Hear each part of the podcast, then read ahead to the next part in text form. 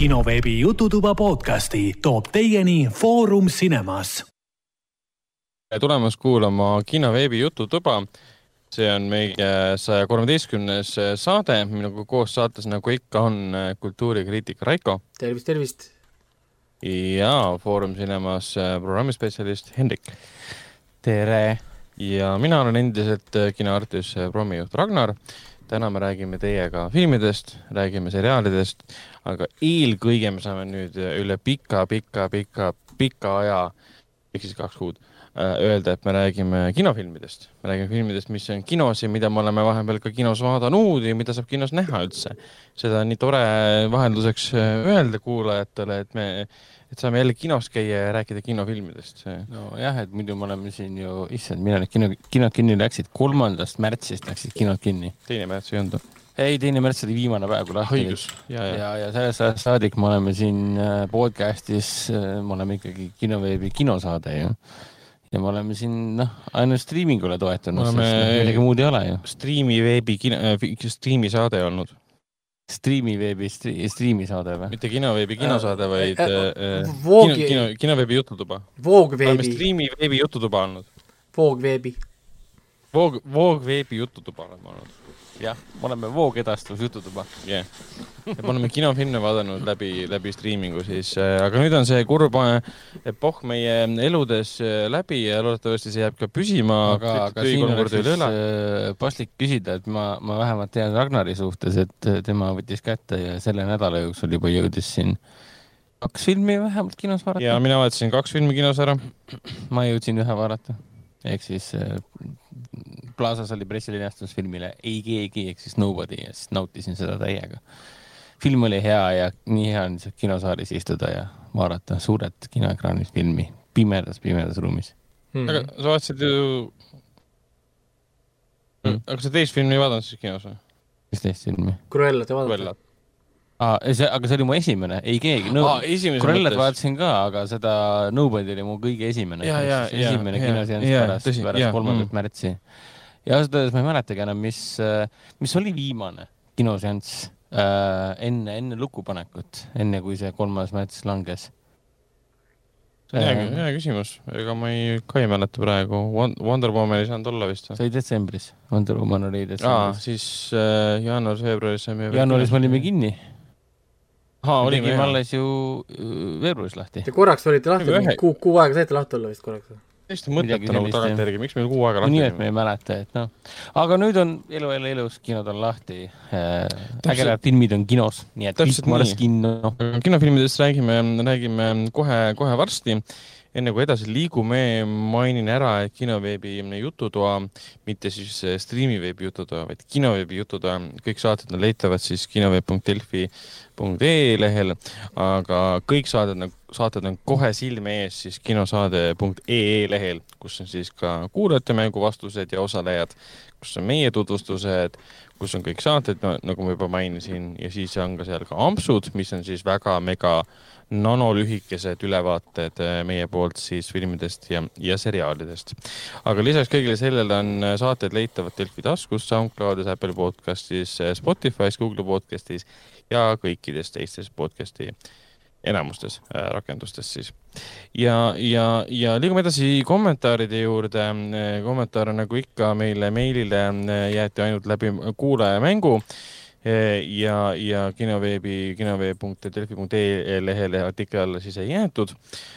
kommentaaride kohta võime niimoodi öelda, et enamus kommentaarid seostuvad muidugi siis kuulajamänguga, kuna sealt need ka tulid. siis, siis Villu ütles meile niimoodi, et, et on põnev nuputamine, otsimine vabandust, on põnev nuputamine, otsimine olnud ja selle eest tänud mängujuhile. aplaus, siia peaks selle heli, helisnippeti panema, kõik plaksutavad Raikole. ovatsioonid mingi fuck yeah, yeah, siia peaks selle Orso Veltsi plaksutamise panema, selle eh,. Siia Lebovi plaksutamine sealt muusikavideos. jah, kuidas seal istus niimoodi. jah või siia sobib see kihv, vaata sellest avatud Last Airbenderi seriaalist, kus üks tüüp hakkab karjuma ja vahutab suust aa, ja, ja, ja see yeah. suurim fänn. igatahes eh, on põnev nuputamine, otsimine olnud ja selle eest tänud mängujuhile. Eh, peab tunnistama, et iga nädalaga kulus ikka rohkem ja rohkem aega laias veebis otsides leidmaks sobivat tunnuslugu. eriti kaval oli panna värsket kraami tuvastamiseks eh, lihtsamaks tegi, kui intros on teksti ja raskemaks, kui muusikaga ei teki mingit seost, mis žanrist seriaaliga võiks tegu olla. tänud kõrva ja ajutreeningu eest no muidugi, palun ja..., palun väga, sest ajutreening on eriti teretulnud minu arust tänases maailmas eriti. ja täpselt ja Vilu viimase asjana mainis, et vaieldamatuks lemmikuks sai äh, Trailer äh, Park Boysi intro. on, on, see on kihvt, on, tal on, tal on ikka väga niisugune kvaliti, kvaliti, noh nagu niisugune mõnus äh, asi. mina ütleks võib-olla üks minu lemmikintroid, kusjuures oli viimane kord see Big Little Lies oma äh, ka mm., et, et, et kui, kui te nüüd kuulate eelmist saadet järgi, siis, siis saate aru, see on tegelikult minu arust no, nii kümnesse, kümnesse pandud. seriaal on ka kümnesse pandud äh,? seriaal äh, kümme küll ei ole, no seitse, seitse pool äh,, aga okay. intro vähemalt, ütleme selles mõttes, on, on ikka nagu keegi tegi oma, oma tööd kuskil hästi mm. -hmm. Mm -hmm ja, ja, ja Merit jättis ka meile siis vastuseid äh, seitsmeteistkümnenda kuulaja, kuulajamängu vastuseid saates siis äh, mõned kommentaarid, äh, kus ta kommenteeris mõnd-, ta kommenteeris konkreetsemalt siis vastuseid, mida ta, mida ta andis. aga loe need ette et ta ütles Big Little Lies'i kohta, millest just Raiko mainis, et intro oli suurepärane kümme-kümme, seriaal ise sihuke seitse-kümme.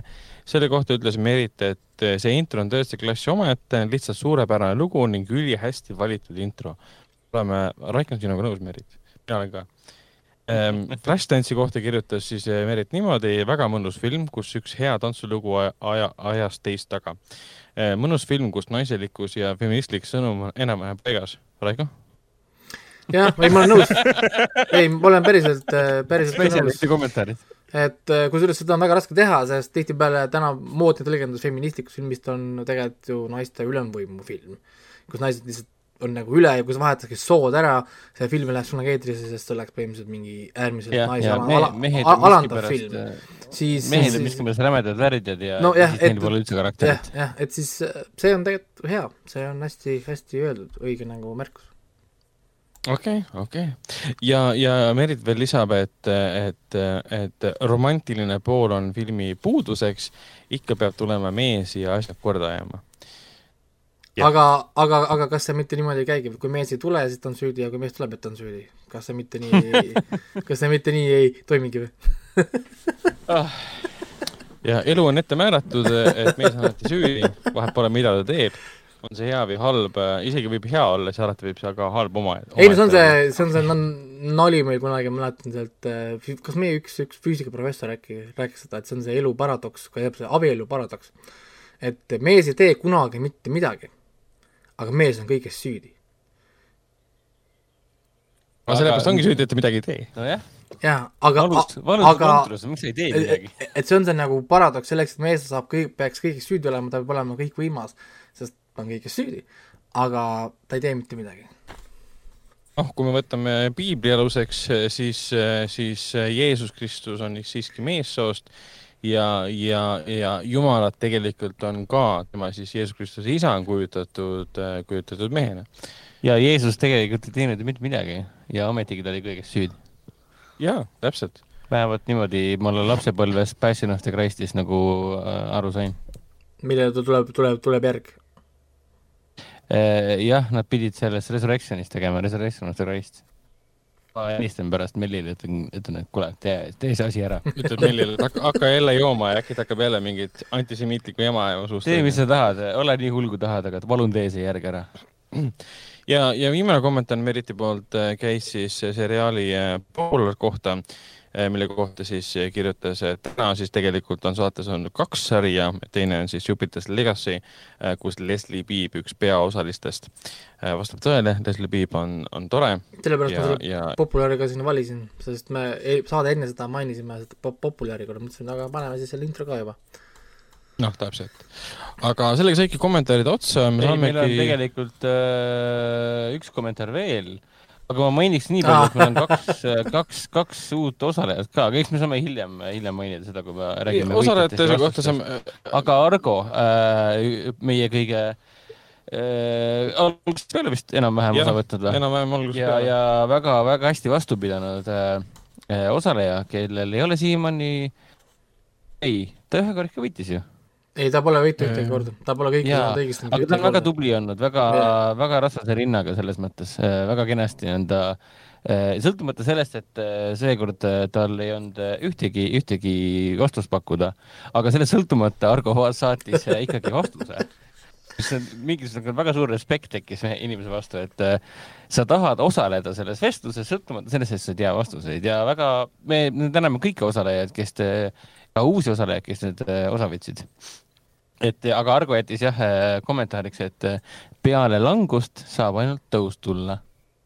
ja selle asemel, et kirjutada, et ta ei teadnud ühtegi vastust, ta tõi kõik üks kuni kaheksa punktit välja ja pani kriipsu kõrvale see näitab pühendumust tegelikult. see näitab pühendumust ja see on tõesti väga asjalik, nii et Äh, täna, tänases saates on küll äh, viim-, tõesti viimane, viimane kuulajamäng, aga kui me edaspidi ka jätkame kuulajamänguga, siis äh, kindlasti kutsuge kõik oma sõbrad ja vanaisad ja vanaemad ja emad ja emad ja isad kõik mängu. täpselt nii.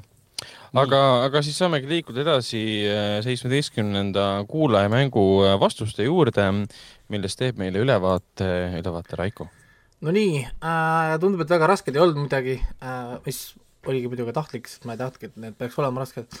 Äh, kaheksa tükki oli siis seda, äh, eelmine kord ja esimene oli siis The Good Doctor, mis, mis on siis Wannabe House äh, sa-, sari, siis äh, Big Little Lies äh,, kolmas Karnivaale, kes pole vaadanud Karnivaalet äh,, tahate midagi unikaalset näha, võib-olla midagi värskendavat, siis kindlasti äh, saite siit jälle hea äh, soovituse äh,. neljas Flashdance film mis on nii palju niisugust kultuurifenomeni meile tegelikult äh, andnud, et inimesed ei tajugi tegelikult, et see on tulnud sellest filmist.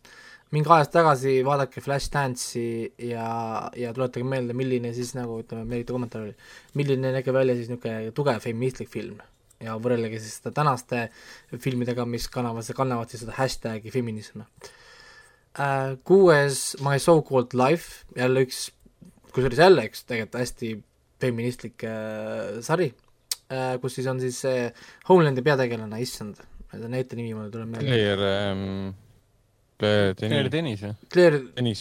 vist jah, oli, issand, ma ei mäleta. jah, Claire Denis, Claire Denis on üks teine sealt, äh, siit, siit ta sai niisuguse suurema tuntuse ja, ja ühesõnaga, ma kunagi vaatasin seda, kui ma olin noorem ja mul täitsa meeldis, ma lõpuni vaadata seda sarja, nii et seitsmes on siis Popular, kaks hooaega siis sai cancel, teine hooaeg läks päris kiiresti käest ära, esimene hooaeg oli niisugune väga niisugune sõbralik teenage stuff, teine hooaeg läks väga kiiresti mustaks, inimesed hakkasid seksima, kõik jäid rasedaks, kõik jäid töötuks, kõigil oli tööd vaja teha, mingi depressioonid ja asjad ja, ja siis kolmanda hooaega ei tulnud.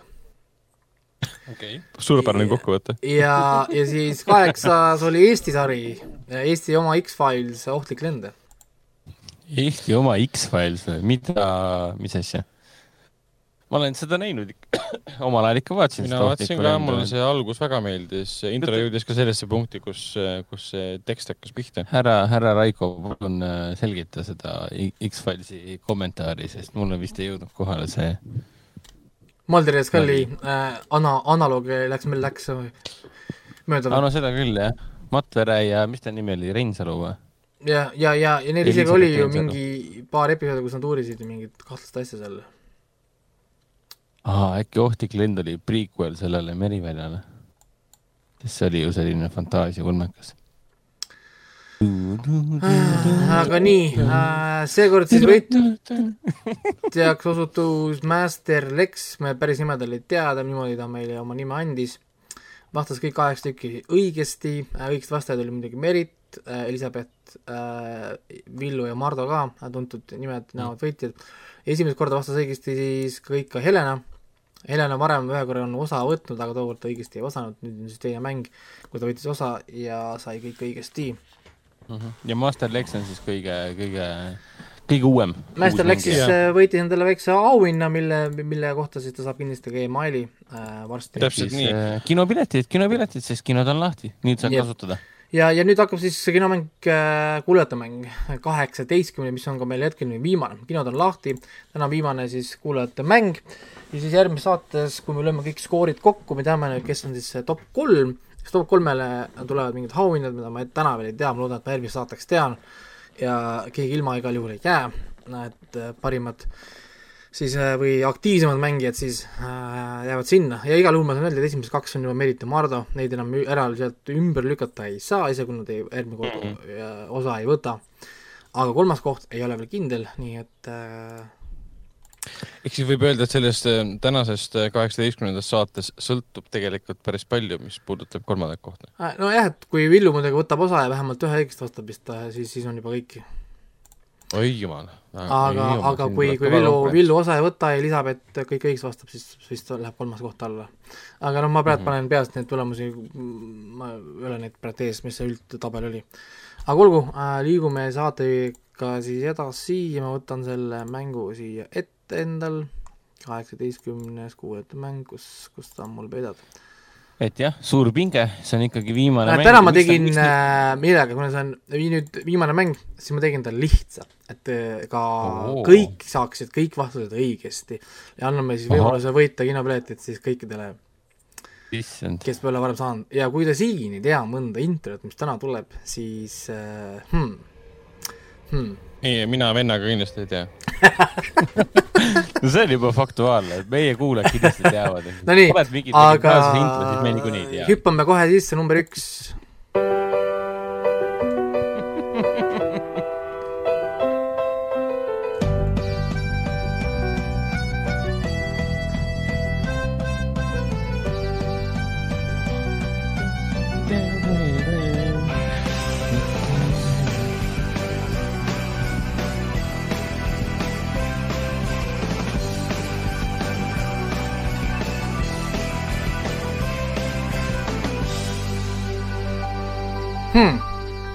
huvitav, huvitav. huvitav, mis, mis mis see küll on? aga tuleb silma lihtsalt. arvate, arvate, see oli kerge või?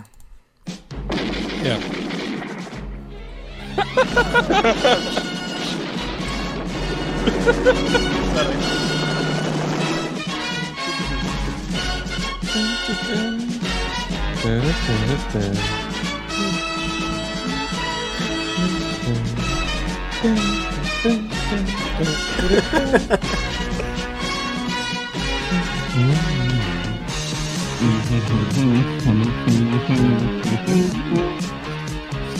oh, lapsepõlv.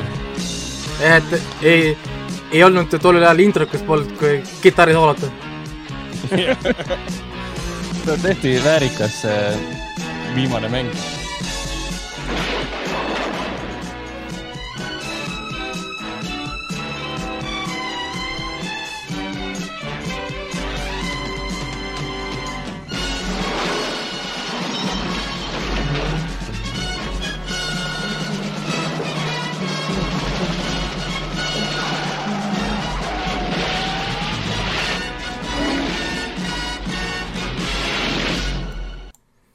mm. -hmm.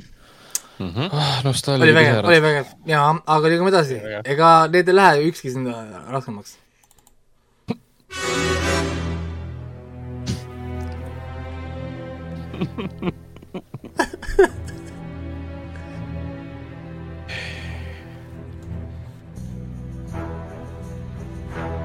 huh, mis see on? see on ähm,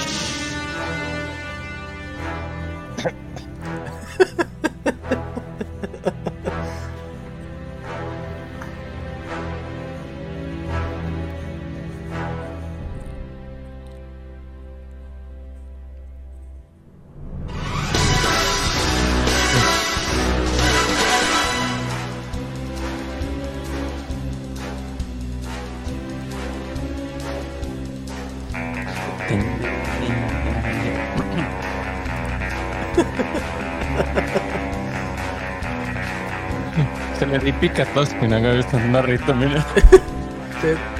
Ei no äkki ei saanud aru kohe.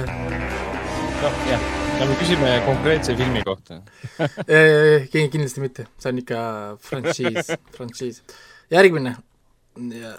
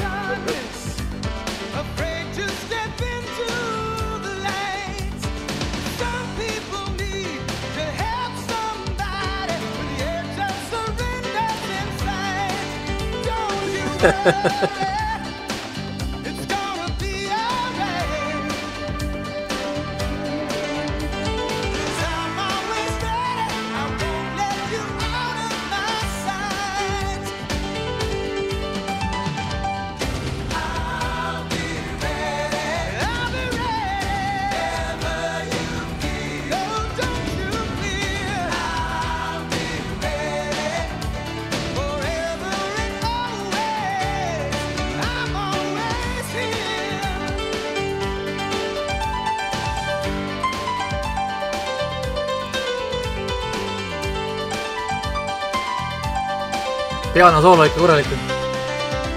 väga. ikka jõhkrad introd ikka pandi kunagi ikka, jõhker. pikk ja põhjalik. jaa. see on mingi lühikesed kümme sekundit. soolod, laulud, värgid, refräänid, introd. tänapäeval oleks olnud selle laulu esimesed kümme sekundit.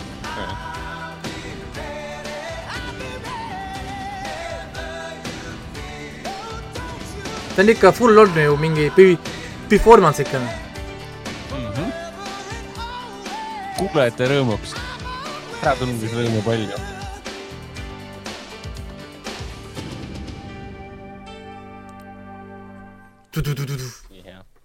ja järgmine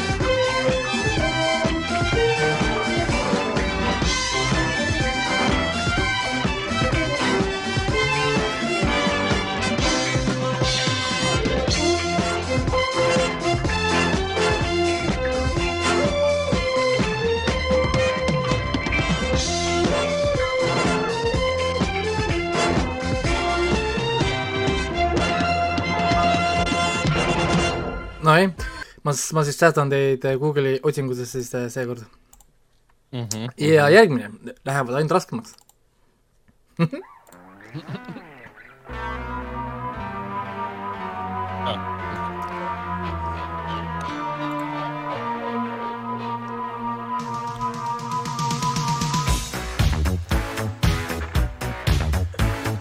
nii raske, mis see on? tea, mis see on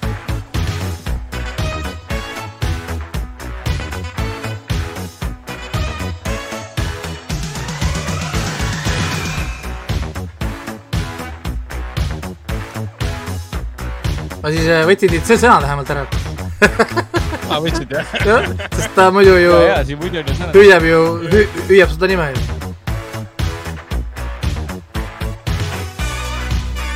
see oleks jah liiga lihtsalt teinud. jah, mitte et see kuidagi niimoodi on äh, raskem. nüüd, nüüd tahaks ka uuesti vaadata. aga vaadake, mis oli introd ja muusikad värgid ikka, kuidas tehti kunagi. pandi ikka niisugust nagu rõhku ja siiamaani ajukoored.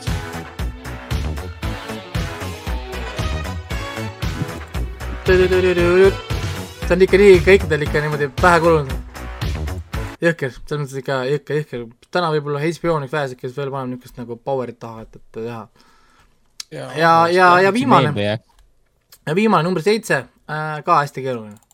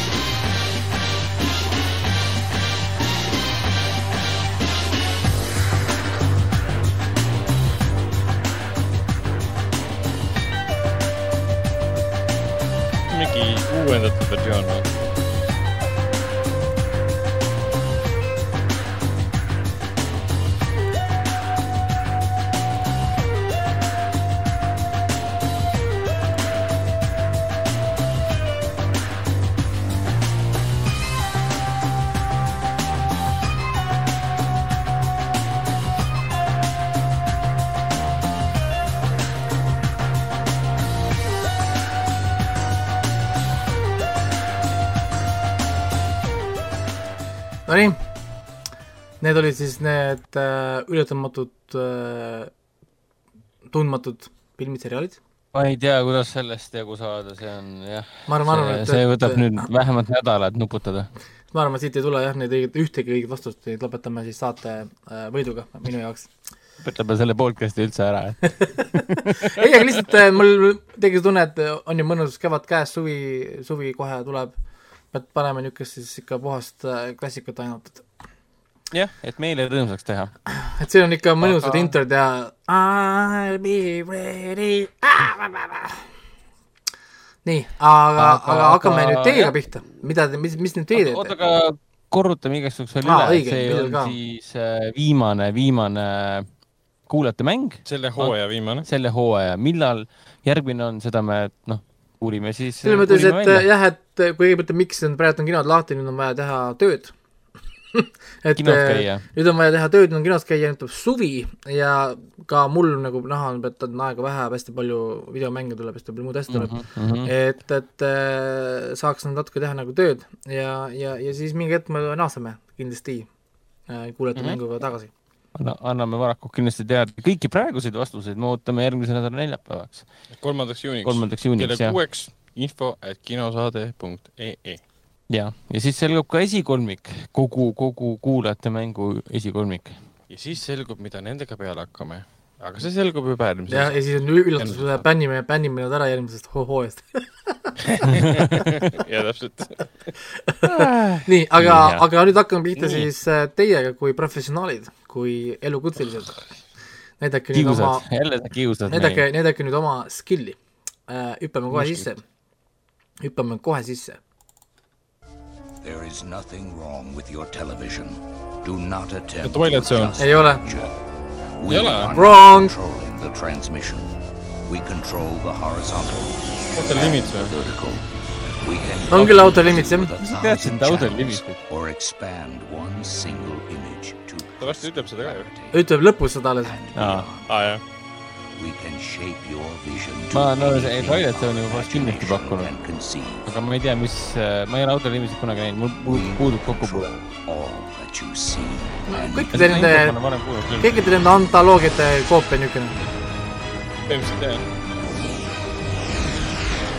et Ragnar läks juhtima praegu. ei no videos ma mäletan seda, et ta näitab seda televisiooni kõike seda. ja Twilight Zone'is oli ka üsna, üsna sarnane. kuradi Ragnar, sa oma järgmine, järgmine on nüüd, ma tahan teada filmi, kust see on pärit. okei okay.. kes Eesti mees? Psühho. jah, on küll jah, õige Rannar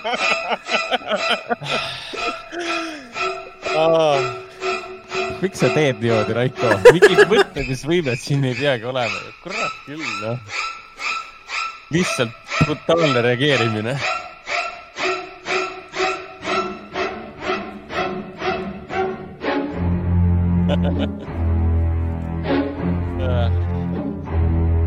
nii geniaalne, nii geniaalne muusika.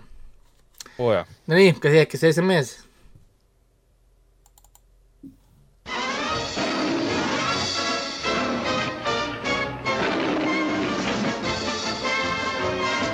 Indiana Jones või? ei. MGM-i logo. ei ole MGM-i logo. see ei ole MGM-i logo. tal oli kuulda seda lõvi, et ma olen segamini midagi What the fuck? see on mingi klassikaline film, väga tuttav. Gone with the wind või? ei ole. ei ole? ei ole. ei, see on, see on spetsiifilise filmi algus, see ei ole lihtsalt. see on, see ei ole film, see ei ole film üldse. ah, aa, sari või? see on sari, jah. mida sa ajad? sellise introga või? jah. see sai alles hiljuti remake ka, millest me oleme rääkinud siin saates siukse introga remake seriaal. oota, aga see remake on ju valmis või? jah, ja väljas ja me oleme rääkinud sellest. kas tahate kuulata uuesti või? jaa. kuigi see on vist rohkem. aa, Tom ja Jerry. jah. on küll jah, Tom ja Jerry.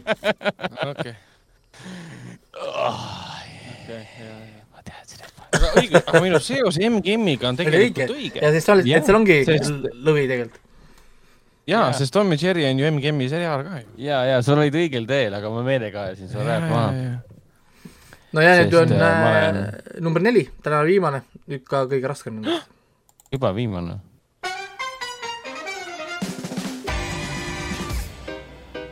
aa, see on see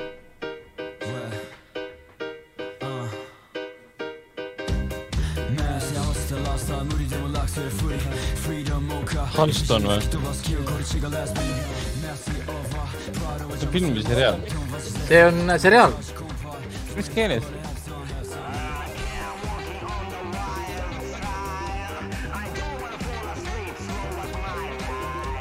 Inglise keeles ikka või? jah.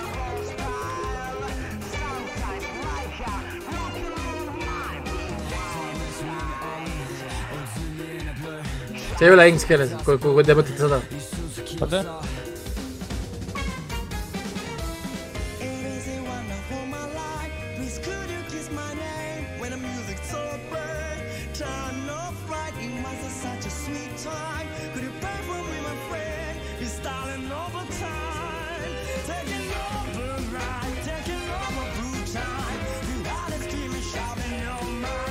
helvestist nagu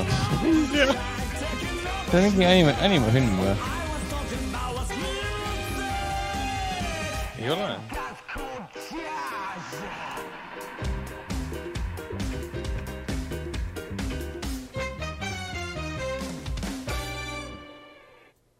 ja me rääkisime sellest ka, me oleme mitu korda rääkinud sellest, mina rääkisin sellest sarjast ise äh,, me rääkisime sellest äh, sarjast siis, kui me rääkisime ühtedest auhindadest ja see sai just konkreetse auhinna, milleks oli parim intro nii et ma olen visanud vihjeid küll. aa, see on anima, anime, vabandust.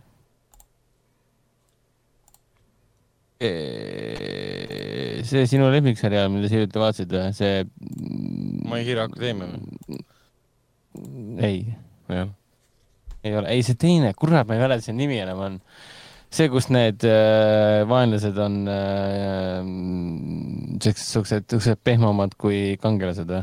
ah jah mis selle sarja nimi nüüd oli? on see või? ei. ah kurat, siis ma ei tea. see sai päris palju auhindu, see on Netflixi oma nii, pool punkti, kas tuleb keegi kuskilt pool punkti? Netflixi anime või um,? see basketball või? ei, see Kuroko no basket ei ole üldse Net-, Netflixi oma, Netflix lihtsalt näitab seda. see on ikka TV, TV okay. Tokyo oma. aga olgu, lähme edasi, see on Beastars see on see, kui ma olen ainult ühe episoodi ära vaadanud siiamaani. ja mulle meeldis see väga. on, see on hästi sari, ta teine hooaeg tuleb kohe ja, ja juba minu arust see intro nagu ka. miks sa, Raiko, tuletad meelde nii piinlikke asju nagu seda, et ma ei ole seda edasi vaadanud? intro on nii kihvt minu arust, hästi, hästi tehtud, hästi kihvtilt animeeritud, see on nagu oma mingi short, short movie seal, see ühe, üheksakümmend sekundit. okei väga piinlik. jep, on küll, on küll piinlik, on küll piinlik. on küll, jah ma olen nõus sinuga, sa ei pea mulle aga nüüd on tulemus see, et neli kuus on tulemas praegu teil siis teie teine hooaeg juba käib ja neli kuus, Ragnar on kahe punktiga ees. Äh, no mis sul on, kuidas kommenteerid? Uh, I m gonna get you, Barbara, selles suhtes. okei okay.. I m gonna get you. nii, aga nüüd äh, liigume siis edasi saatega, täna tegelikult on meil intervjuu ka äh, saatesse siis äh,. ma rääkisin esmaspäeval, ma ei rääkinud esmaspäeval, mis ma nüüd räägin, kolmapäeval rääkisin äh, Eerik Mandrega siis piraatlusest Eestis äh, mm. -hmm. just siis äh, Äh, tekkis lihtsalt huvi äh, põhiliselt sellega, et, et äh, hästi keeruline on inimestele selgeks teha, et filmi tõmbamine netist on vargus. ja, ja mitte lihtsalt isegi niisama võib-olla suvalistele inimestele, vaid inimestele, kes töötavad sellel alal ka. Ja ei suuda nagu kuidagi tajuda seda, et miks või, või suva.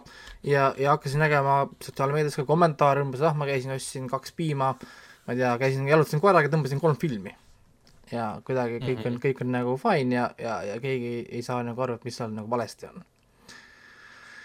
ja, ja siis rääkisime ja Erik Mandre on siis Eesti autoriõiguste kaitseorganisatsiooni tegevjuht ja, ja tegime siis pikema intervjuu, mis siis kohe läheb siis peale ja siis peale intervjuud on äh, niisugune kiire äh, kommentaariring ka veel. nii, ja intervjuu paneme peale siis nüüd. Sissejuhatuseks mainin, et mul ongi täna äh, külas on Erik Mandre, on see õigesti öeldud? just, ja, ja, ja.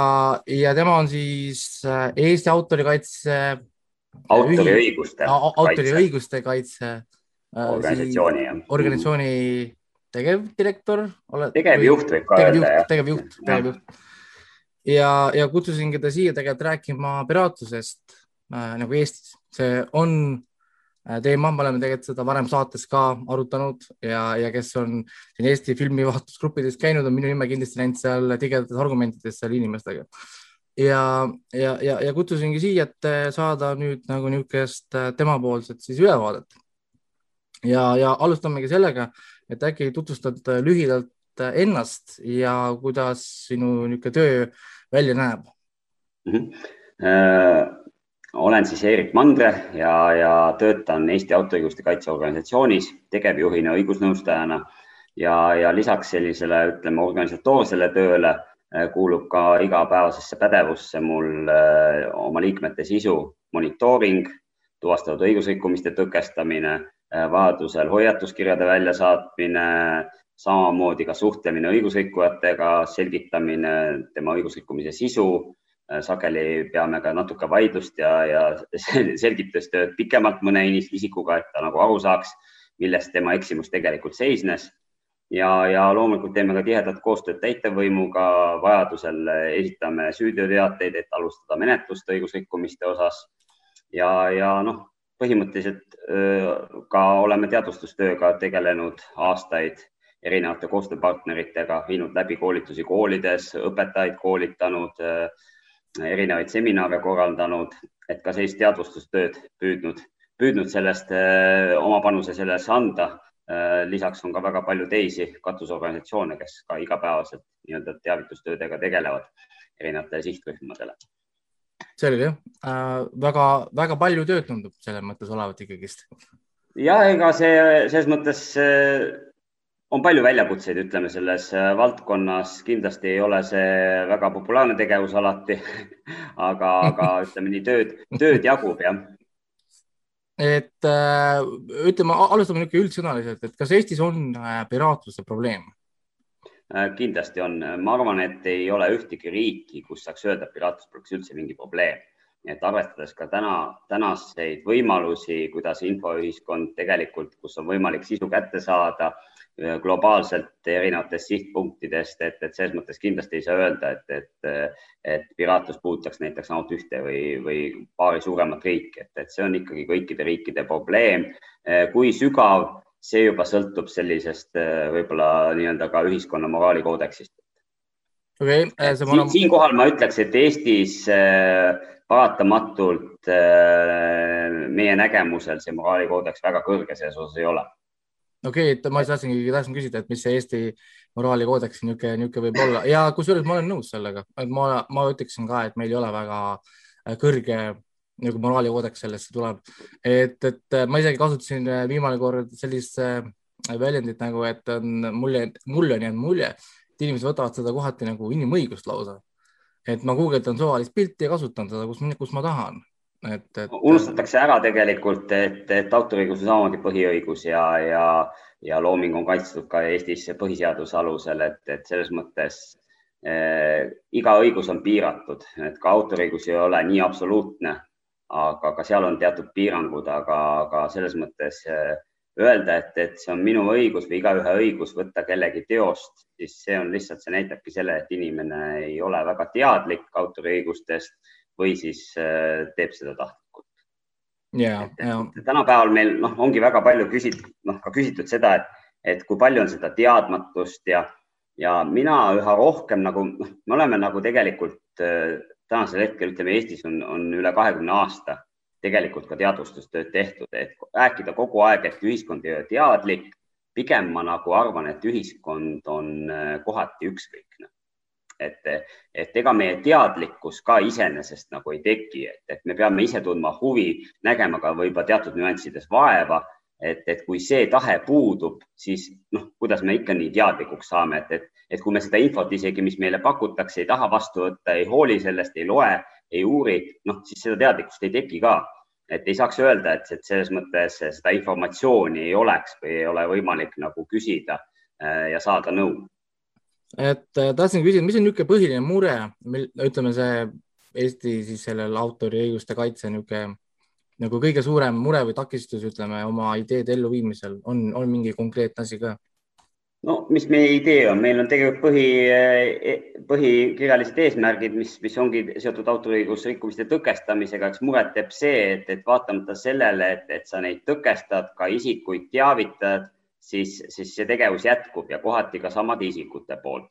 positiivne on muidugi ka see, et väga mitmed on tegelikult tunnistanud, et nad rohkem enam nii ei tee, nad on sellest nagu sisust aru saanud ja, ja leiavad tõesti, et see ka ei ole õige ja, ja, ja noh, kui me vaatame aga ükskõik mis nagu juhtumi, autoriõiguse rikkumisega seotud juhtumi kommentaare, noh, siis alati on muidugi neid, kes, kes viskavad õli tulla, aga on samas ka üha rohkem tekkinud neid kommentaare, kus inimesed nagu, kus nähtub, et inimesel on teadlikkus ja inimene tegelikult nagu pigem oponeerib seda äh, piraatlust soosivat käitumist, et, et mis on nagu positiivne muutus aga teisalt, eks, eks need väljakutsed tulevadki sellest, et, et eh, internetti on väga kiiresti võimalik kõike üles laadida. Eh, sul on võimalik ka seda üsna kiirelt maha võtta, aga samas võib see olukord taastuda, ütleme sekunditega uuesti ja uuesti, et ikkagi me puutume kokku sellega, kus on inimese moraal, eh, kus ta tunnetab, et, et mis on õige, mis on vale, et, et, et võib-olla ja, ja ka see ükskõiksus, et, et ega noh, kõik see valgus ka kodust, et kui vanemad ei jaga sellest suurt midagi, ei tunne huvi äh,, tarbijad sisu sealt, kust kätte saavad, noh, siis on nagu raske eeldada, et, ka järeltulev põlv nagu teistmoodi käituks, et, et eks see hakkab ka kodusest kasvatusest ja selgitustööst pihta. et võib-olla need nüansid on see, kust nii-öelda need probleemid sageli ka kas nüüd just päris alguse saavad, aga kust nad igal juhul süvenevad, et, et ja millesse on ka nagu kohati väga raske Äh, sekkuda. nõus, nõus. et oskad sa rääkida äkki ütleme võimalikest karistustest, ütleme, et kui nüüd äh, keegi, ma ei tea, vahele, keegi kantakse ette, et mis on niisugused võimalikud karistused siis piraatluse eest Eestis? no kui me räägime karistust, siis alati ütleme, ühiskonna esmane reaktsioon on, et nüüd hakatakse ähvardama et karistus on alati ähvardus et eh, kusjuures meie organisatsiooni nagu tegevus ei ole üldse suunatud sellele, et kõik saaksid karistatud, kes rikuvad, et, et pigem me just püüaksime lahendada nii-öelda eh, kaasamata sellesse politseid, prokuratuuri, et me näeme nagu eh, seda, seda teed minnes ainult nagu need on niisugused äärmuslikud ja väga massi massiivsed ja võib-olla väga suuri kahjusid hõlmavad tegevused, kus me üldse pöördume politsei ja prokuratuuri poole, et ikkagi püüame lahendada need asjad ilma suuremate karistusteta, et pigem selgitusega. kui rääkida seadusest, siis jah, tõesti autoriõigusrikkumiste eest on ette nähtud karistused. Need võivad olla rahalised karistused, need võivad olla kuni kaks aastat vangistust. et, et, et noh, see sõltub, mis õigusrikkumisega on tegemist. et, et kui me vaatame nagu ajas tagasi, et mida on üldse Eesti kohtud nagu võib-olla siis ka välja mõistnud siis meile teadaolevalt vähemalt sellistes äh, äh, muusika ja filmide piraatluses ja ka tarkvarapiraatluses on, on, äh, on vähemalt äh, kolmel korral ka kohus reaalselt mõistnud vanglakaristuse. kaks nendest olid tõesti tingimisega karistust, aga üks on ka üheks aastaks reaalselt vangi läinud. et, et, et on ka neid näiteid aga need ei ole nagu midagi sellist, millega võiks nagu uhkustada või, või mida nagu noh, ühiskonnal on hea teada, et reaalselt võib ka minna kinni, aga see ei peaks olema nagu see, miks ma midagi ebaseaduslikult ei tarbi. aga ütleme, kuidas äh, kuidas see, ütleme, protsess peaks, ütleme inimesele välja käima, ma nüüd äh, mõtlen äh, et, et kui sul sõber, ma ei tea, võtab internetis filmi, tahab sinuga koos seda vaadata, et kas sellest peaks nüüd äh, autorikaitsjale teavitama või, või millal peaks autorikaitsjat teavitama? Ma arvan, et teavitama peaks ikkagi sellistest suurematest rikkumistest, kui keegi äh, suunab üldsusele näiteks mingit uut filmi, muusikaalbumit, singlit, äh, laseb vabalt seda alla laadida kuskilt, kas sotsiaalmeedia erinevatest avarustest. Et, et kui keegi nagu avalikult pakub, siis see on see koht, kus teavitada, et meie eesmärk ei ole nagu iga privaatsfääri ka tungida ja, ja, ja, ja nagu püüda lahendada kõiki iga kodujuhtumeid, et selge see, et, et sõbraga kuskil kitsas ringis midagi vaadata. seejuures millegipärast on hästi levinud arvamus, et, et kui ma midagi üles laen, siis ma olen paha-paha, aga kui ma midagi alla laen, siis on nagu justkui kõik hästi, et, et, et see ei ole õigusrikkumine, see on täiesti ekslik arvamus, et ka allalaadimine on õigusrikkumine, kui me teeme koopia, mis ei pärine õiguspärasest allikast, see on see ebaseaduslik koopia ja, ja see ka sellisel viisil kasutamine on tegelikult ebaseaduslik, et see on hästi laialt levinud eksiarvamus, et allalaadimine on okei okay,, üleslaadimine on karistatav, et, et see ei ole päris nii. aga, aga ütleme koopia tegemine, kui sul endal on DVD olemas, kas sa võid koopia teha või? ja vot see on nüüd see, et mul on, olen ostnud kunagi, kas siis või, või ka praegu ütleme DVD andmekandja ja, ja ma tahan sellest isiklikust otstarbeks teha koopia, on ta siis mis iganes kasutuseks Eh, mis puudutab minu isiklikku sfääri, kui ma ei lähe sellega laenutama, mingit äri tegema, siis see on täiesti lubatud tegevus, seda lubab ka seadus äh,. tahtsin küsida, et kui ütleme, keeruline on töö, ütleme rahvusvaheliste organitega või kui tihti seda tuleb ette, et näiteks rahvusvaheliselt äh, tahetakse, et Eestis midagi tehakse või, või tahetakse Eestis saada infot äh, piraatluse kohta?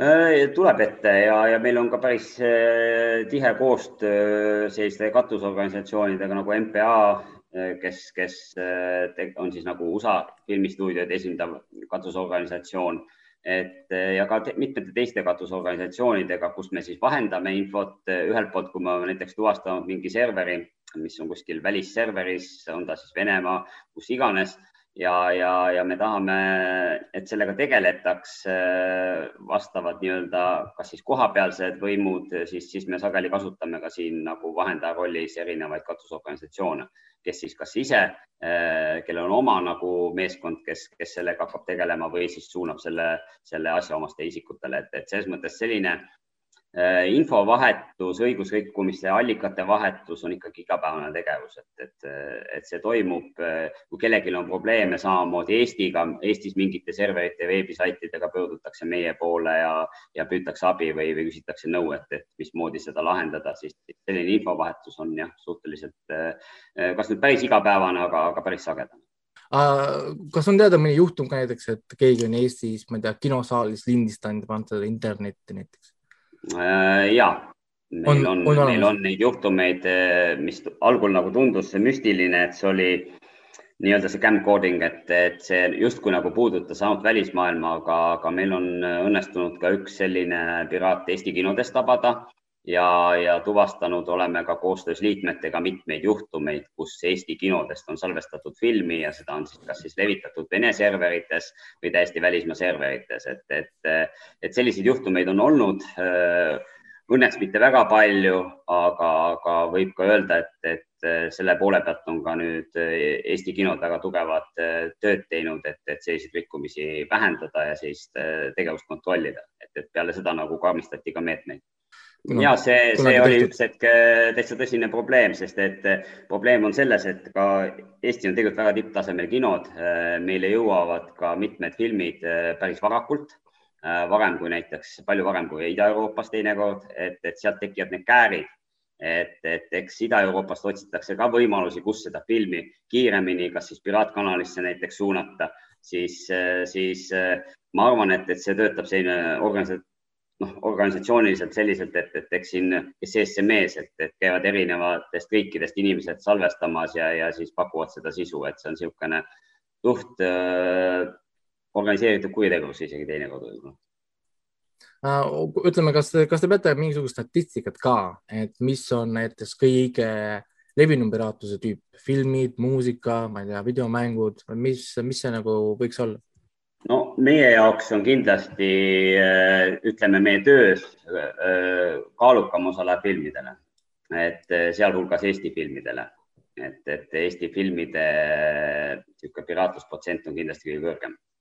aga selles on ka tehtud päris tugevat järelevalvet ja see olukord on mingil määral paranenud, et, et loomulikult on ja jääb alati kinniseid kitsa ringi keskkondi, kus levivad ka väga uued Eesti filmid aga sellist avalikku, äh, ütleme avalikku piraatlust oleme püüdnud nagu hoida kontrolli all, et, et äh, see on olnud kohati päris niisugune tõsine tegevus, sest inimestel, mõnel on kohe väga järjekindlus väga järjekindel soov postitada seda uut piraatsisu ülesse.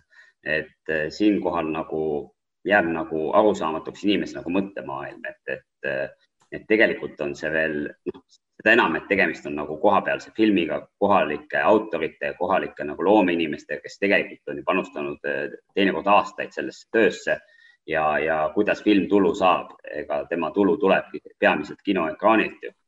et, et, et kui nagu samal ajal, kui miski asi on nagu kinos eh, esilinastusel või, või sellistel eriti esimestel nädalatel ja keegi paiskab selle internetti, siis tegelikult noh, paratamatult eh, osa vaatajaskonda kaob kinost tagant ära, et, et see on nagu otsene kahju meie filmitootjatele ja minu meelest nagu on see nagu väga-väga ebamoraalne tegevus, et hakata üldse sellist, sellist tegevust tegema, aga paraku selliseid inimesi on.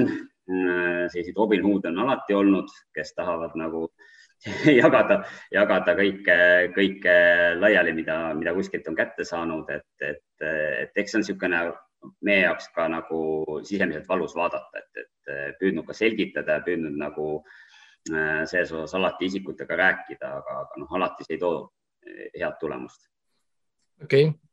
äh,, ma nüüd korraks tooksin jutu Youtube'ile mul endal just -hmm. oli siin esmaspäeval väga tore äh, Youtube'i päev ja, ja tahtsin küsida ka, et kui tihti ütleme, eestlased pöörduvad näiteks Eesti noh, ütleme siis siinpool autoriõiguste kaitsesse seoses Youtube'iga, kas on ka sealt äh, mingeid juhtumeid tulnud?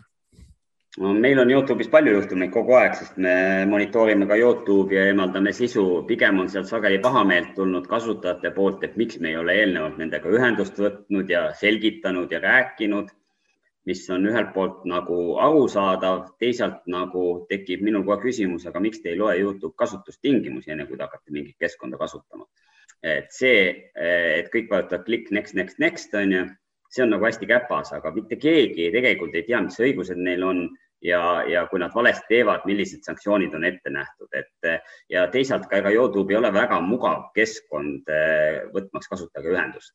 et kui kasutaja on need kontaktid avalikult välja toonud, siis on see võimalik.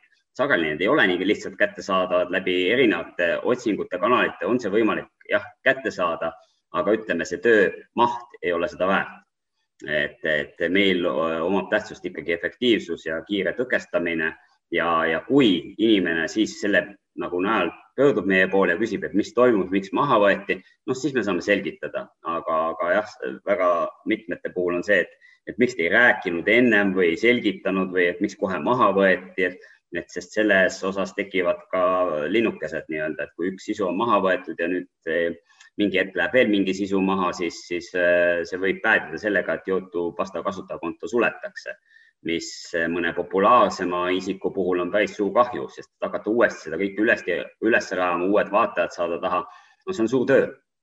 et, et siin on nagu omad ohud, et, et seda enam nagu paneks südametunnistusele, et tutvuge, tutvuge keskkonnareeglitega, tutvuge sellega, mis võib juhtuda, kui te rikute neid reegleid, et püüdke seda ise ennetada oma tegevusega, mitte, mitte tagantjärgi nagu nii-öelda nutuga, et, et see nagu sageli ei aita.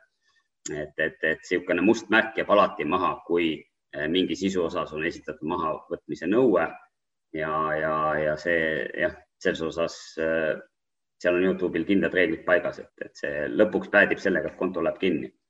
ja siis ja, ei ole ja... ka meil midagi väga palju teha, et me vahest siin mõnda inimest oleme aidanud, eh, kes on nagu tõesti nagu lõplikult selgitanud ja põhjendanud ja kõike nagu ja, ja me oleme näinud, et ta tõesti enam õigusrikkumisega ei plaani tegeleda, siis me nagu oleme ka teinekord aidanud kontosid ennistada või siis äh, nii-öelda ennistanud tema sisu, selle sisu äh,, mis ta on üles pannud ja ta on kohe ise selle maha võtnud, et ei jääks seda nagu musta märki maha, et me oleme siin erinevaid vastutulelikkusega nagu aidanud kasutajaid, aga see on väga niisugune individuaalne ja sõltub ikkagi isikust, aga üldjuhul me, noh, me ei jõua nagu kõigega niiviisi tegeleda, et, et võtame maha ja siis hakkame ennistama ja siis tema võtab maha, siis me kontrollime, kas ta võtab maha ja, ja kui kiiresti ta võtab maha. et noh, ütleme päris sellise tööga me nagu üldjuhul ei tegele, väga üksikud erandid võivad sellise tegevuseni viia.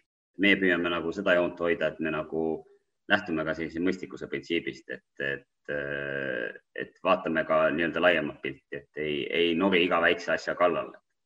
minu jah, et see mõistlikkus peaks säilima küll, ütleme igal pool äh,. nüüd tahan küsida niisuguse ühe huvitava küsimuse, kus me võib-olla lähme äh, lahku, on see, et mida, ütleme, mis on suhtumine sellesse geo, geoblokeeringutesse et mina, kui ütleme, rahvusvaheline siis äh, kultuurikriitik ei ole väga äh, ütleme geoblokeeringute poolt, see teeb esiteks meil asjad äh, kalliks, minu arust ütleme ka Eestis. me maksame sama palju mängude eest, ma ei tea, kui sakslased on ja kes teenivad tohutult palju rohkem raha. ja siis teine asi ongi see, et mina maksan Netflixi eest sama palju raha kui ameeriklane, kes näeb kaheksakümmend viis protsenti rohkem sisu ma olen täiesti nõus, tegelikult olen ühel meelel, et see geoblokeering on kindlasti nagu tarbija seisukohast väga halb asi. Äh, mis puudutab õiguste omajaid, siis paratamatult autoriõigus on territoriaalne. Et, et äh, siin on pigem see, et milliseid riike märgatakse, kus on turud, kus ei ole turgu ja, ja, ja sealt nagu lähtuvad ka need õigused ja, ja kuhu suunatakse need litsentsid, kuhu mitte. Äh, autoriõiguse poole pealt ma mõistan aga tarbija poole pealt olen ma samamoodi selles mõttes pigem nukker, sest see teeb ka meie töö keerulisemaks, et, et noh, kui me vaatame neid nagu piraatluse tagamaid, et mis, mis võiks olla need põhjused, et äh, tänasel hetkel tõesti, noh, ma olen ise ka näinud, mis on Netflix Ameerikas, mis on Netflix, pole vaja kaugelegi vaadata, kus on Soomes või ütleme Skandinaavia maad, ka sealt tulevad käärid sisse et ma ei ole nüüd praegu võrrelnud neid kääre, aga nii aasta tagasi olid need käärid küll päris suured. on, ega, ega, need, need, need on täna ka veel päris, päris ja, nagu et, suured see on nagu ja selles mõttes murettekitav, et siis, siis noh, paratamatult ja, ja teine asi on see, mis ei lahenda ka, ütleme, võib-olla ka globaalselt, isegi kui te Ameerikas olete, kui sul on näiteks kolm-neli mingit lemmiksarja, üks on Netflixi oma, teine on HBO oma, kolmas on võib Amazon Prime'i oma ja neljas on mingi Hulu oma noh, siis me oleme ka olukorras, kus me peaksime kõiki neid teenuseid sisse ostma. jõukale inimesele võib-olla see ei ole nagu midagi probleem, aga kui me vaatame nagu, mis need nagu väljaminekud võiksid hakata olema, see on päris kopsakas raha igakuiselt, et, et see ei õigusta mitte mingil moel minu silmis nagu õigusrikkumist, aga paratamatult nagu see paneb nagu tarbijat mõtlema, mida ma tarbin, kuidas ma tarbin ja mis, mis ja kust ma nagu seda, seda sisu võtan, et, et tänasel hetkel meil tekib neid legaalseid võimalusi päris palju, aga samas on nad üsna kallid ja teisalt reeglina iga teenus on niisugune, kuidas öelda, mitte, ma ei ütleks poolik, aga üsna vähese sisuga. on küll ja vot see on, mida me vist mingi paar saadet tagasi arutasime, kus maja läks natuke tigedaks, oligi see, et ma vaatan ühest teenust, hakkan vaatama sarja ja see jääb pooleli. no näitab mulle kaks hooaega, sari on viis hooaega, ülejäänud kolm hooaega on mingisuguses teises äh, platvormil, mida mul pole võimalik nagu näha, siis ongi see, et miks sa paned mulle need kaks hooaega sinna siis üldse mm.? ära üldse pane mulle seda sinna, miks sa nagu narritad mind, umbes nagu paneks pool filmi ülesse, vaatan pool filmi, ma ei tea, HBO Maxist või vaata ja, ja noh, et noh, miks sa teed niimoodi? et, et, et, et see on nagu niisugune kohati nagu minu jaoks nagu arusaamatu, noh mul hakkas meeldima. on see kindlasti, kindlasti keerulisem jah, et muusika poole pealt on meil siiski nagu päris häid keskkondi olemas saadaval. samas, kui me vaatame nagu üldtrendi, mida võiks arvata, et justkui muusika poole pealt on kõik hästi, siis tegelikult kaugeltki mitte, et siin viimased statistilised andmed, mitte Eesti kohta, aga ülemaailmsed näitajad, et üks kolmandikku nii-öelda muusikast võetakse ikkagi ebaseaduslikult, vähemalt üks kolmandikku. Ja, ja, ja noh, see protsent on päris murettekitav ja, ja kolmkümmend kaks protsenti sellest vist läheb üldse puhtalt nende streaming keskkonnade ripid. Et eh, kus tegelikult siis ka Spotifydest, Youtube'ist, igalt poolt inimesed kasutavad erinevaid äppe või otse online eh, rakendusi, mis siis tõmbavad nii-öelda muusikat alla yeah.. et, et selline rippimine on nagu üsna popp tegevus ja, ja noh, paratamatult ega selliste rippimiste eest just nagu õigustama ise nagu midagi väga ei teeni. Et, et selles mõttes ka muusika poole pealt võiks öelda, et see piraatlus on tegelikult endiselt üsna tõsine probleem, kuigi tegelikult on need eh, keskkonnad olemas, aga jällegi küsimus on ka rahas. Eh, inimesed on mugavad, eh, tavaliselt sellised keskkonnad, noh näiteks, et üks asi see, et mul kogu aeg internet olemas, ma saan online'is mugavalt kuulata, mul ei tekigi võib-olla seda vajadust, aga nagu mul on, tahan võib-olla kuskile autosse midagi võtta või, või, või kuskile keskkonda, kus mul ei ole otseselt internetti nii-öelda võtta, siis, siis tekib kohe see vajadus, et, et tahan ka nii-öelda offline'i kuulata ja, ja sellised võimalused on tavaliselt neil keskkondadel olemas, kõik on lisavõimalused ja maksavad. et siin tekivad paratamatult inimesel juba sellised mugavustunded, et ma ei taha selle eest maksta, noh, see on niisugune eetiline ja moraalne ka küsimus, et, et ma ei taha tegelikult teenuse eest maksta, mis on mulle loodud või, või, või mida ma tegelikult tahaksin, et aga noh, see on, see on selline moraalne küsimus, et, et mille eest ma olen valmis maksma, mille eest ma ei ole, mida ma pean nagu tähtsaks nii palju, et kui ma poest lähen, siis mul ei tule nagu väga tihti just, ma arvan, pähe, et, et ma pistaks pudeli õlma ja läheks ära, et, et no, ei maksaks selle eest või, või, või leiva eest ei maksaks, et, et seal ma justkui hindaks ju füüsilist tööd tehtud ja, ja justkui aus oleks maksta, aga millegipärast loomingut, seda ma nagu käega katsuda ei saa, onju. Et selle puhul nagu kipub see inimese mõte natuke teistmoodi töötama, et, et see justkui oleks iseenesest tekkinud, et, et kuigi tegelikult on sinna nagu tohutud summad eh, investeeritud ja, ja kui seda investeeringut tegelikult tagasi ei saada, noh, siis me olemegi seisukorras, kus, kus me hakkame üha vähem neid filme nägema, nii, nii kohapealseid kui ka välismaiseid, et, et aga loomulikult on ka arenguruumi neil legaalsetel keskkondadel, noh, Netflix on ka niisugune ehe näide, et et tõesti, noh, me maksame võrdväärselt teiste Euroopa riikidega, ka ilmselt USA-ga ja, ja ütleme seal lõunapoolsete riikidega, aga me näeme nagu oluliselt vähem. et rääkimata sellest, et sisu ei ole lokaliseeritud eriliselt, on ju, ja, ja teisalt on ka see, et, et et, et meil ei ole ta isegi kättesaadav, et, et mina isiklikult näiteks noh, ma ei vaja seda lokaliseeringut, aga ma tahaks nagu näha paljusid ka vanu filme, mis ma näen, et, et, no, täpselt, et on olemas mida tegelikult eh, telekas, kui me vaatame ka Eesti kanaleid, nämmutatakse ühteid samu filme, mida niisuguseid väga põnevaid ja vanu filme ei tule ja jäädki neid ootama, võib-olla kümne aasta jooksul ühe korra tuleb, onju, tahaks neid kuskilt veel vaadata, nagu nostalgitseda. ei ole seda võimalust. Eks, eks see on, eh, millisest vaatenurgast vaadata nagu, nagu paljude asjadega, aga kindlasti see, see ei aita nagu meie tegevusele kaasa, et, et meie ideaalis näeksime ka, et legaalseid võimalusi oleks rohkem inimestel ei oleks nii palju sellist kiusatust eh, hakata kuskilt mujalt otsima neid, eh, sest väga palju, ütleme, TV-seriaalid on ikkagi väga mahukas osa üldse nagu piraatsisust et.... aga ei, muidu ütleme Eestis minu arust eh, tegelikult levitajad teevad tohutult head tööd.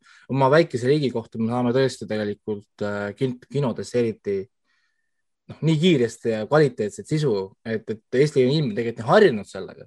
kui sa tegelikult natukene reisid, sa tegelikult näed, et need filmid ei jõua üldse nii kiiresti ja nii hästi nendesse kohtadesse, kui tegelikult meile jõuab. kvaliteet, et mina olen samamoodi nõus, et tegelikult Eesti kinod ja Eesti filmilevitajad väga head tööd selle poole pealt ja, ja meil tegelikult on maailmatasemel kinod, meil on hea võimalus vaadata asju suurelt ekraanilt.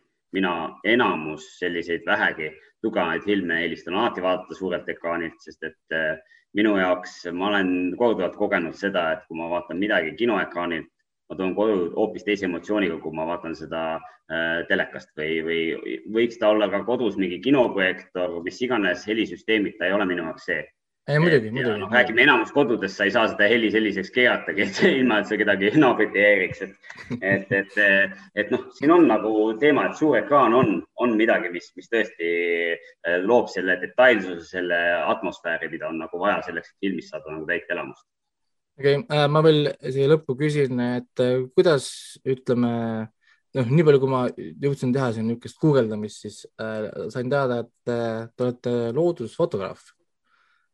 Äh, see on niisugune minu üks sügav südamest tulenev hobi, jah ja see pilt seal selja, selja taga, kas on ka teie pilt? Äh, ja ikka, ilma kõvaste sulgedega ei ehi, aga see on jah minu. jah, jah, et, et ma siis eeldan, et kuidagi sealtkaudu siis tuli see teekond äh, siis autorikaitse.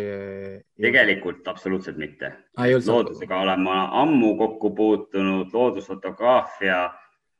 Äh, ma ei näe siin mingit seost sellega, mis mu töö on, et, et seda tööd olen ma teinud tegelikult enne, kui ma hakkasin loodust pildistama ja, ja, ja siin poole pealt ma nagu väga seoseid ei näe see, et ma olen võib-olla oluliselt teadlikum neist asjadest. Ehm, noh, ma ütlen, ma teen seda hobi korras, et oleks ta mul nagu mingi suurem äri, siis võiks nagu sellest nagu jah, tõmmata seoseid, aga see on lihtsalt, mul meeldib olla looduses ja meeldib jäädvustada hetki ja, ja see on nagu puhtalt niisugune nagu, nagu kalal käimine või mis iganes hobi, et, et selles mõttes see on lihtsalt üks, üks neist hobidest selge, et ma lihtsalt, ma mõtlesin, äkki siin on seos, et noh, fotograaf, kes teeb pilte ja siis ei, on. ei ole kusjuures, kuigi, kuigi on, see on toonud jah, mul äh, nagu äh, selliseid fotograafe küsima nõu ja, ja, ja olen ka aidanud ja nõustanud äh, fotograafe mingil määral, kui neil on olnud probleeme, et, et noh, fotodega on sageli päris palju probleeme aga, aga otseselt mu organisatsioon ei tegele fotograafia teoste kaitsega, õiguskaitse küsimustega ja, ja ja, ja selle poole pealt nagu jah, ei, ei siin nagu tegelikult seoseid selles osas ei ole, lihtsalt üks hobi, mis juhtumisi on ka, äh, mille tulemusena resultaadiks on ka teosed. jah, selge. Äh, ja mis oleks siis selline niisugune äh, see sõnum võib-olla kuulajatele siis või niisugune soov kuulajatele, et, et, et mida nemad võib-olla saaksid teha, et piraatlust kuidagi, ma ei tea, vähendada või, või, või takistada? ma arvan, et, et kõik algab, algab ju iseendast, et, et kui me natukene rohkem süveneksime sellesse, et, et kuidas see tegelikult looming tekib, natuke tutvuksime näiteks, kuidas valmivad mingid filmid, palju seal on inimesi taga, piisab sellest, et me näiteks ootame filmi lõpus, vaatame, palju on neid tootjaid, tootjaid, inimesi, on seal stsenariste, kostümeerijaid, kõike, kõiki tegelasi. Need võivad olla tuhanded inimesed, kes on siia filmisse panustanud, et natuke nagu mõtleksime nii filmi kui ka muusika ja üldse teoste puhul, et tegelikult palju on selleks vaeva nähtud. et kui me seda nagu mõistame, siis me võiksime ka nagu aru saada seda, et, et selge see, et see vaev tuleb kuidagi nagu tagasi saada, et, et kuidagi see on nagu inimeste töö, et see tuleb kuidagi ju tasustada ja selge see, et, et selleks, et seda vaeva resultaati nagu äh, kuidagigi hinnata, peaksime me loomulikult selle eest ka maksma, et, et et, et seda, seda tarbida, et, et see ongi peamine on see, et natukene mõelda teostele, kust nad tekivad, et nad lihtsalt ei kuku, et üks hetk on nad kõmm valmis ja, ja vaata nii et nendeks on tegelikult tööd nähtud ja iga töö peab saama tasustatud, et, et, et selliseid tasuta lõunaid ei ole. ja, ja ütleme nii, et kui me tänapäeval vaatame ka piraatluse poole peale, siis ju väga paljud äh, piraatallikad teenivad läbi teiste vaeva tegelikult töö, tulu, otsest tulu ja on ta reklaamimüük on ta mingil muul viisil, on seal kasutajaskond, maksab mingeid väikseid kopikaid, et tegelikult ju sellega teenitakse tulu, et ega see, kelle taskut me nii-öelda täidame, kokkuvõttes ka piraatlusega me täidame kellegi taskut, ainult see kipub olema vale tasku. et, et, et selles mõttes äh, alati see käib kellegi arvelt.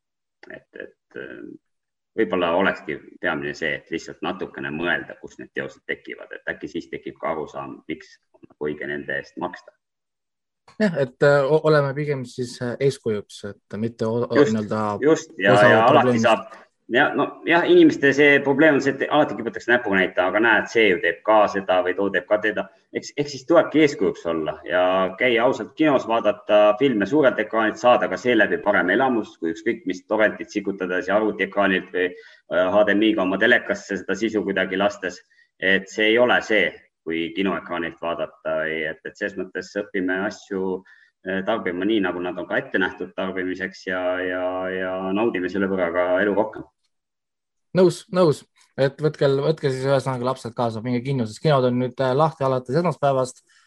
Eh, Foorum Pinemas on lahti alates teisipäevast, aga kinodest asjadest räägib juba Hendrik Raunar teile pärast juba rohkem kinokavad asjad ka, mis tuleb, mis läheb.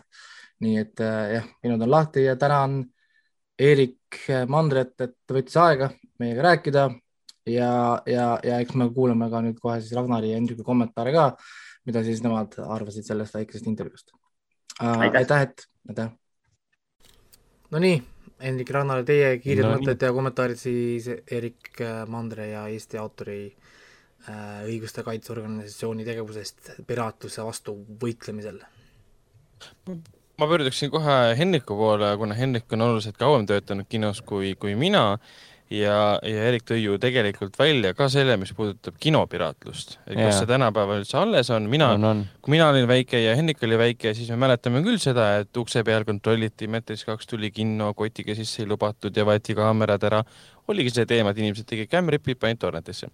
aga, aga no, mis aasta see oli siis, kaks tuhat kolm või neli no,? täpselt, et oligi kaks tuhat kolm nojah. aga mis, kui ja Erik tõi välja, tänapäeval on seesama teema endiselt on, üleval, et on, on. filmitakse Eestis näiteks pilt üles ja see, nagu te ütlesite, kas Vene serverisse või siis välis, lihtsalt välisserverisse läheb see üles ja kuskil seda, kuskil siis levitatakse um, kui suur on see probleem, kui me räägime siin suurte, suurtest kinokettidest no, siin, sinu, sinu kogemuse põhjal, Hendrik? mõned aastad tagasi siin, ma ei tea, kaks äkki või midagi sellist, ütleme niimoodi, et mõned aastad tagasi oli küll Äh, päris, äh, päris vastik hetk oli see, kus äh, üks inimene isegi saadi kätte koguni nii kaugele jõudsime.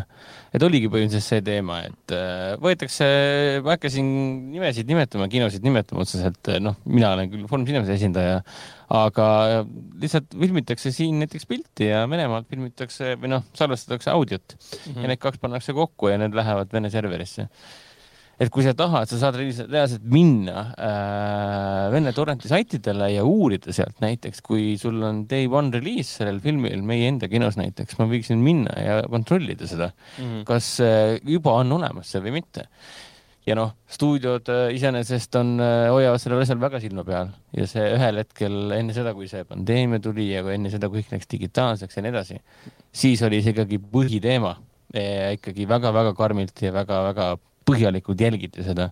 ja õnneks on see, et noh, kino on ju minu ja noh, minu, minu, minu, meie pärusmaa nii-öelda, ehk siis meie saame kontrollida seda, mis kinosaalis toimub.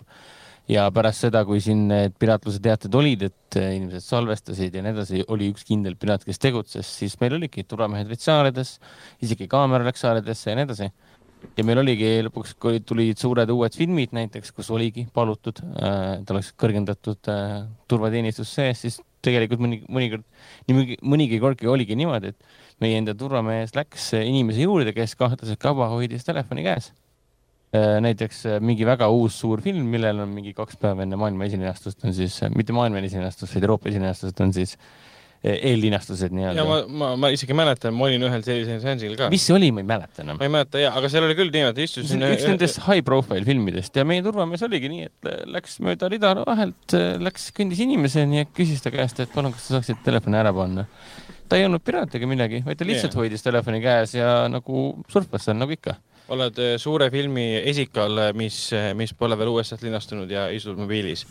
Mm, fantastiline käitumine et noh, aga, aga see on nagu hea näide sellest, aga õnneks Eestis on niimoodi, et kui ikkagi tuleb teada, siis eh, kinod ehk siis meie kohe reageerime, et vahet pole, mis kinod, kinod kohe reageerivad mm. -hmm. sest noh, meie, meie saalid on ikkagi meie mängumaa ja meie saame seal ikkagi alati silma peal hoida mm. -hmm. et see on küll siin üsna, üsna kodu, kodulähene, close to home nii-öelda see kodulähedane te teema olnud seoses sellega.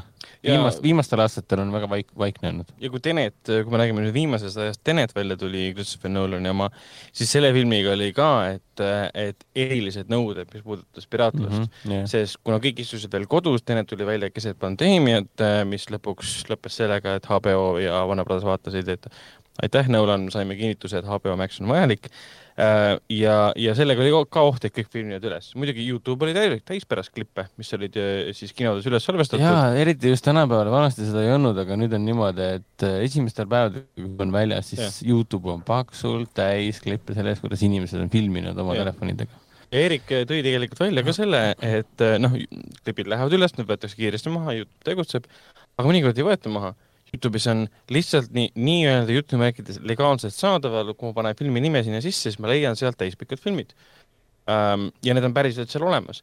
ja siis Teneti puhul on samamoodi pikad, pikad klipid, spoilerid ja Youtube ei võta neid maha. seal ei saagi, vaata see, noh, see ei käi nii lihtsalt ka, ütleme seal seal, kui me räägime sellest Youtube'i sektsioonis ongi see kus võtad nagu maha, sekundite pärast on juba järgmine keegi, kes selle lisab ja mm, -hmm. ja lõpuks ongi noh, nagu see, et noh, et sa ei jõua neid kõiki nagu maha võtta ja mõni jääbki kahe silma vahele ja sellepärast näiteks kui sa lähed ja osad saidid ei tööta veel sinuga ka nagu koos ka, siis näiteks ongi see Daily Motion vist on üks sait näiteks, kus on raske maha võtta, kui jäävad ka asjad ülesse lihtsalt nagu ja, ja ongi keeruline neid, neid nagu maha võtta mm. -hmm. ja muidugi mingi hetk on ka nagu see, et stuudiod ja asjad kindlasti löövad käega, et ah, suva, see on vana asi, las ta siis olla, noh et, et, et see võitlus, võitlus nagu, nagu pole nagu väärt.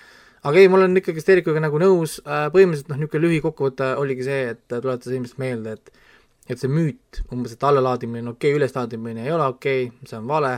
Äh,, allalaadimine on eba äh, ütleme nagu mitte seaduslik koopia. Asjast, millest sa enne maksnud ei ole. Ja tuletas meelde, et kui sa oled toote eest maksnud, sa võid teha koopiaid, ehk siis kui sa Netflixist maksad ja Netflixi filmi alla tõmbad, see on okei okay., sa oled ostnud äh, DVD komplekti ja siis teed koopia endale nendest DVD-st, whatever, see on okei okay,, sa oled ostnud selle. ja niikaua, kui sinu isiklikust sfäärist välja ei lähe, ehk siis ei lähe seda kuskile ärilistel eesmärkidel levitama või midagi raha tegema, on see mm, -hmm. on see seaduslikult lubatud ja kõik on nagu fine äh, rääkisime siis geoblokeeringutest ka, niisugune kiire kokkuvõte ongi see, et ta on ka geoblokeeringute vastu, mitte tema või üldse nagu ütleme siis autorikaitsjate organisatsioonid on selle vastu, sest see teeb nende töö mõttetult keeruliseks ja põhimõtteliselt võimatuks. sest kui inimene maksab Eestis Netflixi sama palju raha kui Netflixi äh, tarbija siis Ameerikas, siis miks me saame vähem sisu kui nemad, nemad saavad lokaliseeritud sisu ka, meie ei saa. mismoodi see peaks no, toimima ja, ja, ja nüüd, kui eestlane näiteks download ib endale Netflix Ameerikas oleva filmi, mida nemad saavad teha? midagi, sest ta ju tegelikult maksab selle eest, ta lihtsalt ei näe seda, sest Net-, Netflix otsustab talle seda mitte mingil põhjusel näidata, et see on nende jaoks väga keeruline situatsioon, kus ei saa tegelikult mitte midagi nagu teha või no jääb niisugusesse nagu halba niisugusesse tsüklisse ja, ja isegi kui võib-olla mõtleks välja, mida teha, siis ongi see, et mille jaoks me peaksime nagu tegema seda või mis selle nagu mõte on, kui äh, voogedastuse teha ise selle tarbijale ju elu lihtsaks, mugavaks, tee tarbimine mugavaks.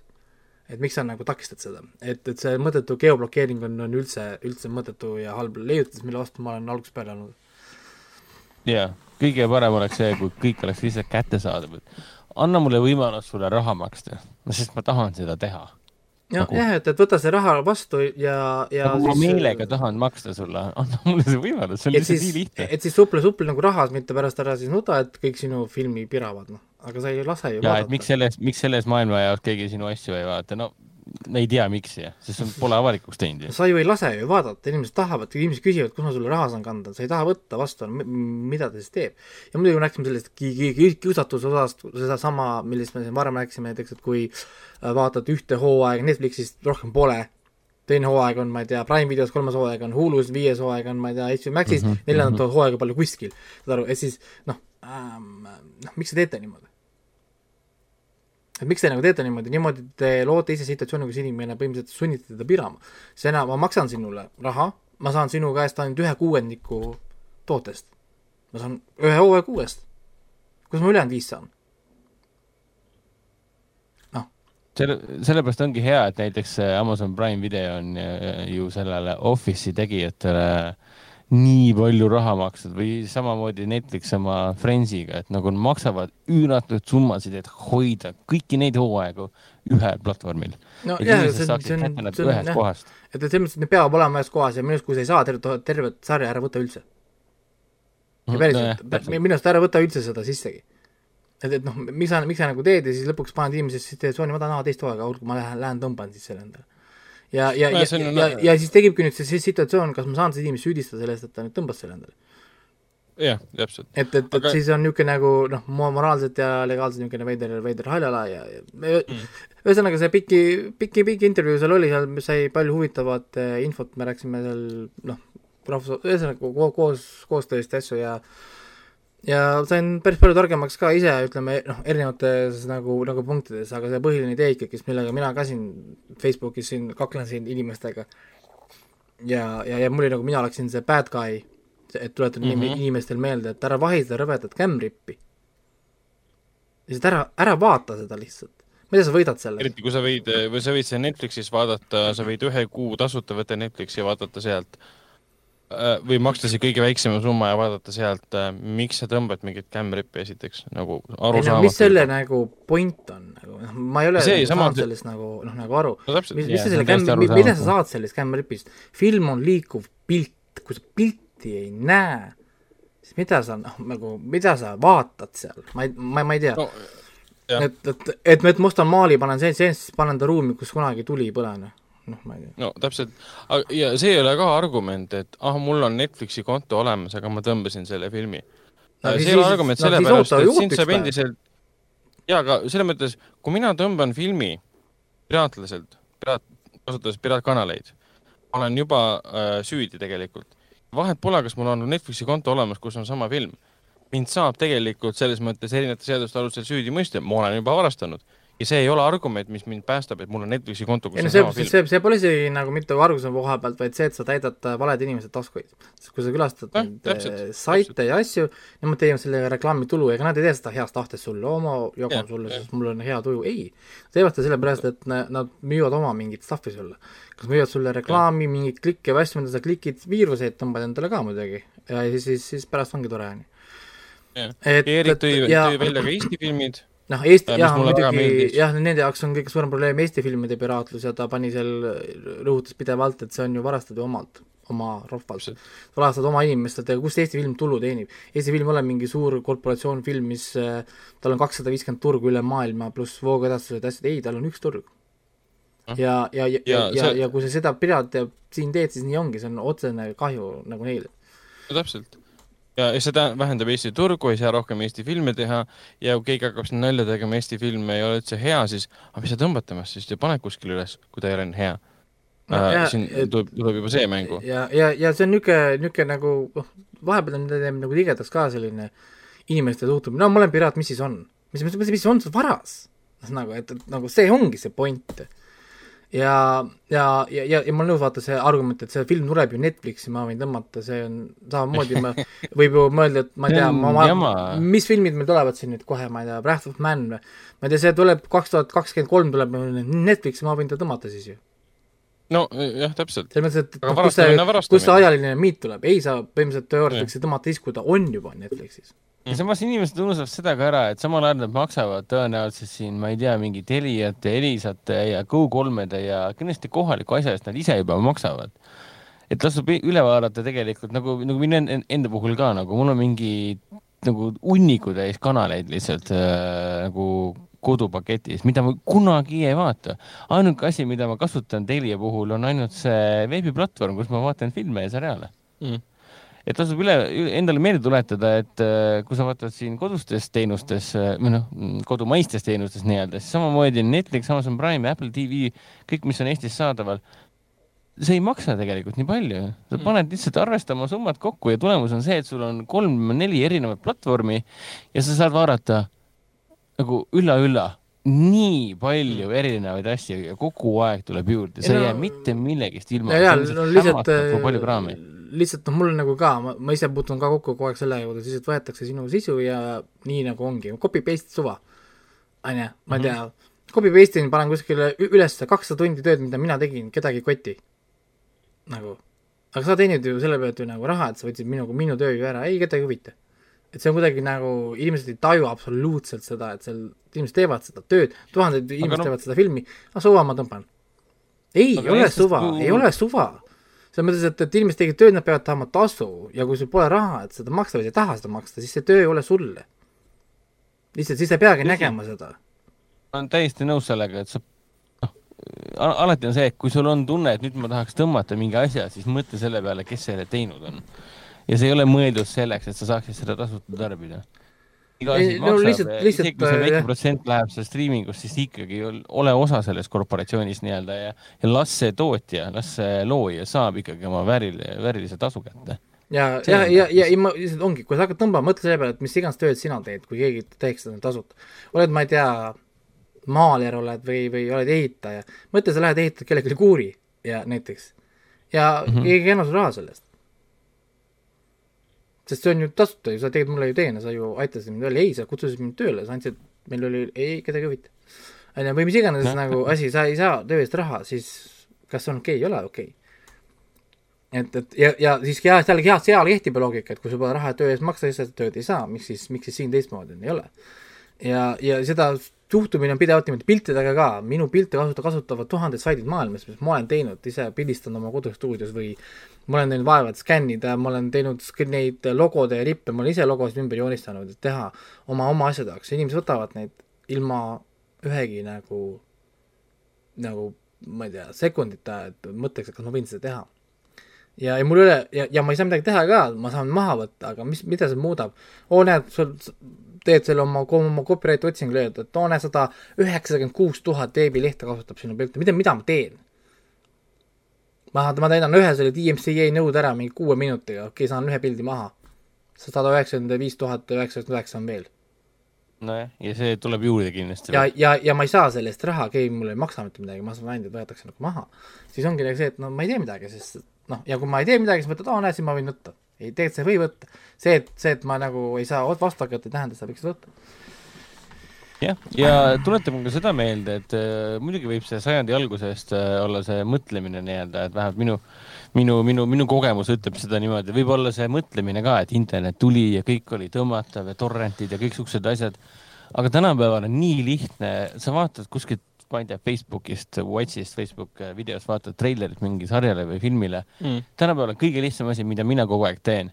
kui ma ei tea, et oleks tuntud striimingutes, ma võtan selle filmi nime ja panen talle järele streaming ja lihtsalt vaatan või see, mis see on, see on see põhisait, mis näitab. Realgood.com. Realgood, mis näitab, et mis, kus, mis maailmajagudes midagi saadaval on. ta näitab muidugi maailma omi, ta ei näita, ta ei näita Teliatega midagi. nojah, seda küll. seda on muidugi aga, keerulisem aga... tuvastada, sa pead ükshaaval meelde tuletama, mis need Eestis on olemas, vaata, et Telia, Elisa, Go3, Viaplay. jah, kus, jah, kusjuures see, et siit üks äpi idee, mina ise mõtlesin, et ühe pro-, progada äppi, mis skänniks Eesti pakkujate sisu ja siis ta tõmbad selle äpi, paned sisse ja siis ta näitab sulle, kas mm -hmm. seda on näha ja kui on näha, siis milline platvorm. aga, aga, aga kui ma hakkasin seda koodi kirjutama, ma sain aru, et see on äärmiselt keeruline, ma peaksin saama hästi palju siseinfot nende käest ja ma mõtlesin, et ma ei hakka seda, seda tegema. jaa, sest kui ma ei ole Go3 liige, siis ma ei näe kogu nende sisu sellest tasuta leheküljest, seal mõned pakkumised ainult Viaplay's samamoodi, ma ei näe kogu kataloogi. Need tulevad ja, ma... tulevad ja lähevad ka kogu aeg ja siis äh, jah, jah. see on juba niisugune spetsiifilisem probleem, aga suur tegemine. aga, aga kui me nägime nagu suurtes Hollywoodi yeah. asjades või laialt levinud asjades, siis väga lihtne on lihtsalt guugeldada. vaatad, et ahah, ta on Amazon Prime videos olemas, ahah, seda saab ainult rentida mm.. Äh, tihtipeale need summad on, need summad on väikesed tihtipeale. Inimesed, inimesed ütlevad, see on kallis, see on täiesti nonsense, ta ütleb, ta ütleb, et see, ta ütleb, et see on kallis ja siis läheb poodi, ostab omale, ma ei, kolm, ma ei tea, kaheliitrist Coca-Colat onju, või, või ja, mingit, mingi, mingi nonsense asju. kaks Aleksandri kuuspakki ja siis ainult sellepärast, et ma võib-olla kunagi, kunagi tulevikus joon ta ära. või no, mingit nagu, noh, nagu asja, et selle peale, tihtipeale mõtle selle peale, mida sa kulutad ja mõtle selle peale, mida sa selle kulutatud raha eest saaksid. et need uued, uue, uued mm. filmid on enamasti kakskümmend euri, kui sedagi on, onju. kui tahad nüüd osta nagu en-, põhimõtteliselt nagu endale. kui tahad neid lihtsalt rentida, on tihtipeale alla kümne euri, seitse üheksakümmend üheksa, üheksa üheksakümmend üheksa või film on juba kuu aega vana, kaks üheksakümmend üheksa. mingid niisugused rendihinnad siis..., sorry, noh, kolm euri, noh, nagu noh, ja, ja, ja niisugune nagu, niisugune huvitav asi, mina näiteks mäletan kunagi, oli see film Man from Earth vist oli. Jah, Man from Earth tasuta, ja, ja, ja, ja, ja siis sa said selle nagu võtta, vaata selle filmi endale tasuta, siis nad panid juurde, et palun, kui sul film meeldis, palun aneta meile vaata sellele yeah jah, see oli küll teema. PayPali, siis ma enne, ma enne andsin Nordile sada euri, nad saat-, saatis mulle mingi digitaalse selle fanback'i veel ja mingi stuff'i mulle. ja siis nad tegid, tegid mulle mingi pildi sinna ka kahekesi lehvil, lehvitasid, et for uh,, for Raiko ja mingi stuff'i. oh my god, ja, ja, ja, ja, ja ma mäletan ja, see... ja ma mäletan seda ka, sest ma olin filmiga nii rahul, mulle meeldis see film. mõtlesin, mida ma saan teha. ja mõtlesin, et oh, ma saan öelda neile aitäh kuskil Facebookis, mis on nagu umbes, et sama väärtuslik kui uh, My Thought and Prayers, on ju, siis, siis, siis mõtlesin, et selge, ma annan raha mm. -hmm. ma annan, ma annan neile raha muidugi see Man from Earth oligi erinev film selle koha pealt, et neil polnud otseselt vahendeid suurt levitust teha ja nad ise põhimõtteliselt äh, alguses tundus, et lekkis, aga nad ise põhimõtteliselt panid filmi toimetisse. ei, ei, nad panidki ja, ja sa saidki minna äh, suuremale rahvale. sa saidki kodulehele minna ja panedki filmi download, lihtsalt oligi üleval menüüs download the movie ja, ja siis panidki download ja oligi kõik. kasutasid, kasutasid siidimis, liitsimissüsteemi ära enda kasuks ja filmist sai totaalne kultusfilm ja ma olen sinuga nõus, ta on täiesti fantastiline film, ma vaatan seda korda aastas uuesti põhimõtteliselt. jaa, ei, on, ta on tohutult tohutult hästi kirjutatud film, nii palju häid ideesid. ja teise, teise osa mina, see polnud võib-olla nii hea, aga teise osa ma ostsin eraldi nende, nende siis veebilehelt, maksin selle eest mingi viis, tegin pre-order'i digitaalsele versioonile ja vaatasin ära, et ei olnud võib-olla nii hea, aga ma ikkagi olin rahul oma teine oli ka, teine oli okei okay,, aga esimene oli ikka võimsam, või noh, nagu see yeah. idee ja, ja teine... impact oli parem. aga lihtsalt noh, see yeah. oli see nagu see näide noh, nagu mm. seesama, no mulle muidugi see ka, et ma väike noorena pirasin tohutult, siis ma võib-olla täna maksangi oma seda karmavõlga kogu aeg, et ma nüüd maksan igale poole kogu aeg, igale saidile. aga, aga noh, ikkagist nagu, et kui mul on kahe, mul on kaheteistaastane, selge see, et mul ei ole nagu raha, on ju, noh, et nagu mitte midagi tellida mm.. et, et siis see oli niisugune noh, nagu hall, nagu hall, hall ala, noh, mina täna oma lastele ei lubaks pira, pirada nagu. aga, aga noh, nüüd mul ongi aeg on läinud edasi, ehk siis me ei saa enam minna tolle ajastu ideedesse ja asjadesse. täna on meil kõik asjad kättesaadavad ka tänapäeval ei ole mõtet pidada, sest naeruväärselt lihtsalt on kõik kättesaadav. see ei ole enam nagu vabandus, et ma ei näe. muidugi võib olla see, et sa tahad näha mingit konkreetset indie, USA indie filmi, seda ei ole Eestis mitte kuskil, see ei tule Eestis kinodesse ja sa tahad seda nii, nii väga näha, et sul ei olegi muud võimalust. ja, ja kus, kusjuures siis on ka huvitav asi, sa võid kirjutada tavaliselt enda filmi kodulehelt, sa tahad seda vaadata ja, ja ma garan-, ma garanteerin teile sulle, et üheksa juhul kümnest teile saadetakse põhimõtteliselt isegi link, et seda vaadata, kas niisama või siis te saate mingisuguse Euroopa poe või kuskilt mingi lingi, kus on seda võimalik rentida. mm. -hmm, täpselt, või siis, või siis nagu alati on see variant, et osta endale Blu-ray äh, Amazonist. antud juhul see võib muidugi kallis olla ja see on ka argument, miks inimesed ei osta, sest see on lihtsalt kallis. aga jällegi, kui sa otsid mingit filmi taga, nagu Raiko soovitas, võta ühendus filmitegijatega. ei, ei, see tundub alguses veider, aga lähed kodulehele, nii nagu meil on selle kinosaade.ee on see kontaktivorm, on mm. seal ka.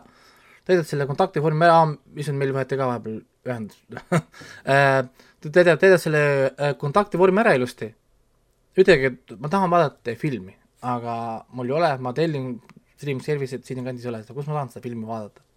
ja ma garanteerin teile, et äh, kas nad vastavad teile lingiga konkreetselt, et oo oh, näed, et ma ei tea, Euroopas on see pood, rendi siit, me anname sulle tasuta koodi, et seda vaadata mm. -hmm. minuga on seda mitu korda olnud, annavadki sulle, näe, link on siin, see Euroopa pood, kood on siin, saad va-, palun vaata tasuta, enjoy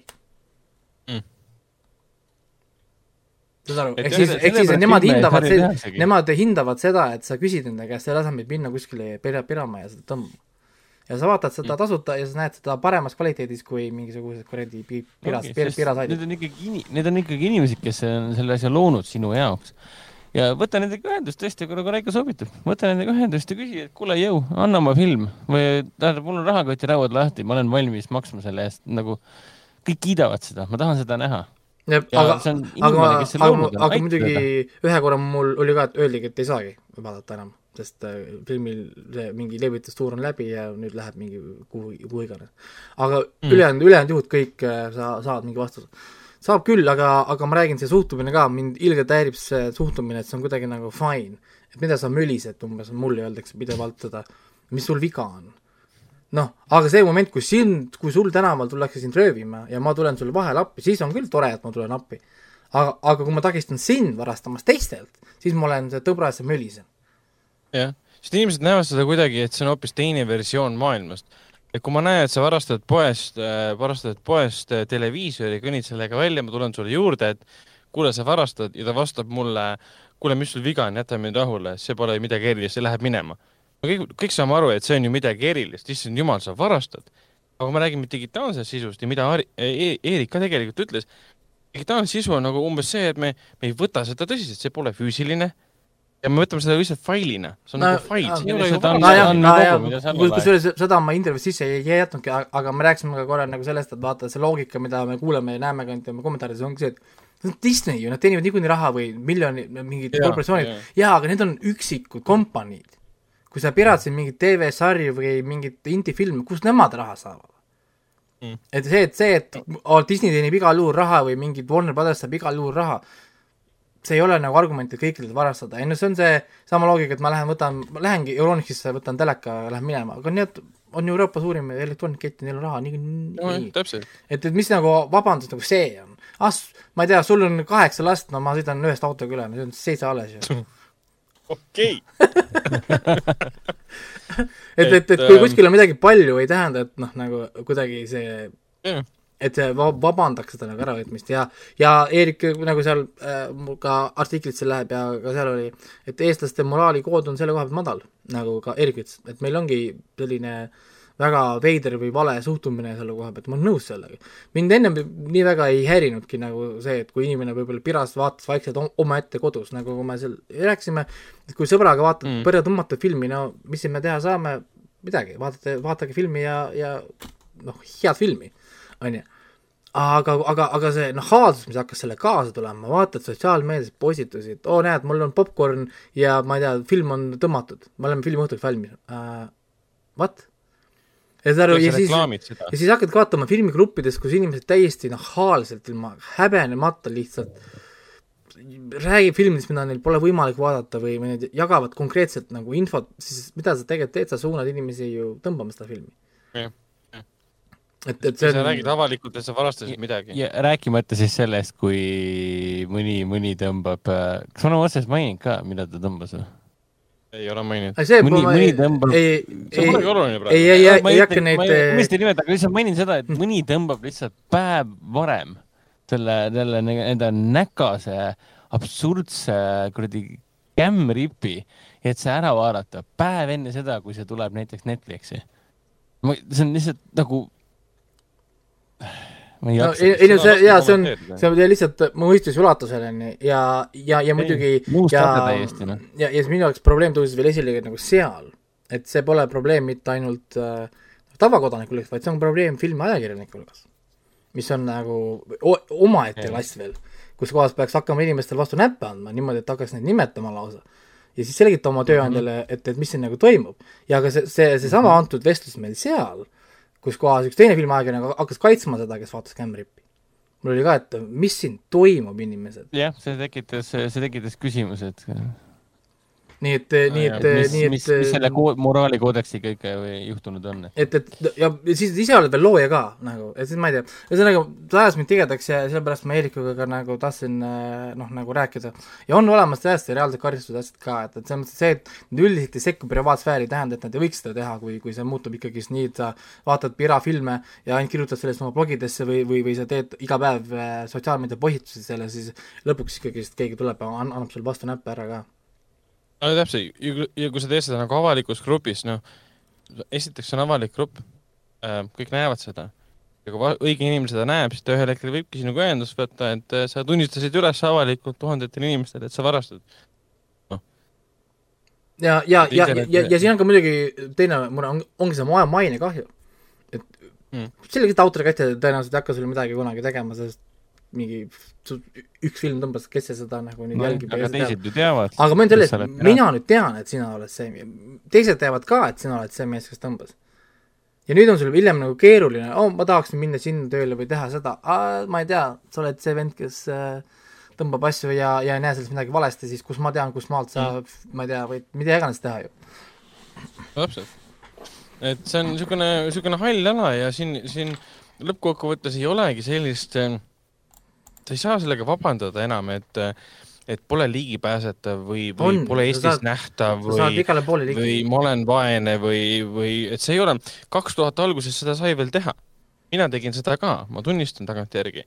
aga nüüd on kõik allikad sul olemas, no lihtsalt otsi üles, sa pead, see vaev on, et otsi üles, kus sa saad vaadata.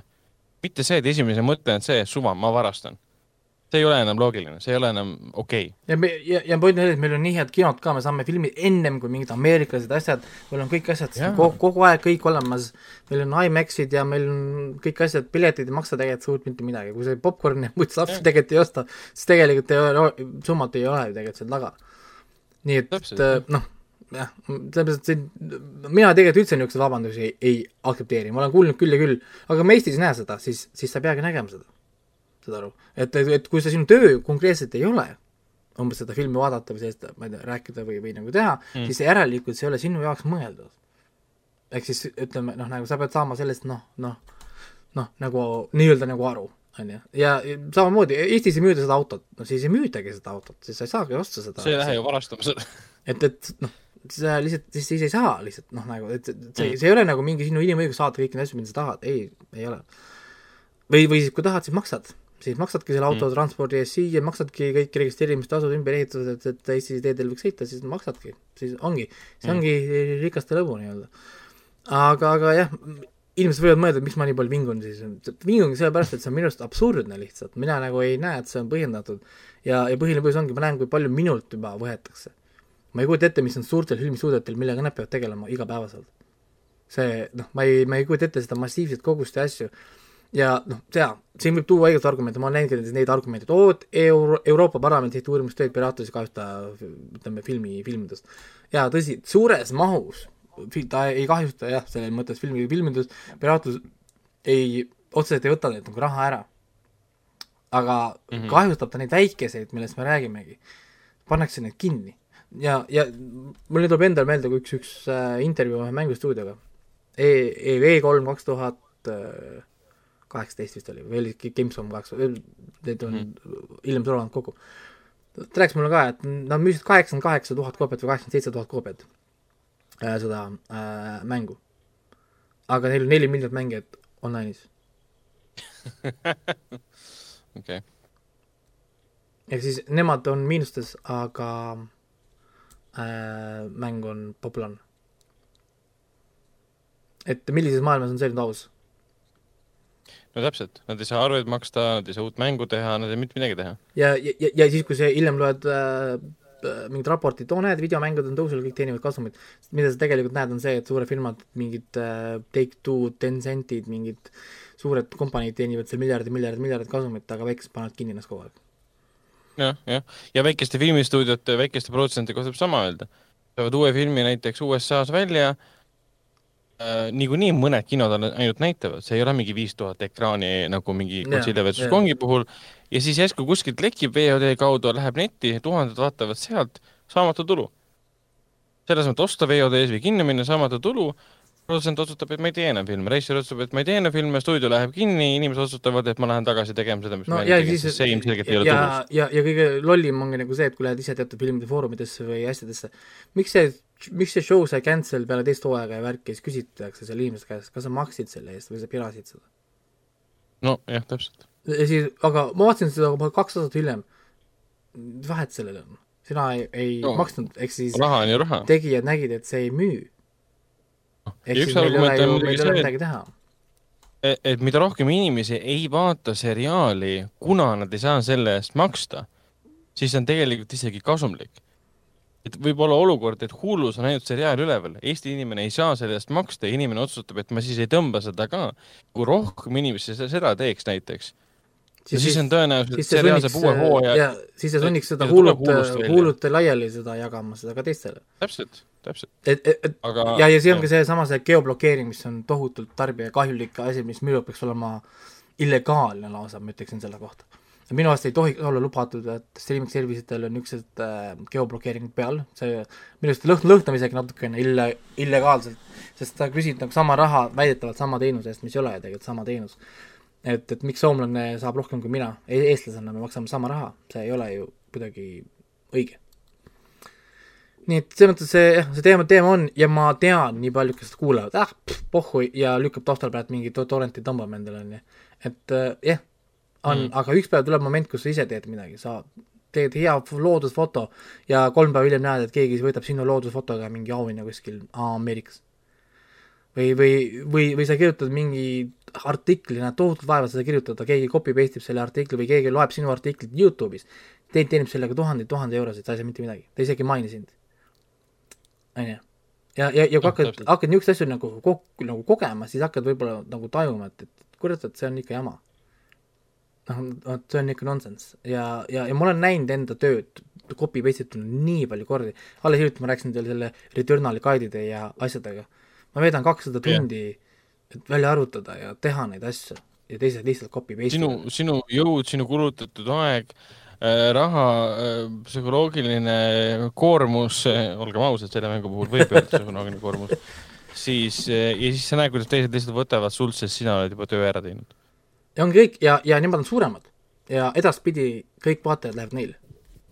ja on kõik, nii et jah, nii-öelda aga jah, ühesõnaga aitab praegu sellest teemast äh, küll, me tõenäoliselt me peame seda mingi hetk veel puudutama ka, ma jään Eerikuga kindlasti edasi suhtlema ka, me rääkisime väljaspool seda ka muid asju ka äh,, erinevaid asju. Äh,. jääme kindlasti suhtlema ja ma hakkan ta käest kindlasti küsima ka erinevaid kommentaare, ütleme erinevatel ähm, teemadel, ta pakkus lahkelt muidugi noh, abi ja ütleme kommentaar et kui siin sellised seadusemuudatused on, aga nüüd me vähemalt teame ka seda, et, et tema on, ütleme, ka meiega ikkagi noh, nagu sama äh, äh, sama nagu noh, nagu sama nõu, nii et sama eesmärk on ikkagi, et tarbijana meil oleks lihtne asju kätte saada. ja kui meil on lihtne asju mm -hmm. kätte saada, meil kellelgi ei ole põhjust kuskilt midagi pirada. ja siis me ei pea isegi enam rääkima sellest teemast, sest kõik on kättesaadav hästi kergelt. et, et äh, eks nad töötavad kõik selle nimel. aga nüüd äh, pikk, äh, me oleme pikalt juba teinud, saade on kestnud juba mingi poolteist tundi, et oh, jah aga täna on huvitav saade, saate, saate kuulata. on, on, on tõesti. ja, ja saate kaasa rääkida ka kommentaarides, visake oma äh, lingid siis, kus te tõmbate filme ei, ärge seda palun. ootame kõiki linke ja, ja, ja ootame kõiki teie täisnimesid koos isikukoodiga, et me edastame vastavatele organitele pange oma lingid, kus te filmi tõmbate äh,. aga, aga kusjuures, ah kurat, üks huvitav küsimus mul jäi tegelikult äh, tema käest küsimata, ma peaks tegelikult võib-olla kirjalikult küsima järgi. mis on, kui sa vaatad mingisugusel piraat streaming saidilt, siis, siis sa ei download'i. sama asi äh,? põhimõtteliselt tegelikult on sama asi, sest sa ikkagi toidad valet ju, äh, valet ta-, taskust, on ju, paned raha valesse taskusse streaming kindlasti annab, äh, noh, see illegaalne streaming nii-öelda, see kindlasti annab kasutajale või noh, vaatajale selle äh, selle, selle vale veendumuse, et aga ma ju ei, ei lae üles ega lae alla ja, ja see on siis kõige ohutum asi. Äh, no see on lihtsalt see tunne, et ma ei lae alla ja ehk siis mind ei saa süüdi või noh, ma, ma ei tee midagi illegaalset, aga see on, see on juba see küsimus, et see on pigem niisugune laiem küsimus, et mis sul, mis sul nagu üldiselt viga siis on? ei, see on ikka see mõte, mõte, mõtte küsimus. see on seesama küsimus moraalne, ikkagi, et moraalne kood, kood on natukene nihu. kui sa leiad mingi USA indie-filmi ja vaatad seda sealt äh, striimingust äh,, pirastriimingust ja siis samal ajal kuulad meie saadet ja saad teada, et on olemas niisugune asi nagu tubi.com, kuhu sisse logima ei pea ja sa saad täiesti legaalselt vaadata yeah, striiming, sul on Popcorn Flix näiteks on Euroopas ka tasuta, lähete sisse no, ja hakkate filmi vaatama nii palju, kui te jõuate. Ja, ja eelmises saates mainisime Tubi, et tubi.com-is ainuke asi, mis sul tõesti vaja on, siis VPN, aga VPN ei ole kallis, see on mingi, ma ei tea, ühe, üheksa euroga kuus saab hakkama täitsa või? aga neid piraatsaite mina ei, äh, ma ei... kunagi ma testisin neid ja vaatasin, et nad kõik kohutava kvaliteediga, nõuavad mingit X-kontode loomist Nad on pop-up aknaid täis, sa saad mingi kümme tuhat erinevat mingi viirust sealt ja, ja teiseks, need on jällegi, need on varastatud failid, need on torrentist võetud failid ja pandud veebi ja see loob niisuguse illusiooni, et näed, see on nagu Netflix, aga ma ei maksa selle eest mm. ei, sa sellega toetad piraatlust tegelikult.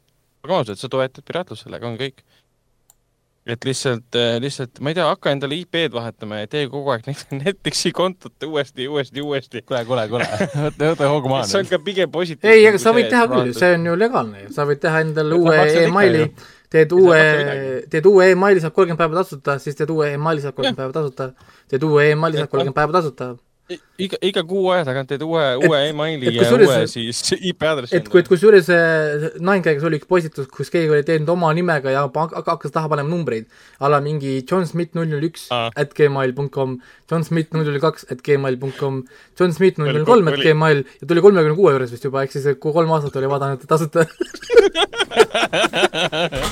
et oli vaadanud tasuta Netflixi. naljakad need loophole'id või no silmused nii-öelda. pigem ma soovitan seda teha, et Amazon Prime videos on samamoodi üks kuu tasuta, Apple TV plussis oli ka vist mingi Apple'is oli seitse päeva tasuta. No seitse päeva täpselt et.... Vii-, Viaplay's on kaks pigem... nädalat, neliteist päeva, ma niimoodi enam-vähem mäletan, need, mul on see mingi osa streaming sellest tehtud ka, aga see on tohutult, töö on pooleli jäänud, et rääkida nendest streaming service itest ka et selleni me jõuame ka nüüd mingine, mingi hetk, ma loodan. ja mõtle, kui palju riike maailmas on, kui sa VPN-is valid iga kord äh, erineva äh, linna, siis on erinev IP ole ikka on jah, sa saad jah, noh, niisugust tsirkust sa, sa saab teha, aga siis ongi see lõpuks, et noh, äh, kas see vaev on seda väärt või noh, nagu lihtsam on võimalusi, võimalusi on lõputult, jah. lõpuks maksa see mingi kuus eurot Netflixi eest, see on aga... mõistlikum. poisid, äkki me räägime filmidest, mida me oleme kodus vaadanud enne seda, kui me räägime okay. filmidest, mida me kinos äh, vaatame. mina vaatasin õnneks vähe, vähe asju, sest tegelen muude asjadega, aga jah, ma vaatasin Love, Death and Robots äh, season kaks parti ühe lõpuni. vaatasin siin järgmised neli, neli episoodi ka ära ja jah, ma olen, ütleme nõus, et seal tegelikult tuld enam ma tahtsingi küsida, mille kohta ah,, see üks oli see Michael B Jordaniga, kuidas see sulle meeldis? see oli ah, see oli Michael B Jordan. minu arust see ei olnud nagu midagi. see oli Michael B Jordan, andis oma hääle ja näo. mul oli väga igav seda klippi vaadata. see ei olnud nagu, nagu, nagu midagi, midagi nagu toimunud. aga kas teile see ei me,, ei meenutanud ühte kindlat asja või? et see põhineb Harlan Ellisoni samanimelisel, ei kõik oli samanimelisel lühilool, kuulus ulmekirjanik. aga teile ei meenuta mitte midagi see või? kui mina seda vaatasin, esimene asi, mis mulle pähe tuli, ma ei tea, kas te mäletate seda filmi või? Val Kilmer, Tom Sizemore, Carrie Ann Moss, selle filmi nimi oli Red Planet. see suur ulmekas, kus nad läksid Marsi peale ja neil oli seal üks Äh, sõjaväeline robot, mis kaotas samuti kontrolli ja hakkas inimesi tapma ja see Oot, muutus peamiseks antagonistiks. see film põhines samal lool või? ei põhinenud, aga, aga ei, ei, üldse mingeid seoseid, ma püüdsin leida seoseid, aga see Life Hatch oli vist selle yeah. Love Death Robotsi episoodi nimi. Ja see nii meenutas mulle seda Red Planetit, see oli vist mingi kaks tuhat kaks, kaks tuhat kolm aasta film või midagi sellist ja ta oli suht-, suhteliselt, ma ei mäleta mitte midagi sellest, ma tean, üllataval kombel lugesin seda, et eh, Harlan Ellisoniga mingit seost ei ole, aga Red Planetis on, oli see teema, et Val Kilmer ja Tom Sizemore läksid omavahel pööraselt raksu. pööraselt tülitsesid. ja kui neil nagu oli võtetel, võtetel ja ja kui nad filmis oli neil kaklusstseen, siis ühes kaklusstseenis Val Kilmer reaalselt või kumbki neist reaalselt peksiski üksteist päriselt suurest vihast nii-öelda, sellised probleemid olid neil seal. peaks seda filmi uuesti vaatama. peaks vaatama jaa, ma mäletan, et see oli üks nendest film-. tahad näha, kas sa näed ekraani pealt selle pinge või?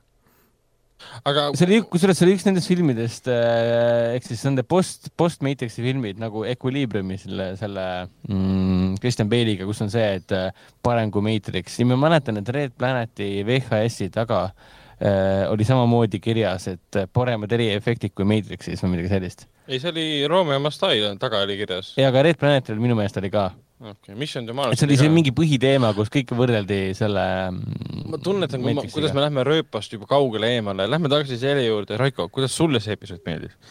ei, see oli see oli mehh oli ja ega teie need kõik olid, seal oli see põllu peal oli vist, kus seal oli mingi rongi sees. aa, see Lovecrafti on selline teema, rongiga. siis oli see mm, jõuluvana case pikud ah,. see oli päris tore. jõuluvara asi, see oli väga lahe, eriti see lõpus, et mingi, mis siis juhtub, kui yeah, me pahad oleksime? mis siis oleks juhtunud, kui me oleksime pahad? oh my god, kui kohutav. Äh, ja mõtle, mis see, mis see viimane oli? viimane oli see äh, hiiglase laip või? aa, hiiglase laip, see, see oli, see oli niisugune huvitav kontsept oli, ma oleks tahtnud nagu midagi rohkem mm. näha sellest, ma oleks tahtnud nagu mingit nagu nagu ei jõudnud väga oleks midagi, midagi nagu veel, et mulle ei meeldinud see mõttetu monoloog lihtsalt, et ta monoloogis terve aeg seal, noh nagu siit oleks võinud tulla yeah. nagu midagi. midagi krunti nagu puudu.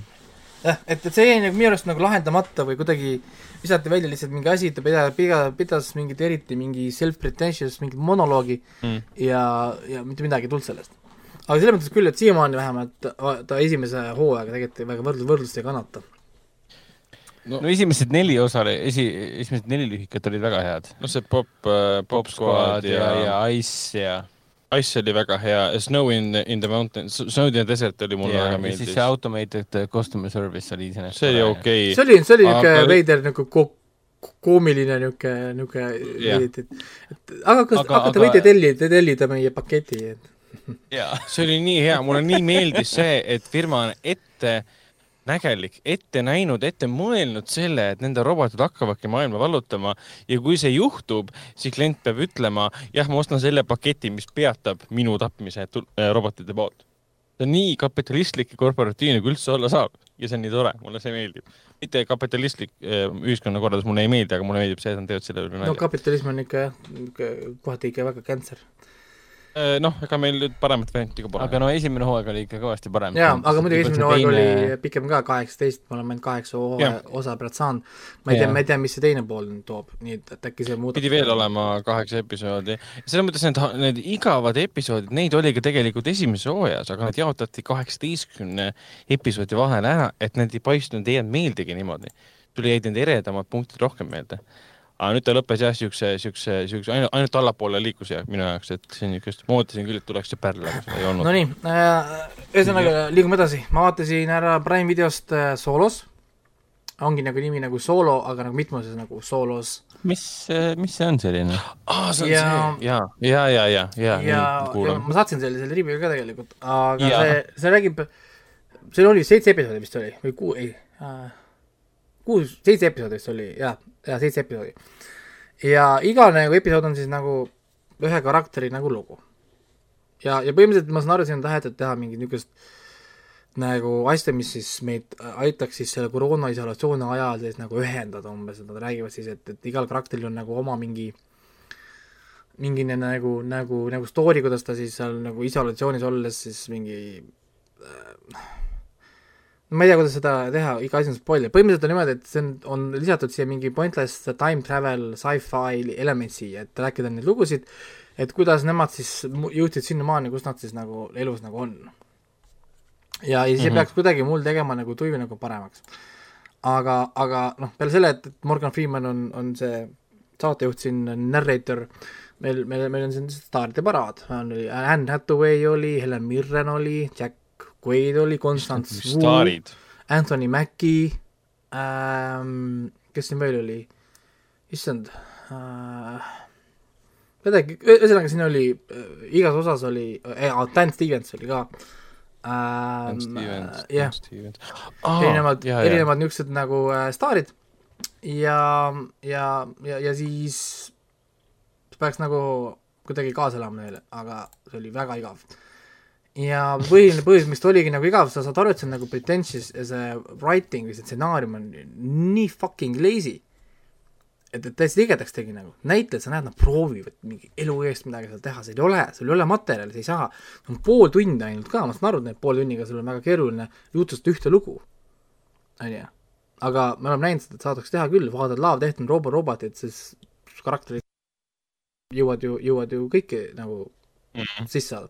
siin, siin, siin, siin ei suudeta. ükski, üks, üks, ükski episood ei suuda. kolmandaks episoodiks ma skip isin kogu aeg niimoodi, skip, nii kümme sekki, kümme sekki, ei tee midagi. on näha, et on seal ruumis ikka veel, nii skip, skip, skip, see on pool tundi, miks ma vaatan kolm minutit, tee midagi nüüd. nii, viies minut, kuus, skip, skip, skip, neljandaks episoodiks vaatasin, ma skipsin põhimõtteliselt terve e e episoodi juba, sest midagi ei toimu. on ju, noh nagu kus see sisu, kus see nagu sisu on ja miks see on sci-fi selle, see ele-, sci-fi element ei anna mitte midagi juurde, kui sa võtaks selle time travel'i või selle sci-fi elemendi nagu ära, kõik jääks täpselt samaks. ma, ma olen veitsa nagu segaduses, mis mi,, mi, mida siin nagu taheti teha või, või mis see nagu point on mm. -hmm huvitav, ma olen ka arvustusi näinud ja kriitikud ei ole helded olnud selle vastu um,. et, et Raiko, kes on ka kriitik, siis ühtib tegelikult ülejäänud maailma väga terava. nii et ei ole niisugune valesti mõistetud pärl või? Mm, ei, on... ei, ma arvan, et, et ma pole riivisid, riivisid ise küll lugenud, aga ma arvan, et, et me tõenäoliselt läksime teiste kriitikutega samasse auku tõenäoliselt okay,. et, et, et, et lihtsalt siin, siin, noh, siin ei ole nagu midagi. selles mõttes, et vaata treilerit, tegelikult vaata treilerit ka juba, sest treiler tegelikult tundub juba, et issand, siin ei ole sisu mm. -hmm aga äh, Anne Hathaway'l on vist mingi Amazon Prime'iga mingi era, erakorraline leping, sest tal hiljuti oli see, see Modern, Modern Love oli selle nimi, ähm, oli kaks tuhat üheksateist Amazon Prime videost tuli välja, oli ka kaheksa episoodi. see ei olnud nüüd antoloogia, ta oli lihtsalt seriaal, aga seal oli ka hullumeelselt palju äh, äh, kuulsaid staare, Anne Hathaway, Tina Fey, Andy Garcia, Dev Patel äh, Julia Garner äh,, Shea Wingham. no Amazonil on, mida on, mida maksta. Neil raha on, nagu siin viimaste uudiste sektsioonis jõuame, siis saame mainida, et milleks Amazonil raha on.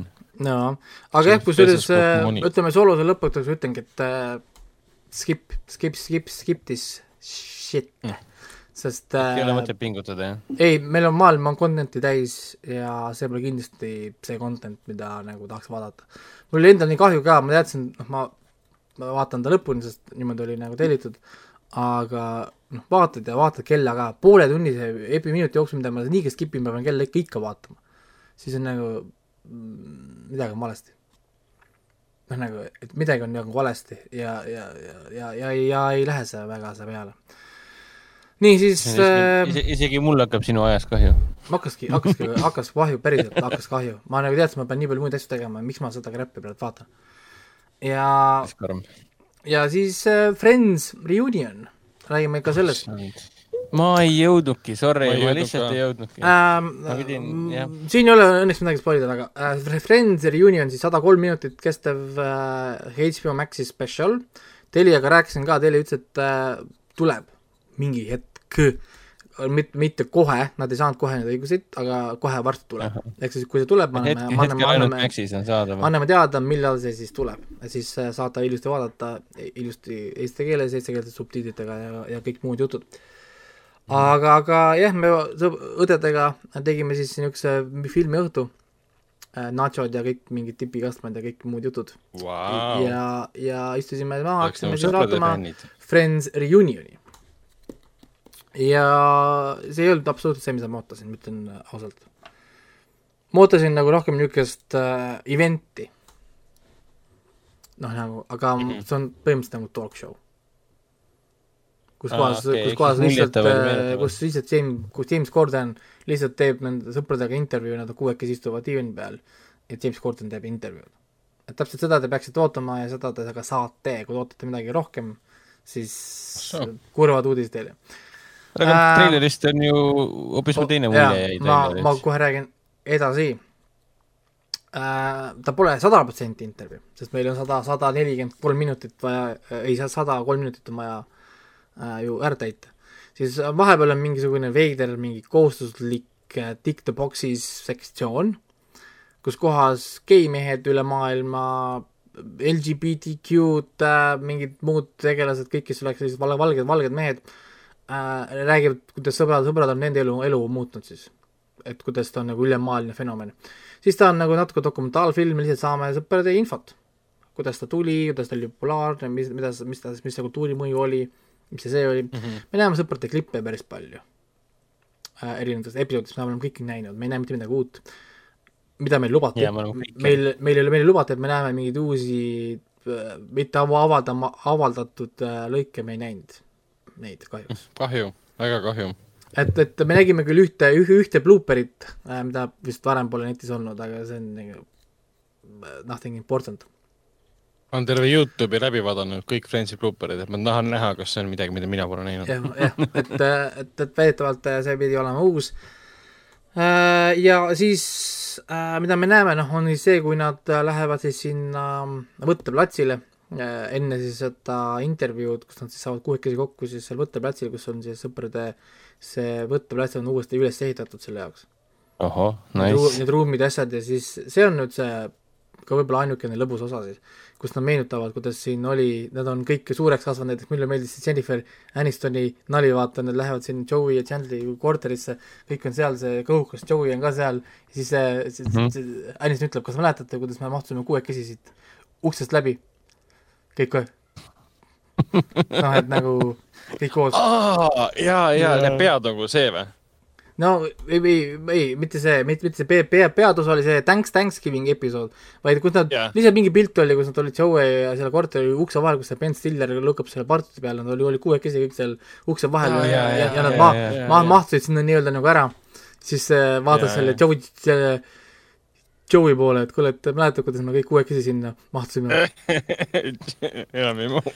See võiks päris äge olla seal, või see võib seal reunionis päris äge olla. ja, ja see on ka, see, ja see on ka see, ja see on ka nagu lõbus pool, kus sa näed neid kõiki nii-öelda nagu iseendana ja tegelikult ongi need karakterid ka, keda nad nagu mängivad Liisa Kudrov on alati olnud Phoebe Sorin, ma ei usu, et ta mm. ongi keegi midagi Nad muud. kõik on olnud samad tegelased, nad on kõik on, Jennifer Aniston on ja, alati olnud. ja, ja, ja kindlalt saab öelda, et kõige parem näebki välja Liisa Kudrov ja David Schwimmer, nad näevad välja endiselt nagu Ross ja, ja Phoebe. teised on vanad äh,, ikka nagu näha, et ikka vanadus on, Carla Chandler näeb kõige hullem välja. Joey, Joey on tavaline nagu see LeBlanc on ju üsna väärikas näeb välja. no Matt LeBlanc näeb välja nagu suvaline Eesti mees, sorry noh et, et, et õlle, õllekõht on ees ja, ja, ja tribuline tee, see tribuline triiksärk ja ja aga mis siin ikka oodata, inimesed on inimesed. ta naud-, ta, ta, ta, ta naudib oma elu, no miks ta peaks midagi tegema, noh, tal on raha ju, pappi on ju, istud ja on, on, elad, elad. said ju vahepeal mingi iga episoodi eest said ju mingid pöörased summad. jaa, muidugi mm, -hmm. muidugi, ega mis sa arvad, et see, selle spetsialist on saanud raha või? Ja... võib isegi küsida, et äh, võib isegi küsida, et kas nad äh,, kas see Chandler ütles, et äh, eesti keeles sa, sa ei saa, ei saa, ei saa seda nagu öelda. no ütle inglise keeles siis. et ma proovin eesti keeles, et äh, kas, kas Matthew, oota, Matthew Perry oleks võinud saada veel rohkem raha või noh. see, see, kuidas, see, kuidas Chandler rääkis Chandler nagu. Chandler räägib, jah jah, ja siis, mis mulle meeldis, mulle meeldis see intervjuud Marta Kaufmanniga äh, ja David Crane'iga ja ühesõnaga selle nagu sarja tegijatega, nad selgitavad, kust see sari tuli äh,, kust see idee tuli, miks nad need karakterid lõid, casting protsess, see on huvitav osa. Äh,, see casting imise protsess, kuidas nad kirjutasid selle rolli David Schwimmeri jaoks. Ross loodi David Schwimmeri jaoks. Wow.. ja, ja kogu sari sõltus sellest, kas David Schwimmer on nõus või ei ole. Wow ja, ja, ja, ja siis nad rääkisid ka, et, et Matthew Perry oli seotud äh, sarjaga äh, see äh, lepinguga oli seotud sarjaga, issand, see LA Baggage Handlers äh, kaks tuhat ükssada kuuskümmend seitse vist oli. Siis ta, siis ta näitas klippi sellest sarjast, kuidas mingid tulnukad tulevad ja siis Matthew Perry on mingisugune boss seal kuskil kosmosejaamas, kus, kus kotte vastu võetakse või mingi värk. Mida helli. Jumal tänatud, et tegi elus õiged valikud.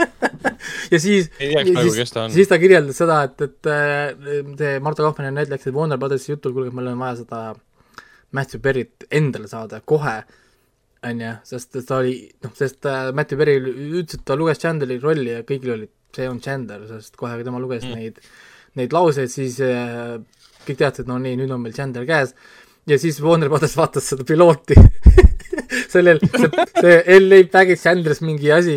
Ja siis ta ütles, et jaa, te võite võtta selle Matthew, Matthew, Matthew Perry siit, siit, siit endale ära. see, see, see ja, ja siis, ja siis Jennifer Aniston oli seotud ka teise projektiga, mingisugune äh, see kohvikusari. Kalan näitab sellest klippe ja, ja siis ta räägib, et Anistoni lõpuks ta oligi viimane, kes siis sai selle Racheli äh, rolli nagu endale ja siis ta läks mm -hmm. siis nagu produ-, produ-, produtsentide juurde paluma, et ta lastakse lepingust lahti, et minna tegema sõpru mm. -hmm. ja siis produtsendid lõpuks lasid ta nagu lahti sealt äh, lepingust, aga siis ütles talle ka, et ei, et see uus sari, mis iganes see New Yorgi oma teil seal on, see ei tee sind kuulsaks, vaid see sari, kus meie oleme, see oleks sind teinud kuulsaks ja, ja, ja. ma ütlen, ülejäänud on ajalugu, aga väga raske on siukseid asju ette ennustada. no me muidugi, ega, ega kes seda, kes seda teadis. Aga selles mõttes jaa, ei, ta on ikkagist hea, hea vaatamine igal juhul, lihtsalt seal on näha, et on niisugust nagu täidet sinna sisse toppinud, nagu võiks väga palju asju välja võtta, mis ei paku mulle mitte midagi. mulle meeldis, et jah, need, kus nad lihtsalt istusid seal võtteplatsil, nad rääkisid juhtumeid, asju, mis seal toimus, kuidas Joey õlapaigast ära aitas, kuidas nad kirjutajad sinna sisse panid, mulle meeldisid need äh, nii-öelda nagu stseenide tagused äh, momendid, kus nad näitasid, kuidas nad kirjutasid ümber, reaalajas pidid kirjutama ümber. Neil oli, vaata, filmisid ju publiku ees mm. -hmm. ja, ja, ja Joey tegi mingi nalja tegi, rahvas ei naernud. Cut! ja kõik kirjutajad jooksid, jooksid lau ümber, meil on vaja midagi muuta. inimesed ei naernud, see pidi olema, pidi olema nali mida me, mida me siis paneme, mida me siis paneme, pakkusid variante ja siis oli lõpuks üks, üks kirjutas, ütleb, kuulge, et aga ta võiks öelda ju this is where I get my money back ja siis, ja siis kõik naersid. okei okay,, see on see koht ja siis nad näitavad seda lõpuseni, et, et, et see, et see Joey istub maha, et kuule, kus see uh, waiter on, siis see gender uh,, it's a buffet, Joey. This is where I get all my money back ja siis nagu issand, kui hea. vaata, see ongi see, ma olen kogu aeg mõelnud selle peale tegelikult, et ma tean kogu aeg, et see publik on ju seal vanakooli seriaalides, okei okay,, mõned tänapäeva omad on ka, et nad vaatavad ja naeravad aga tihtipeale sa mõtled, et see on mingi noh, läht track lihtsalt pannakse tööle, aga vanasti oli päriselt stuudios ju publik kohal, kes vaatas ja naeris. no mitte nüüd nii vanasti, kas mitte äh, Big Bang Theory oli Big, üks viimastest, mis tegi live, live audience'iga? jah yeah,, oli ka live audience kohal aga uuemad seriaalid, mis tihti on katsetanud seda, et nad kasutavad seda laugh track'i, see on sõna otseses mõttes laugh track'i, see mõjub nii feigilt. Sa tunned selle päris naeru ja päris naeru. ja Friendsi vaadates sa unustad ära selle, aga see on päris hea tiitlit, mida sa praegu yeah. ja yeah. ei, see oli hästi nagu kihvt ja siis nad pakuvad erinevaid ideesid, vaata, kohe mingi kirjutatud on seal mingi, kellel on kiire, sest see David Kelly on kõrval, vaatab seda käekell umbes nagu mingi noh, nagu et äh, mehed, mehed uh,, time is money sihuke loominguline ja, ja siis nad, siis nad äh, kirjeldasid ka näiteks seda, vaata, et nendel oli nii palju episoode hooajas, siis nad pidi, peavad tegema iga hooaja teatud arvu episoode, mis kasutab hästi vähe võtteplatse. Et mm -hmm. mitte nagu raha raisata ja siis nad pidid igasse, mingi iga niisuguse aeda kirjutama episoode, mis jääks ainult kahte korterisse nende korteritesse, sisekorteritesse. siis ta rääkis ka, et, et, et see episood, mis pidi tulema kõige kergem episood, ehk siis see episood The one where is everybody late, ehk siis see Rossi kõne ah,. et, et siis seal läks kõik sellepärast sassi, et kui nad, kui see Joey ja Chandler kaklevad seal diivani koha pärast onju, et sa võtab mm see diivani padjad ära ja siis sa ütlesid, sa saad diivani, ma võtan padjad vaata ära, siis, siis see Joey topib kõik ta riided selga, ta yeah. noh nagu could I be very any more clothes, onju, et, et siis nad äh, et, et siis seal oligi see koht, kus kohas äh, Joey ajas õla endal liigesest välja. kui nad jooksid yeah., jooksid võidu vaata selle diivani peale seal. Mm. -hmm ja, ja siis Joey ajas li õla liigest välja, nad pidid võtted kõik pooleli jätma, see episood jäetigi lõpuni filmimata. Nad kirjutasid sisse, et Joey hüppas voodi peale ja vaata, kukkus maha, jäi nagu selle õlg jäi nagu lahasesse. Yeah. kirjutasid selle sarja vaata sisse. ja, ja siis nad filmisid mingi episoodid ära ja siis pärast, kui õlg oli nagu terve, siis nad läksid tagasi ja filmisid selle lõpuni. ja seesama oh, ep wow. episood, mis pidi olema siis kõige nagu kergem ja ühe päeva nagu kiire shoot, kiire shoot, kiire shoot. Et, et see osa on ju hu huvitavam, kusjuures võib-olla isegi kohati nagu rohkem kui see, et sõbrad ise rääkisid. Et mulle meeldis see Marta Kaufmanni nende nagu see story'd tihtipeale nagu rohkem. mulle meeldis ka näiteks see, et Kaufmann ütles, et ta ei saanud üldse oma tööd teha, sest iga, iga kord, kui Matthew Perry midagi rääkis või tegi, ta oli kogu aeg nii külili maas ja naeris, et ta ei saanud üldse jälgida. Neil läksid nii palju tihtipeale asjad sassi, sest Matthew Perry kogu aeg improviseeris laine ümber ja nad ei jõudnud neid ümber kirjutada stsenaariumitesse sisse kanda, sest iga kord, kui nad tegid, siis ta juba jälle viskas nagu midagi uut, uut nagu välja. ma räägin, sellepärast ongi nii arvestatud tegelane, nagu ta on ikoon põhimõtteliselt, huumori, komöödia ikoon. aga kas ta nüüd ka tegi nalja või? tegi. tegi ja nagu head nalja? Ja mõjus ka ikka sellise improviseeritud naljana. näed, aga ta räägib hästi vähe. tal on ikka nii raske rääkida, tal on ikka see kõnehäire juba nii suur. et, et ta, ta aga millest see kõnehäire tal tuleb? tal oli mingi mini-insult, ma saan aru, mingi joomistega ja mingi asjadega ja siis ta suu käib päeva lahti ja väga raskelt tuleb seal asjad välja tal ma mingeid asju olen Mati Perrit ju vaadanud, tal oli see komöödiaseriaal nimega Mr Sunshine, kus ta oli mingi diskor ja tal naine suri ära. üks oli veel see ja üks sari oli tal veel, ma isegi vaatasin, mõlemad said cancel'i minu meelest. mulle täitsa meeldis, et need. ja seda Joey seriaali ma vist kunagi ammu vaatasin. aga sa kusjuures, seda, seda nad ei räägi kordagi, nad ei maininud keegi seda Joey. ja Courtney Coxil tuli ka see mingi räpane ajakirjandus, The Dirt või midagi sellist. The Dirt oli päris, päris, päris popp ju, päris, päris kaua. see oli päris popp jah. aga, aga siin, mis siin tuli välja, tuli üks huvitav asi välja, mida varem ei olnud teadnud, teatud kahe tegelase kohta ja, ja, ja, ja nende salapärase romantilise suhte kohta, kui nad tegelikult olid teiste inimestega koos. aa, sa mõtled äh, Rachel ja Rossi või? ma ei öelnud, ma ei öelnudki, kes, kes on, kes on kellega hmm, aga, aga kusjuures rääkides Rachelist ja Rossist, mulle nii meeldis see, kus nad, noh, nad teevad seda Victorine'i uuesti. jah, see, see sõprade. Victorine'i. jah, aga see on nüüd nagu muudetud kuju või noh, nagu uus mood nagu, seal on, seal on yeah. päris, päris head naljad mõned ja mõned, mingid külalisesinejad käivad siin ja värgid ja siis on see äh, üks, üks hästi niisugune kihvt moment oli, kus ta räägib siis külalisesi-, esinejatest, siis Dave Jim ütleb, et äh, Jen, Jen uh,, and, and we had that your fella, Brad aa jaa, jaa, Your fella muidugi jah, et tal oli ikka ju Brad Pitt. Brad ja... Pitt mängis ju selle Racheli vihkajat yeah.. Rachel Hate yeah., Hate, Hate Clubi juhti nii-öelda, väga äge roll oli tal. ei, tema ei olnud juht, Ross oli ja, ja, ja, ja siis, siis noh, tal oli veel Reese Witherspoon rääkis äh, noh, nagu seal, seal mm -hmm. kuulsus rääkis ka David see Kit Harington rääkis seal asjadest ja, ja, ja seal oli veel erinevaid äh, tegelasi. kes Kit Harington või? jah. ta oli Sõprades või? ei, ta ei olnud Sõprades, ta lihtsalt, äh, see on mitu kuulsust, kes räägib, kuidas sõbrad yeah. Äh, neid mõjutasid, kui nemad nagu kasvasid yeah. või, või näed, kogu maailm siiamaani vaatab. et, et, et jah, ja, ja, ja me saime, me saime lõpuks teada ka numbri. mis sa ütlesid, sada kakskümmend miljardit vaatamist on Sõpradel või? Sada kakskümmend miljardit. oli vist see summa. And counting või? et jah, kõikide streaming service'ite peale, kus ta on, kus ta on olnud. see ainult tõuseb, jah. täitsa uskumatu, see on ajatu, mõnes mõttes on ta ajatu seriaal, kuigi juba praegu aastal kaks tuhat kakskümmend üks, kui seda vaatad, mõned asjad on seal natuke vananenud. see on kakskümmend seitse aastat tagasi algas see, ära seda unusta, see lõppes seitseteist aastat tagasi. seitseteist aastat tagasi lõppes Sõbrad. jah no tegelikult seal on nii vähe neid asju, mis vananevad, seal on need episoodid, kus nad, kus ähm, ah, Chandler saab arv, arvuti kätte ja kusjuures ta, ta, ta, ta mainib ka seda, et algselt neil oli rohkem telefoni ja igasuguste telekate ja asjadega stseene, siis keegi kirjutas mm, -hmm. mainis. Ähm,, vist oli teine hooaeg, kui nad said aru, aru, et nad tuleb hitt, vaata nagu see sari, siis keegi kirjutas yeah., mainis, et kuulge, aga tehnoloogia vananeb. äkki me eemaldame selle elemendi üldse ära, kirjutame ümber selle et siis on nagu see, et kui sa vaatad seda noh, nagu pikema aja pärast, siis inimsuhe säilib. ja, ja, ja siis nad ja. eemaldasid ära, et kõige rohkem tehnikat pidi olema esimesel hooajal, kus sa nägid mingeid laptop'e, telefone ja asju, kui nad ei teadnud, et on hitt, ja siis pärast seda nad eemaldasid põhimõtteliselt kõik ära ja sa näed seda nii harva nagu mingit, mingit tehno-, tehnoloogiat. ainuke nagu püsiv asi on ju nende telekas ja lauatelefon telekas, lauatelefon, Rossi see piiper mm, on vahepeal sees no,. mitte nii tihti. hiljem tuleb mobiilid sisse ja siis muidugi John Favreau mängib seal ju ka. jaa, see seda biiti, biiti, kes leiutas selle, mis see oli, Moss mingi eighty five või hakkas MMA, mis oli World Fighting Champions tahtis saada ja sai ah, mulli kõvasti. MMA, UFC oma jah, Ultimate Fighting ja, Champion.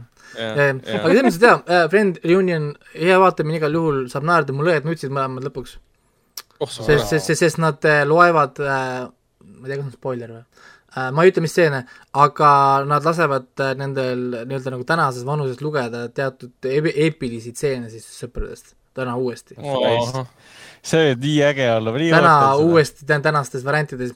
Ja siis muidugi Rost Reitsid selgitavad oma seda äh, keemiat.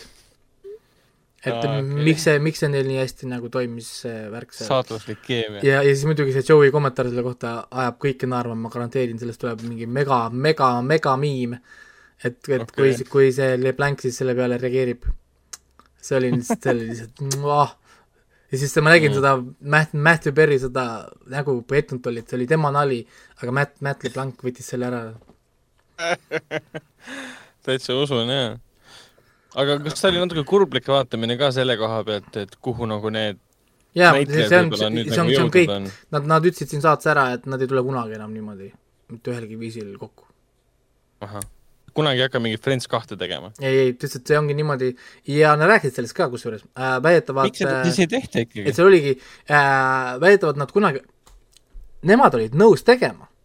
Marta Kaufmann ja David Crane ütlesid, et ei tee aa, vau, loojad ütlesid, et ei tee. jaa, sellepärast, et, et nad, ja, ja, ja siis ta, Jennifer Aniston ütleski, et, et oli niimoodi, et kui nemad olid nõus tegema, need kuus nagu näitlejat, et nagu edasi tegema, siis Marta Kaufmann ja Jevgeni ütlesid, et nad ei taha, nad ei taha enam teha mitte midagi sõpradega, ühtegi asja ei tule, spin-offi mitte kunagi rohkem ei tule, on sellepärast, et nad andsid igale karakterile lõpu mm.. iga karakter sai lõpu ja lahenduse, et selleks, et hakata uusi lugu looma, nad peavad need õnnelikud lahendused kõik lahti harutama.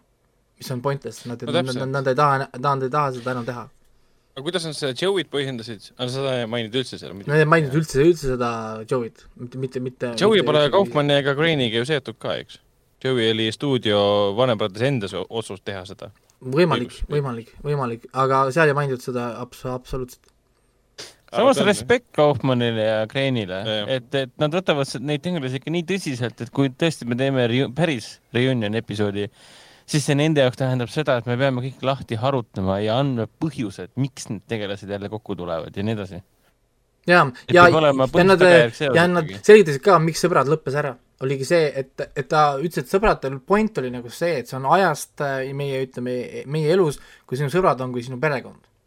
aga moment, kui sul tekib sinu enda perekond, sõbrad ei saa olla enam sinu perekond, vaid sul on oma perekond. ehk siis me, nad pidid lõpetama ära, sest nüüd inimesed hakkasid saama oma perekondasid. Nojah. see, see, see, see aeg sai läbi. Ma tegin praegu selle nalja, et oli meeldiv teiega suhelda. Et, et jah, et äh, ei, see, see on, see on, see on tõsi, ega enne kui mul olid lapsed, mul olid väga palju teistsuguseid sõpru, kui mul on täna. Äh, väga paljud kadusidki ära, sest neile meeldivad lapsed või, või neile meeldis idee, neil, neile meeldib, et ma ei saa anda nii palju tähelepanu neile, ma ei saa nendega mängida mingi kümme tundi maratoni teha videomängudega ja asjadega, noh. mulle meeldivad lapsed ja, ja, ja nii ongi. see lause tuleb nüüd kontekstist välja võtta ja, ja panna kuskile mujale. oota, mida?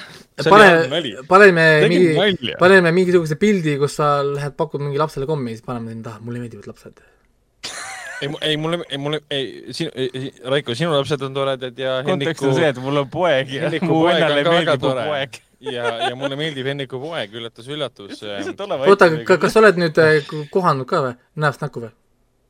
jah olen küll, ma olen äh, käinud venna juures äh, beebit näinud äh, siis, kui ta magas. oli huvitav pealt vaadata. see ei lähe kuidagi paremaks sul selle juures, see värk praegu siin.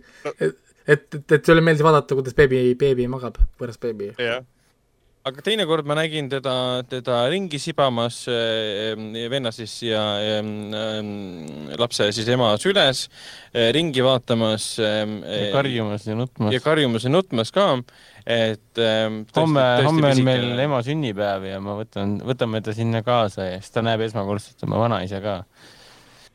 näeb, see on veel... see jutumärkides näeb nojah, sittagi ta ei näe. ei no ta näeb küll, aga talle midagi ei meeldi. aga, aga selge, aga selge äh, kell, kellaaeg liigub, räägime nüüd siis sellest äh, kõige suuremast asjast, siis Netflixi Army of the Dead ma vaatasin selle lõpuks, lõppu, lõpuks ka ära, eelmine aasta, aasta parim film. eelmine nädal ma ei saanud seda, või noh, ei jõudnud seda vaadata, vaatasin selle ära.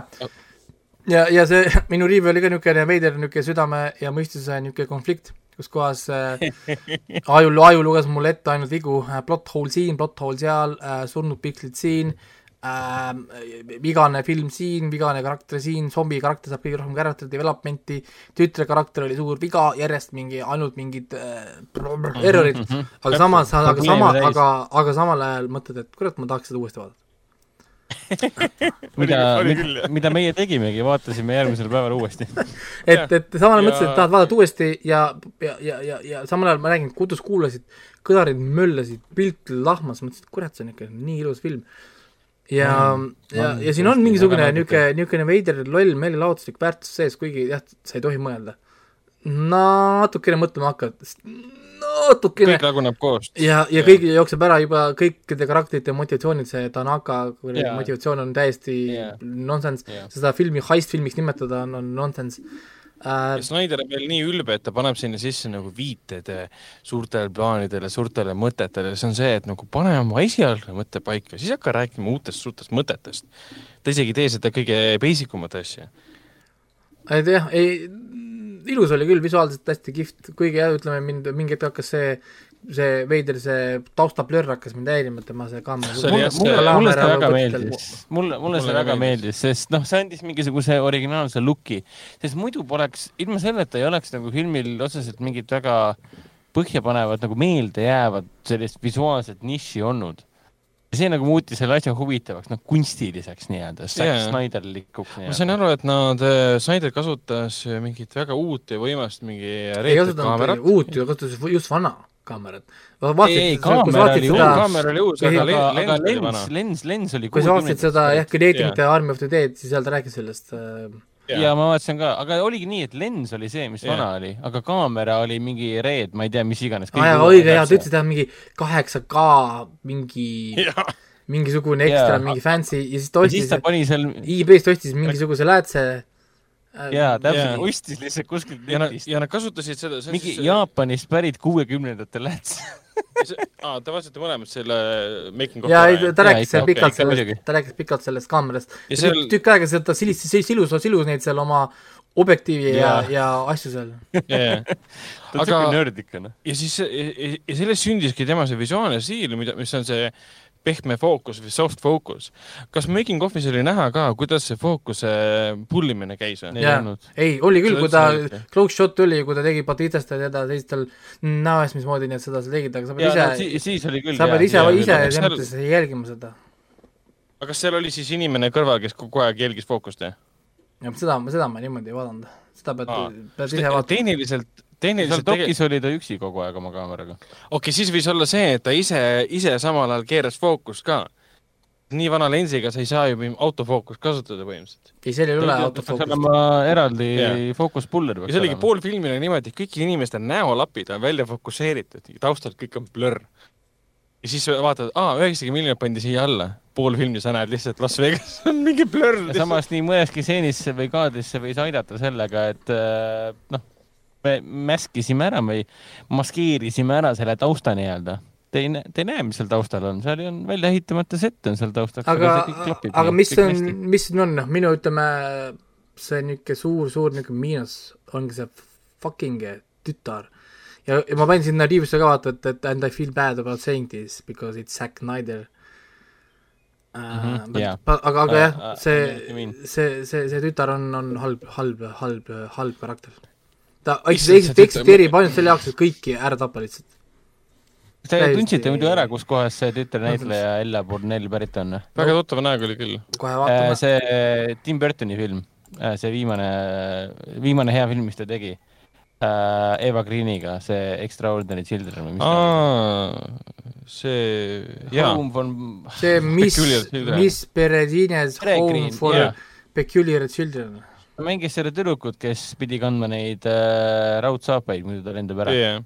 ei, see, see tütar oli tal hästi välja mängitud esialgu nagu suhe selle, no, selle Dave, Batistaga oli tal väga hea, aga siis, kui ta nagu see põhjendus, miks, miks sa kaasa tuled, see oli nii loll.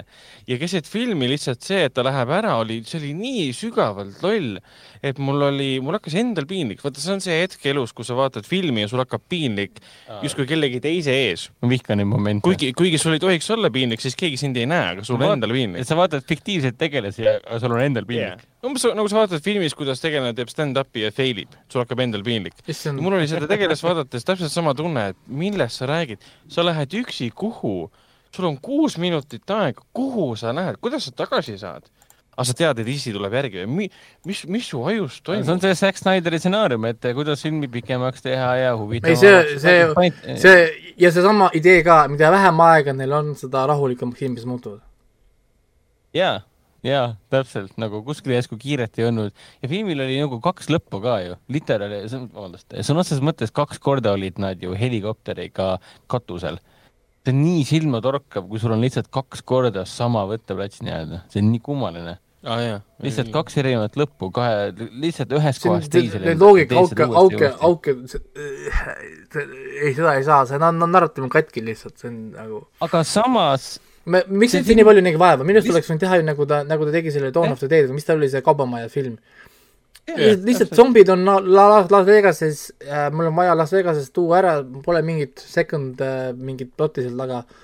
ja ongi kõik, sisse-välja lihtsalt, nad ja. tulistavad ennast sisse ja tulistavad ennast välja ja terve film oleks võinud olla mingi räige märul zombimöll minu arust aga ei, tal oli vaja sinna ikka panna lisaliine sisse, lisatausta, lisaviiteid. zombide siseilm. kõik see mingi time loop referents, milleks see vajalik jaa, see oli nii kummaline ka nagu. ja, ja ma pidin nagu aru saama sellest, et see, see ähm,, see nimi oli, üks neist oli nagu filosoofia taustaga, sellepärast et filmi algusintros olid, kui nad hoiavad kaarte käes, on kirjas, et ta õppis filosoofiat. keegi nägi seda üldse või? aa ei, ma alles nüüd sain aru, kui seda mainisid. täiesti null, niisugust asja ei märka. sa mõtled seda sakslast või? äh,. ei. ei, see, see, um... aa, issand, seesama, et aa, see see, see kasutab seda saagi, nad yeah., nad pildivad seda saagi, räägivad üles, see saag on mingi räägitud oluline yeah., oluline teema, sa ei kasuta seda mitte yeah. kunagi. siis, siis yeah. seesama see teema, et oo, näed, zombid saab vihma, nad ärkavad paariks tunniks äh, miks sa üldse mainid seda, kui sa üles, hullult, hullult viskavad sulle mingeid situatsioone oh,, mõtted peas, issand, see tahaks jumala lahet stseeni. Nope, nope, nope, me, me kunagi enam ei maini seda ja siis muidugi see, et oo, mu tütar läheb tagasi kuradi, päästa seda oma sõbrannat seal, whatever, mille jaoks? selle jaoks, et ta läheks heli, helikopterisse, kus on mingi maagiline no, must auk või? no ja, ja, ja, ja okei okay, no,, me läheme kuidagi liiga spoilerisse siin on palju, palju, palju selliseid asju, aga ometigi siin on ka palju asju, mis töötab, et siis, kui see Garrett Tillehund tegi seda, mis ta tegi, siis kui mina seda vaatasin esmakordselt seda filmi, siis mul äh, poeg magas mul siin rinna peal ja kui ta selle Gerrit Lillehund tegi selle, mis sa armastasid oma poega mainida, et mul poeg magas sinna peal, kui ma vaatasin Armide teed. no ma saan, ma aru, et sa oled isa nagu. kas te kuulsite või? mul on poeg äh, poeg, poeg magas rinna peal, siis äh, oota, kes sul rinna peal magas minu poeg. oot, oot, oot. kes saab laupäeval äh, kolme, kolmenädalaseks. sul on poeg? aga igatahes Gerrit Lill-. sul on poeg küll esimene kord, kui ma seda kuulen kuid see Gerard Lillehund tegi seal selle saatusliku äh, momendi, eks yeah.. ta lõpuks tegi seda, mille pärast, mida lõpuks saame teada, milles asi üldse on siis nii-öelda. Ma ei mõtle lõpus, vaid see, mis pani, trigerdas selle järgmise episoodi nii-öelda mm. -hmm. siis ma vaatasin küll seda filmi, vaatasin seda filmi ja siis omaette ütlesin ka häälega mingi, oo, miks sa nüüd tegid, sa keerad ju kõik persse. mulle see moment nii väga meeldis, et kui ta selle pea võttis mm ehk siis, siis, siis, siis ma olin nagu nii üllatunud, nagu heaolu moment tabas mind, et oh sa raisk. You fucked up, dude. see oli nii hästi läbi mõeldud, et just nimelt see on see, mis nagu sütitab selle, selle, selle zombipõrgu. tõsi, kuigi minul oli selle koha juures see, et, äh, ma mõtlesin, et kas mul jäi mingi tseen vahele, ma pean tagasi kerima. et miks ta seda teeb või? ei, ma sain väga hästi aru, mis ta seda teeb, aga lihtsalt kogu build-up selleni, et ta seda teeb äh, ja kellega koos ta seda tegi, oli üks lause ma ei saa aru, mis sa mõtled. no see naine, vaata no. see mm, Kojot. Kojoti, jah. Eh, tema ja Dillahanti vahel oli põhimõtteliselt üks kaader, kus nad omavahel mainisid mingeid asju. ja see, et nad seda koos teevad, eh, siis oli see, et aa, ei lihtsalt ei näidata seda, kuhu sa, kuidas see sinna jõudis, et ma, ma, ma, see sattus minu, minul nii ootamatult, et ma olin kuidagi, aa, mul jäi midagi vahele või, aga see oli kõik arusaadav, siin polnud midagi üllatavat selles mõttes. see oli, noh üllatus võib-olla oli see, et see juhtus sel hetkel. arvasin, et see tuleb kuidagi hiljem, aga lõpuks see ka midagi tegelikult ei tähendanud, nii et eh,. jah, et ja lõpus noh, kõik tegelased, kelle nime nagu hästi palju ohverdusi tehakse, need unustatakse hästi kiiresti ära. see film mõjus nagu põhimõtteliselt Game of Thronesi viimane hooaeg, kus siis need äh, Penny of a Wise mingi, aa ah, jaa, we kind of forgot about it. ja, ja, ja. aa, Danny on tegelikult oluline karakter ja ta ei tahaks inimesi tappa ja hakkas ikka, ikka inimesi tapma ja siis need tüübid mingi, aa ah, jaa, me unustasime ära, pikk hooaeg, palju hooaegu ka andnud, et inimesed ei huvita, ja pohhui. Aga no Arventi Ted on süütu meelelahutus ja ta sellel tasandil nagu no, väga hästi töötab. ei, ei, ei, mina soovitan vaadata ikkagist, lihtsalt äh,, lihtsalt curb your expectations või nagu vaadake natuke neid oma ootuseid, et, et äh, jah lihtsalt jaa, et ärge unustage, et see on Zack Snyder, ja, ja jumala eest, ärge vaadake seda mingist telefonist või mingisugusest kuradi seitsesada kakskümmend B mingisugust kuradi mõttetust HDMI telekast, mis osteti kaks tuhat viis aastal. ei mingi 4K miinimum, miinimum. ma vaatasin kaks kohas. saab ikkagist, sa, sa oled juba ka seal alla miinimumi. ma olen juba, juba talupoeg olen, jah? jah jube talupoeg. sest, sest see põhimõtteliselt filmi kõige suurem nagu redeeming quality on ju seesama pilt, mis tal on, see nagu see yeah., mida ta annab, see heli, see zombide liikumine ja, ja see moment, kui nagu, kus nad seal kui nad kõnnivad läbi selle ruumi, kus need zombid on seal talveunes või see, ja sa kuuled seda heli asju, see on, sa jääd nii palju silma jah, jah, seda küll. aga mida sa mainisid surnud pikslite kohta? ma olen filmi kaks korda näinud, ma ei märganud mitte midagi. jaa, internet, internet kihab sellest. On... aga, aga jah, kui, kui sa vaatad seda seitsmekümne viie tolliselt ekraani, siis on natuke kergem näha äh, surnud piksleid. okei okay., ma vaatasin neljakümne kolmeselt 4K kuvarilt ja mina ei märganud. ei, oli ma küll, äh, mina väga mõtlesin, et mul on midagi viga noh, nagu seal laps on midagi visanud peale või midagi, vaata, noh nagu, mis kuradi putukas või mis täpp seal on panin siis pausi peale, lähen juurde, no mis asi see on, ei ole midagi, lõpuks saan aru, et issand, kas filmil ongi mingi random äh, surnud piksel või? vähe, vähemalt kaks tükki oli äh,. kaks surnud pikselit oli vähemalt.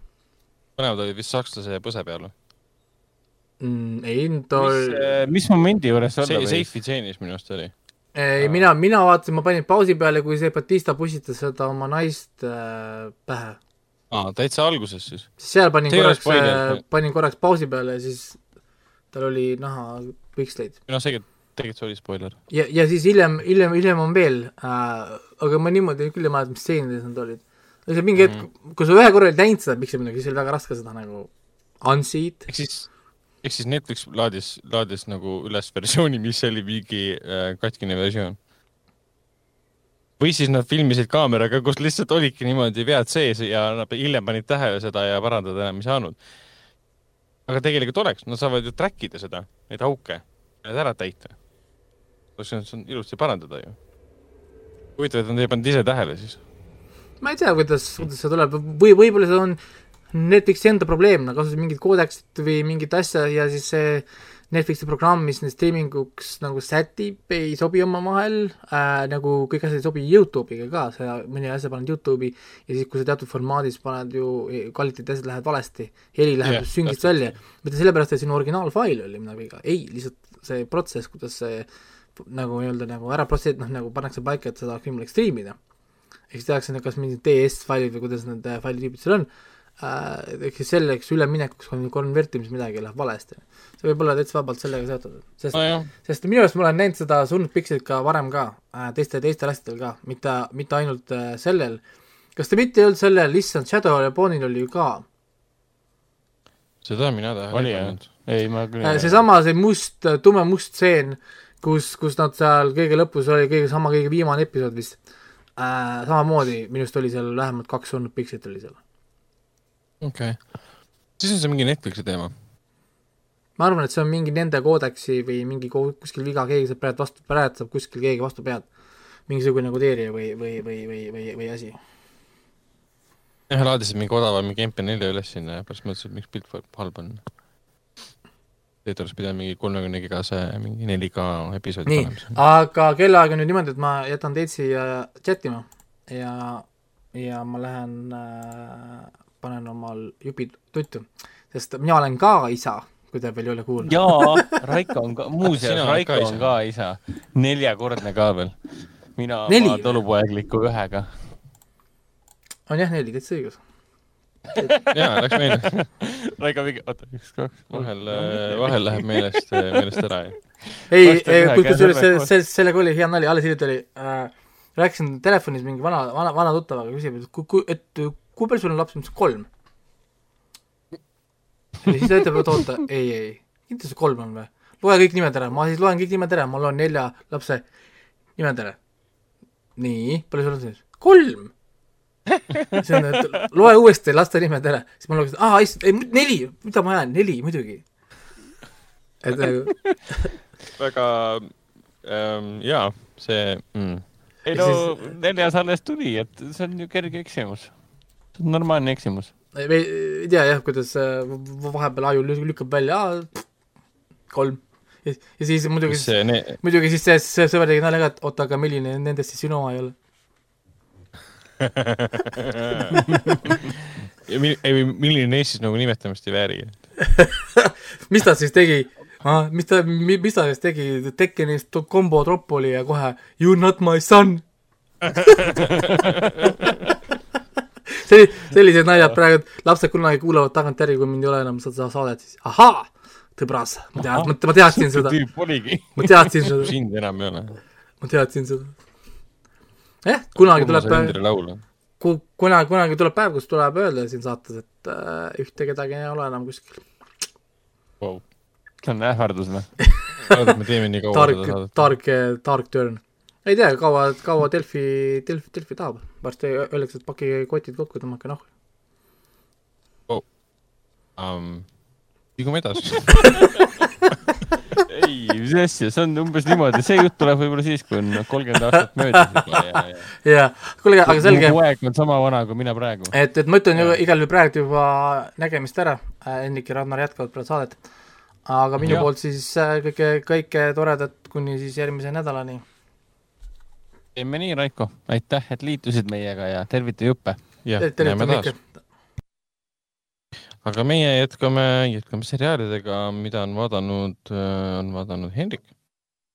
Äh, mina siin ikkagi jätkuvalt vaatan Office'it, vaatan üliaeglaselt. Äh, Office on mul siiamaani vist kaheksateistkümnenda osa peal, seal on vist kokku mingi jeebus, kui palju episoode vanasti tehti. Mingi kakskümmend viis või igatahes absurdselt palju episoode mm. -hmm.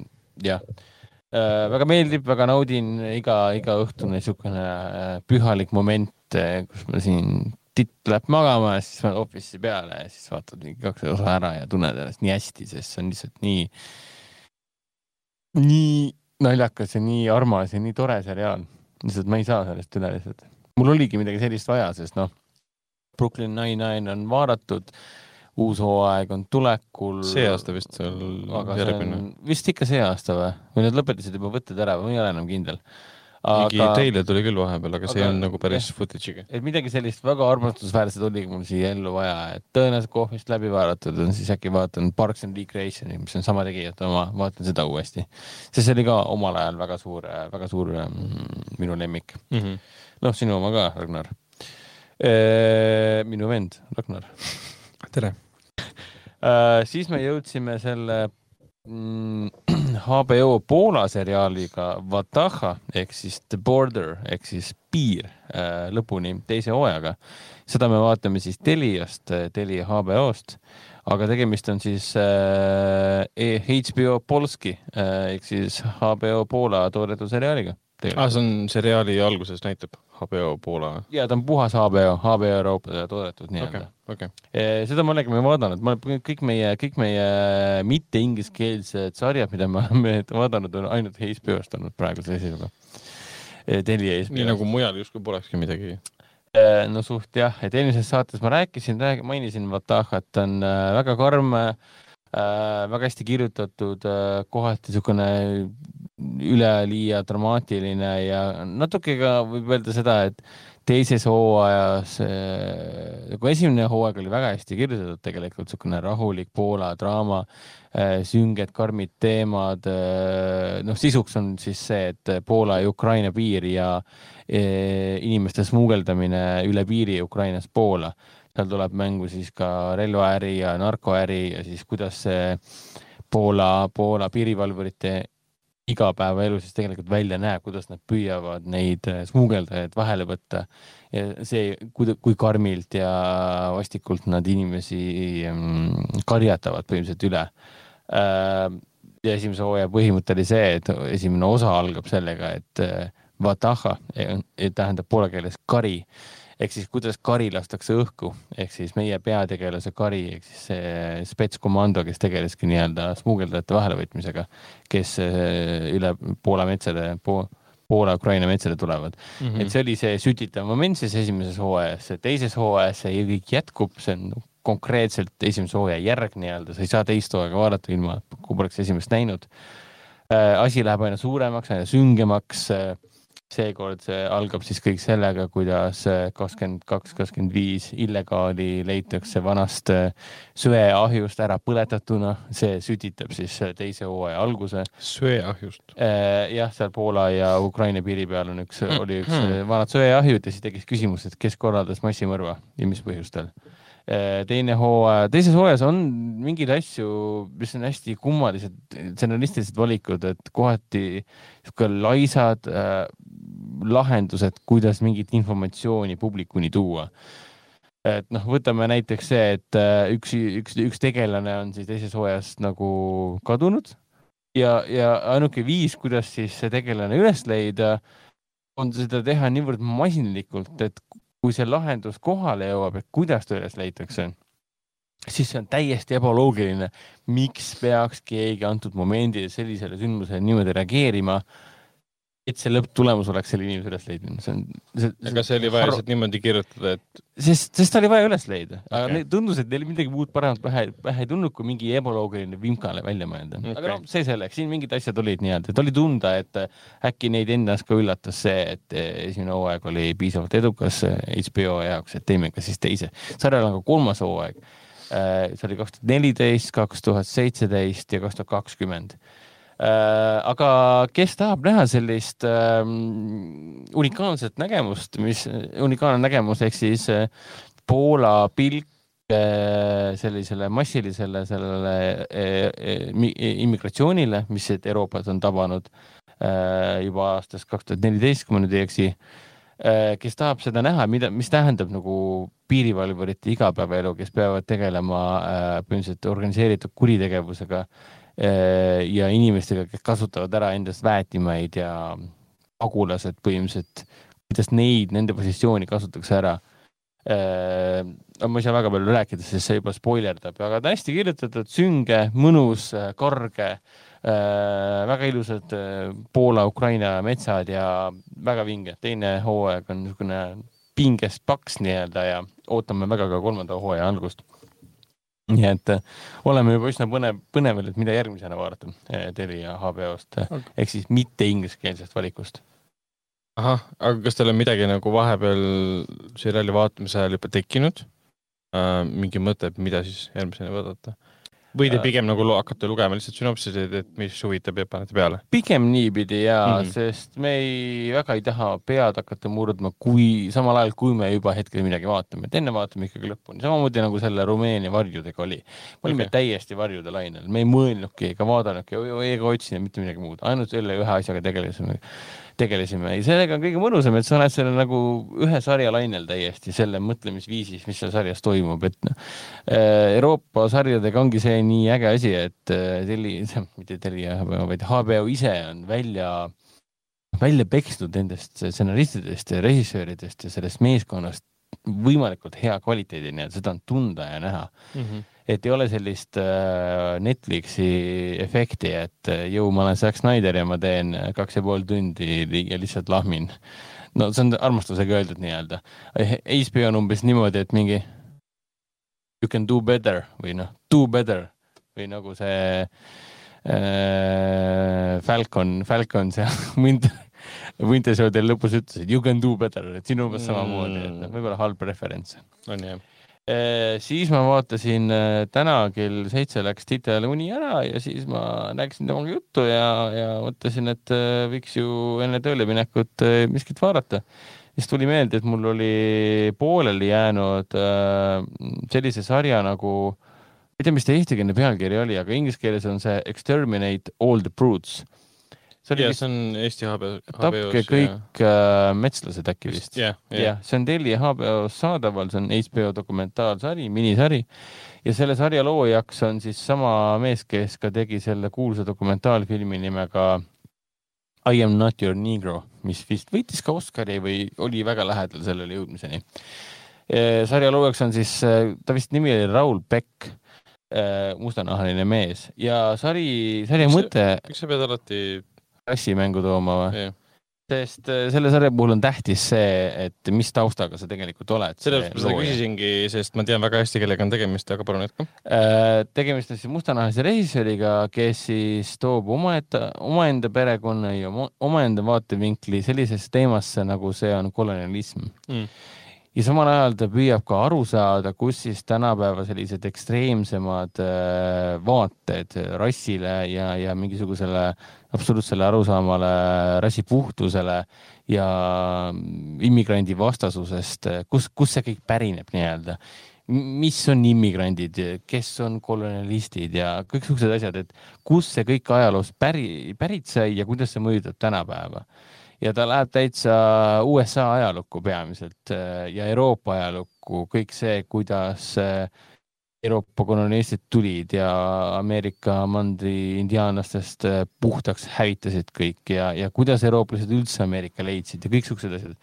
ja ta teeb seda väga siuksel, sihuke süngel, poeetilisel viisil, võiks isegi öelda. aga ta ei ole dokumentaalfilm selles mõttes et ta ei ole niisugune hästi põhjalik, äh, detailne, faktuaalne ja ülevaatlik. ta on pigem selline äh, unikaalsema ja huvitava lähenemisega, aga samal ajal ta ei ole ka mingisugune emotsionaalne lahmimine, et ta on ikkagi dokumentaalfilm, ta esitab ikkagi fakte. et ta ei ole see, mis see viimane oligi, see veedokk või kala, kaladokk, mida kõik vihkasid, sest see oli faktidest äh, vale, vale. Seaspiracy yeah et Exterminate all the brutes ei ole siis Piracy, mis on mingeid valefakte täis ja ülepaisutatud. on lihtsalt huvitava loomingulise lähenemisega no ikkagi faktidest äh, pinges dokumentaalfilm ja väga hästi tehtud.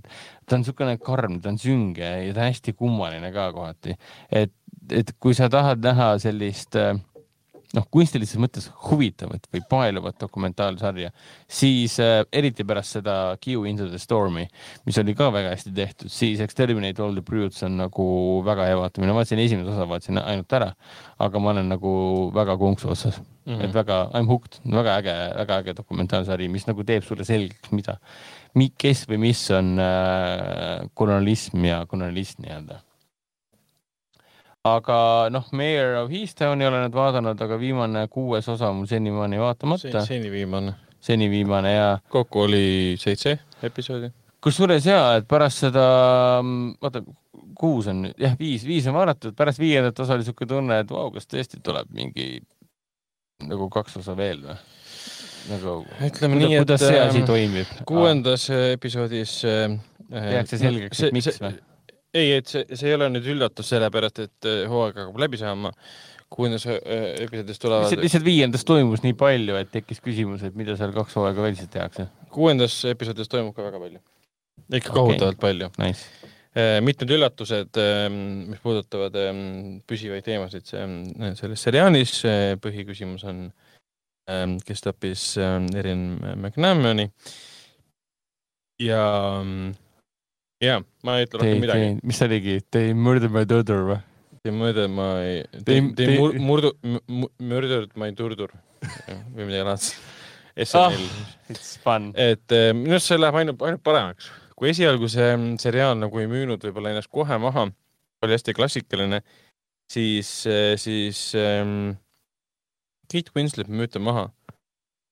ja kogu selle seriaali olustik müüb ta maha, need äh, reisjörid ja, ja produtsendid müüvad selle maha ja ta on huvitav, liigutav ja põnev, olgugi et ta on endiselt klassikaline yeah.. see, kuidas no neljas osa oli juba klassika, viies osa yeah, oli tegelikult yeah. klassika ja nii edasi. see, et sa oled, sa oled uurija, kelle elu on olla ainult uurija, sa oled oma eraelu, oma tunded kõrvale heitnud, sa oled, teed midagi kohutavat, mistõttu sind ähvardatakse töö juures lahti lasta ja kõik siuksed asjad see on kõik, me oleme näinud seda sada korda, aga siin on see, see kui eriline kaste peal, mis muudab selle hästi põnevaks ja, ja veidralt nagu uudseks ka. aga ma luban sulle, jah, kuues episood tuleb väga-väga äh, põnev. okei okay,, väga hea. mul on muidugi Nevers ka pooleli, aga noh, küll ma jõuan. Neversi äh, viimane, mis oli kuues ka. Neversi kuues, kuues, kuues episood äh, on ikka pöörane, et äh, sul on, sul on võimatu, isegi kui sa hakkad praegu pakkuma mis, mis Neversi äh, kuuendas äh, episoodis toimub, siis sul on selle peale raske tulla, mis seal on. Ähm, ja täpselt nii. aga mina ei olegi rohkem edasi midagi vaadanud, et ütleme nii, et Tiite kõrval ei ole nüüd nii keeruline seriaale ja filme vaadata, aga kindlasti on keerulisem äh, jätkata, ma ei tea, uute seriaalide vaatamisega, vaid tuleb valida väga-väga spetsiifiliselt, mille, mille peale seda kolme titetunni aega anda yeah., sest see kolm tundi on ikka väga väärtuslik nii-öelda yeah,. Yeah, sest kui ta ikkagi läheb sul kell seitse magama, siis sa vaatad kohe, et no nii, nüüd teeme endale kummelitee valmis ja hakkame kohe vaatama kiiresti, kiiresti, kiiresti, enne kui Tiit ärkab. aga Ragnar, kas sul on ka midagi uut huvitavat mainida? Äh, tegelikult ei ole, ma Firefly'd vaatan endiselt äh, edasi. Firefly on endiselt suurepärane, mul viimane episood oli nüüd ähm,, see oligi see Dear Mr Reynolds. Ragnar räägib siis äh, Joss Whedoni äh,. Joss Whedoni äh, hittseriaalist ähm,, üürikeseks jäänud hittseriaalist äh, Firefly, mis Joss Whedoni nime äh, aitas siis äh, kõrgestest kõr,, kõrgustesse viia, kuigi ta oli juba toona hitt-stsenarist Hollywoodis mm. -hmm, aga jah. mul oli jah, viimane episood oli vist kuues või seitsmes, oli Dear Mr Reynolds. ei, ma vaatasin ühe otsa, oota, mis see oli? Reynolds oli see, kus Saffron äh, ehk siis Bryce Dallas Howard mängib, et ta on äh, ohmu ees, siis ta, siis ta petab kogu meeskonda. aga, aa, muidugi ähm,. jaa Äh, Jane, Jane Town. Jane Towni, Jane, Jane Towni episoodi, äh, mis oli fantastiline ja näitab, äh, kuivõrd hea komöödia see võib olla. ja see näitab muidugi selle seriaali võib-olla suurim tugevus ja nõrkus on muidugi see, et sa ei saa seda vaadata, kui sa ei tea sellest midagi. sa ei saa võtta suvalist episoodi ette ja eeldada, et see sulle meeldib. või et see geniaalsus, see meisterlikkus tuleks sealt läbi ähm,. nii nagu enamus Josh Whedoni asjadega, no mis ei ole õigluse liiga, sest ähm, jah ähm,. sa pead algusest peale asja vaatama ja sa pead nende tegelastega koos olema. Nemad peavad sulle külge kasvama, et sa saaksid nendega koos naerda, koos nutta, rõõmustada, et sa saaksid mõista neid inimese tasandil, et sa saaksid nende huumoriga kaasa minna seetõttu ei saagi suvalist nagu Saintani episood, mina ütlen, et see on väga naljakas episood, aga nüüd mõni kuulaja võtab episoodi ette, hakkab seda vaatama, siin pole midagi naljakat. aga selleks peab vaatama eelnevad viis episoodi ära, et sa saaksid konteksti mõista et kontekst on antud üli, üli, ülioluline. missugune koletis võtaks kätte ja hakkaks näiteks Firefly sugusel seriaalil valima välja suvalise episoodi?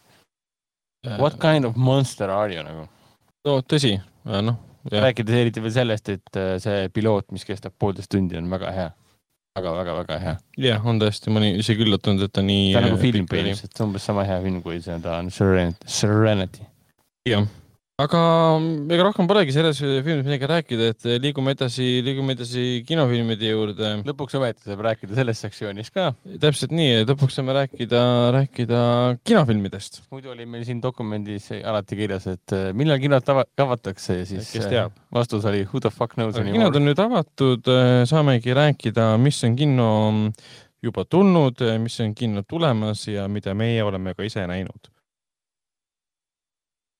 ja uutest filmidest rääkides, siis eh, siin eh, räägime kahekümne kaheksandal ehm, mail algavatest filmidest. see on sama päev, mille me saadet muidugi salvestame ka, et kui saade ilmub laupäeval, siis on teada, miks me räägime natukene võib-olla vales ajanihkes. Ehm, mis, eh, mida saab Foorum Cinemas'is näha alates kahekümne kaheksandast maist? jah, ehk siis reedes sellest nädalast jõuab kinno siukse filmi nagu Godzilla versus Kong, mida uh. me oleme pikalt oodanud kõik siin. mina ei ole seda veel jõudnud uuesti vaatama minna, ehk siis kinno vaatama minna. ma aga lähen äh, kindlasti vaatama. järgmine nädal äh, püüan selle ikkagi ära korraldada kuidagi. sest see on, on ja jääb nagu perfektseks kinofilmiks, ma pressilinastusel veitsi teda Shreki algust vaatasin, no spoilers, aga noh. Shreki algust? Shreki algus, mis sellel filmil on. Ja. ehk kurat... siis, kui sa mõtled Shreki algust, siis sa räägid sellest, et hakkab peale no kuidas Shrek elas esimeses osas oma tavalist elu nii-öelda yeah.. peeretas ja pesi ennast ja. ja see legendaarne laul oli ka taustal, noh? Äh, see oli see Somebody, oli vist ma ei mäleta enam. ma pole Shreki mingi kümme aastat uuesti vaadanud, come on. ja oli küll see lugu, jah?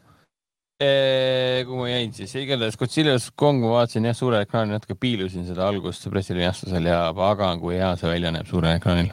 et see on ja jääb kinofilmiks, minge kõik vaatama, üks suurimaid filme praegu kinos siis. tuleb ka siis tänasest või noh, reedest alustab siis ka Tom Hollandi, ämblikmees Tom Hollandi ja Jedi meistri Daisy Ridley mm, ulme, ulmemärul, ulmepõnevik nimega Kaose planeet ehk siis inglise keeles Chaos Walking. see on selline long time coming film issand, selle produktsiooniperiood vist kestis mingi neli-viis aastat, kui ma nüüd ei eksi. jah, me oleme siin äh, saates sellest rääkinud ka. läbi, läbi saate ajaloo oleme ikkagi seda saare Erinevad... filmi maininud. et on Doug Lyman'i film, Doug Lyman, kes tõi meieni Age of Tomorrow, tõi meieni Borni identiteedi, tõi mm -hmm. meieni Härra proua Smithi, tõi meieni Jumperi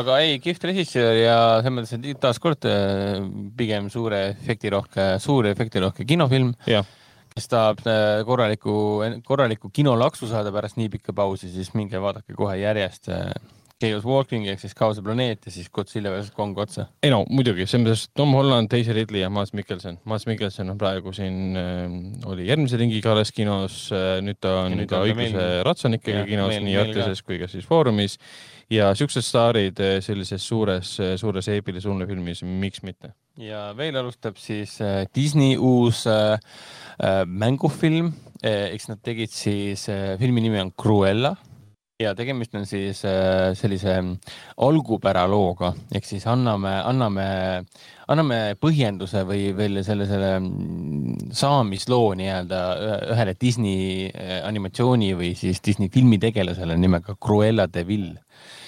Mitte Devil, vaid Cruella de Vil ehk siis see on see, see Dalmatia koeri vihkav äh, ja, ja nende, nende kasukat oma, oma, oma, oma, oma moe disainiks ära kasutav hullumeelne tädi sealt, keda mängis Glen Close. oh, ja väga hästi mängis. Äh, nendes, nendes äh, vana, vanemates filmides, kus oli ka Jeff Daniels, ma ei tea, kuidas selle teise osaga oli, kas seal ka oli Jeff Daniels, ma ei mäleta lihtsalt enam. Need olid sada üks Dalmatia koera ja sada kaks Dalmatia koera. Ja esialgu oli üldse animatsioon. jah, täpselt nii. kas see oli animefilm või animeseriaal? animafilm oli esialgu jah yeah.. aga igatahes Emma Stone mängib siis noort Cruellat, see on siis kuuekümnendate, seitsmekümnendate seesamune London, selline punk-rock, rock n roll äh, nägemus äh, noorest naisest, kes ihkab saada moedisaineriks, aga tema äh, see, kuidas ta jõuab lõpuks nii kaugele, on niisugune läbi kivide, üle kivide ja kändude ja väga selline nullist alustan ja siis äh, läbi, läbi Londoni allilma võib vist nii öelda äh,, pressib kõrgemale, kui ta, ma ei tea, keegi oleks arva, osanud arvata, et selline orvu võiks nii kaugele jõuda oma elus äh,. pärast räägin sellest täpsemalt, ma vaatasin selle ära ka. see on nii kummaline, kummaline film selle koha pealt äh,, sellest saab muidugi pikemalt rääkida, aga Emma Stone, ma kujutan ette, teeb äh, väga suurepärase rolli. ta teeb väga lahedat briti aktsenti ja see nagu kind of works, väga hästi töötab selles suhtes siis jõuab ka kinno Oscari võitnud äh, paljutöötav noor naine, Promising Young Woman, mille peaosas on ei keegi muu kui Carey Mulligan. film, millest on siin möödunud aastal ja ka sellel aastal väga palju räägitud äh,, väga kiidetud, väga hinnatud äh,, kõrgelt hinnatud film. lugu naisest, kes äh, maksab kätte meestele, kes äh, põhimõtteliselt äh, ihkavad naisi või?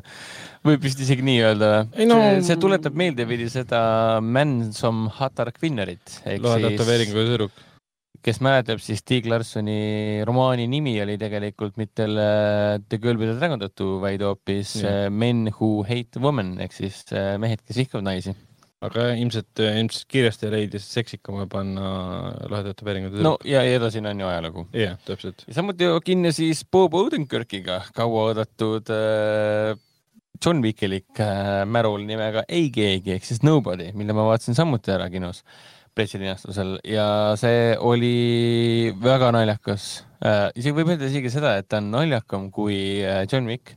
Ta on väga John Wickilik film, see on isegi kohati absurdne, kui sarnane ta on John Wicki filmidele äh,. aga, aga mis puudutab tegelast, siis see on nagu öö ja päev ja väga niisugune brutaalne ja kohati üsna niisugune pigem realismi taga ajav märul keskealisest. no see pigem realismi, mis, mida ma mõtlen selle peale, on see, et võrreldes John Wickiga jah, okay. John Wick kolm okay. oli juba nagu superheroes jookseb ringi, siis Nobody puhul on selline brutaalne ja niisugune maapealne tagumine, mis, mis nagu publikule mõjub ka valusalt, kui need löögid lendavad eri suundades. ja ongi kõik. nii vähe filme ongi? jah. vähe, mis asja ei, vähe ei ole tegelikult mis siis veel jookseb? et siin, siin tegelikult äh, ühe levitajaga täna rääkisin ka äh, et kuskil eh, filmikäigusaade Kuku, Kuku raadios, seal eh, need salvestasid vist eile ja, ja neil nad ütlesid ka, et see nädal alustab kinodes kokku üksteist uut filmi.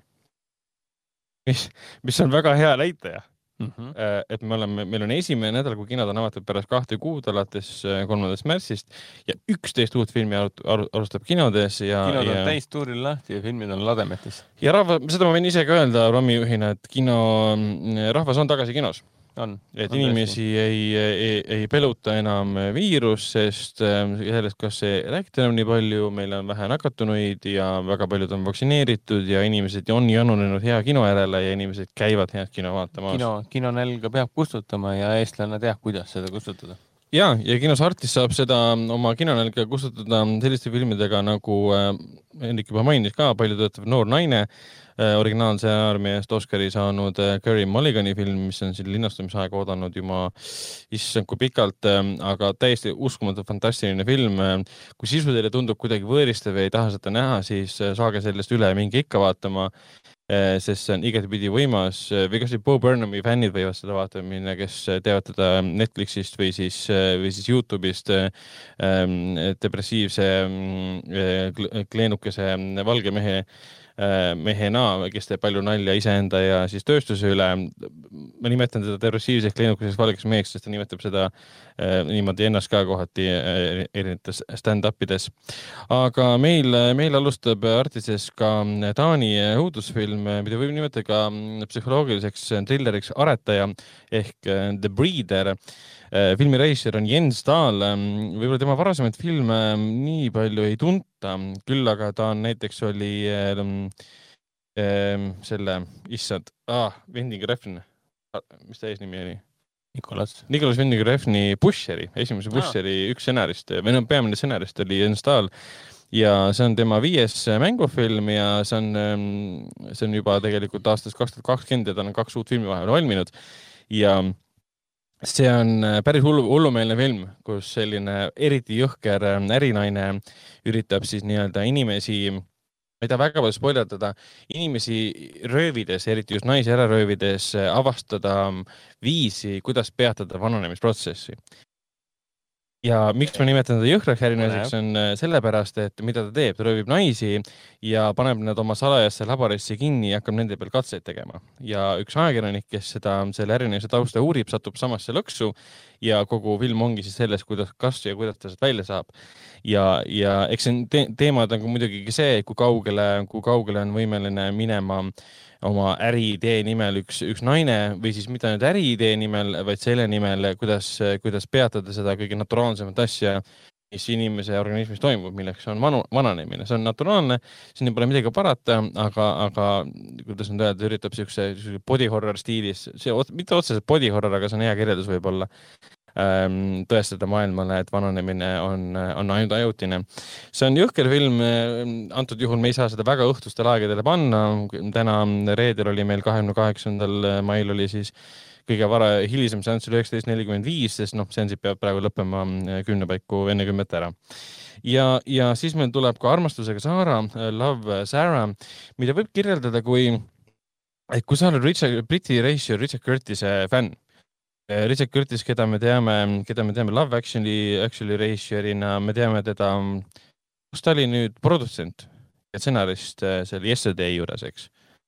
Danny Boyle'i film. Ta ei olnud kaasrežissöör. oli ju ressis, ei, Danny Boyle lavastas. tema oli stsenarist, täpselt nii. ja Richard Curtis, me kõik teame, et ta teeb liigutavaid, toredaid, armsaid, ta tegi ju selle Hugh Granti ja selle, selle, selle, nimed ei tule praegu meelde no see kuulsus satub Hugh Grantiga kokku, Hugh Grant on tavaline inimene, Notting Hilli tegi ka Notting ju. tegi tema ju sa nii ütled? sa võid, palun kontrolli praegu, äkki ma olen mingi ilge kägu. aga kõik teavad Richard Curtist ja Love Sahara on Richard Curtise stiilis äh, Briti film, ta on soe, ta on liigutav, ta on südamlik, kuigi ta algab üsna mm, dramaatiliselt, lausa drameerivalt. Äh, nimelt, äh, nimelt Sara peategelane nii-öelda. ta oli Notting Hilli stsenarist, Richard Curtis. mis režissöör oli? Äh, Roger Mitchell. ah muidugi, ehk siis ma väga palju eksin, ma ajasin segamini tema rolli seal um,. ja, ja, ja armastusega Saara, Saara ise on siis tegelikult um, tütarlaps nimega Saara, kes kohe filmi alguses uh, sureb autoõnnetuses ja tema ema eh, otsustab siis tütre mälestuseks avada pagari töökoja teadmata midagi tegelikult pagari töökoja avamisest, teadmata midagi ärist, teeb seda koos oma eh, sõbrannadega ja ülejäänud pereliikmetega. Tütre mälestuseks, sest tütar ise oli siis, eh, oli siis suur pagarihuviline ja tema unistus oli seda teha. see on, see on kurb, see on, see on südamlik, see on tore, ta on naljakas eelkõige. Et selline tore, tore õhtune film, eh, kus saab kas südames kaasa elada ja südamest naerda ei pea kõike väga tõsiselt võtma, panused pole võib-olla väga suured, aga vahel ei peagi panused olema sama suured kui nii, ma ei tea, Christopher Nolani filmis äh, Maailma päästmine ja kõik see. ja, ja siis meil alustab lisaks, meil on siis üks, kaks, kolm, neli filmi kokku, mis nüüd kahekümne kaheksandal alustas, üks nendest on ka siis Naised rindejoonel. Ivar Heinmaa uus, äh, uus dokumentaalfilm, tema on see režissöör, kes tõi meieni ka näiteks äh, Tšernobõli, ähm, Tšernobõli äh, samuraid, äh, mõne päris mitme aasta tagune film juba. ja, ja mm, üks film oli tal veel ähm, ähm, praegu aju, aju jookseb vaikselt kokku, aga mina vaatasin filmi enne linastamist ära ja ta kestab viiskümmend kaheksa minutit ma räägin temast muidugi kohe pikemalt ka. tõsiselt hea film. Äh, ta on siis, äh, kui vaadata postrit, siis on näha, et selle naine, kes äh, kasutab peeglit ja huulepulka, olles ise sõna otseses mõttes rindel, et ongi siis Ukraina, Ukraina naistest Ida-Ukrainas siis sõjas, mis kahe tuhande neljateistkümnendal aastal Ukrainas alguse sai ja see on siis sõda naiste pilgu läbi, mis nad sinna viis, kes nad sinna viis, miks nad sinna tulid, mida nad selle nimel on ohverdanud. see on ähm, ilus, põnev, kaunis, kurb ja lõpp, lõpus läks üsna, üsna, üsna emotsionaalseks ka ja ta on nii hästi üles võetud, ta näeb välja nagu mingi megakallis film, okei okay,, ma saan temast kohe pikemalt rääkida ka. ma hakkasin juba filmi, filmi arvustust äh,, arvustust tegema vot, aga, aga millest me nüüd äh, pikemalt äh, räägimegi, äh, ma räägin kohe siis juba, alustangi Naised rindejoonel. ühesõnaga Naised rindejoonel Ivar Heinma film, Ivar Heinma rindeoperaator, ta on pikka aega, pikka aega tegutsenud, ta on väga paljudes konfliktides käinud, ta on maavärinate mm, nii-öelda tulemusi siis üles, üles täheldanud, aga kui me räägime siis Naised rindejoonel, siis tundub küll, et, e, e, et, et tal on nagu mega suur meeskond olnud eh, valgustuse peal, eh, värvi keeramine ja kuigi see on dokumentaalfilm ja ta näeb välja nagu kallis sõjafilm see, kuidas on, kuidas on kaevikud üles võetud, kuidas on äh, puruks pommitatud äh, külad Ida-Ukrainas üles võetud, kõik need värvi, värvipaigutus, stilistika, ta näeb välja nagu, tuli meelde ka äh, Atlantis, mida me vaatasime Hendrik sinuga koos kaks tuhat üheksateist aasta PÖFFil, mis oli selline utoopiline lugu, see nägi, kujundas, kujutas siis tulevikunägemust, kui Ukraina sõda on läbi. miks ma selle võrdluseks toon, ongi sellepärast, et naised selles filmis, kõik on siis ukrainlased Mm, kes on rindele läinud või elavad rindel, nemad ütlesid, äh, konstantselt käib nende lausetes läbi, et kui sõda on läbi, kui sõda on läbi, kui sõda on läbi, keegi ei tea, millal sõda läbi saab ja kas üldse kunagi saab. kuigi noh, võiks eeldada, et kunagi saab. ja, ja ta meenutas seda filmi, sest Atlantis oli ka nii kaunilt üles võetud ja, ja, ja, ja Naised rindel on samuti, eriti ma tooksin välja helitöö, helimontaaž on täiesti vapustav ähm, kui kuulid lendavad äh, meie peategelaste viie erineva naise pea kohal, äh, eriti siis ühe juures, siis sa tunnetad seda nagu kinosaalis lausa.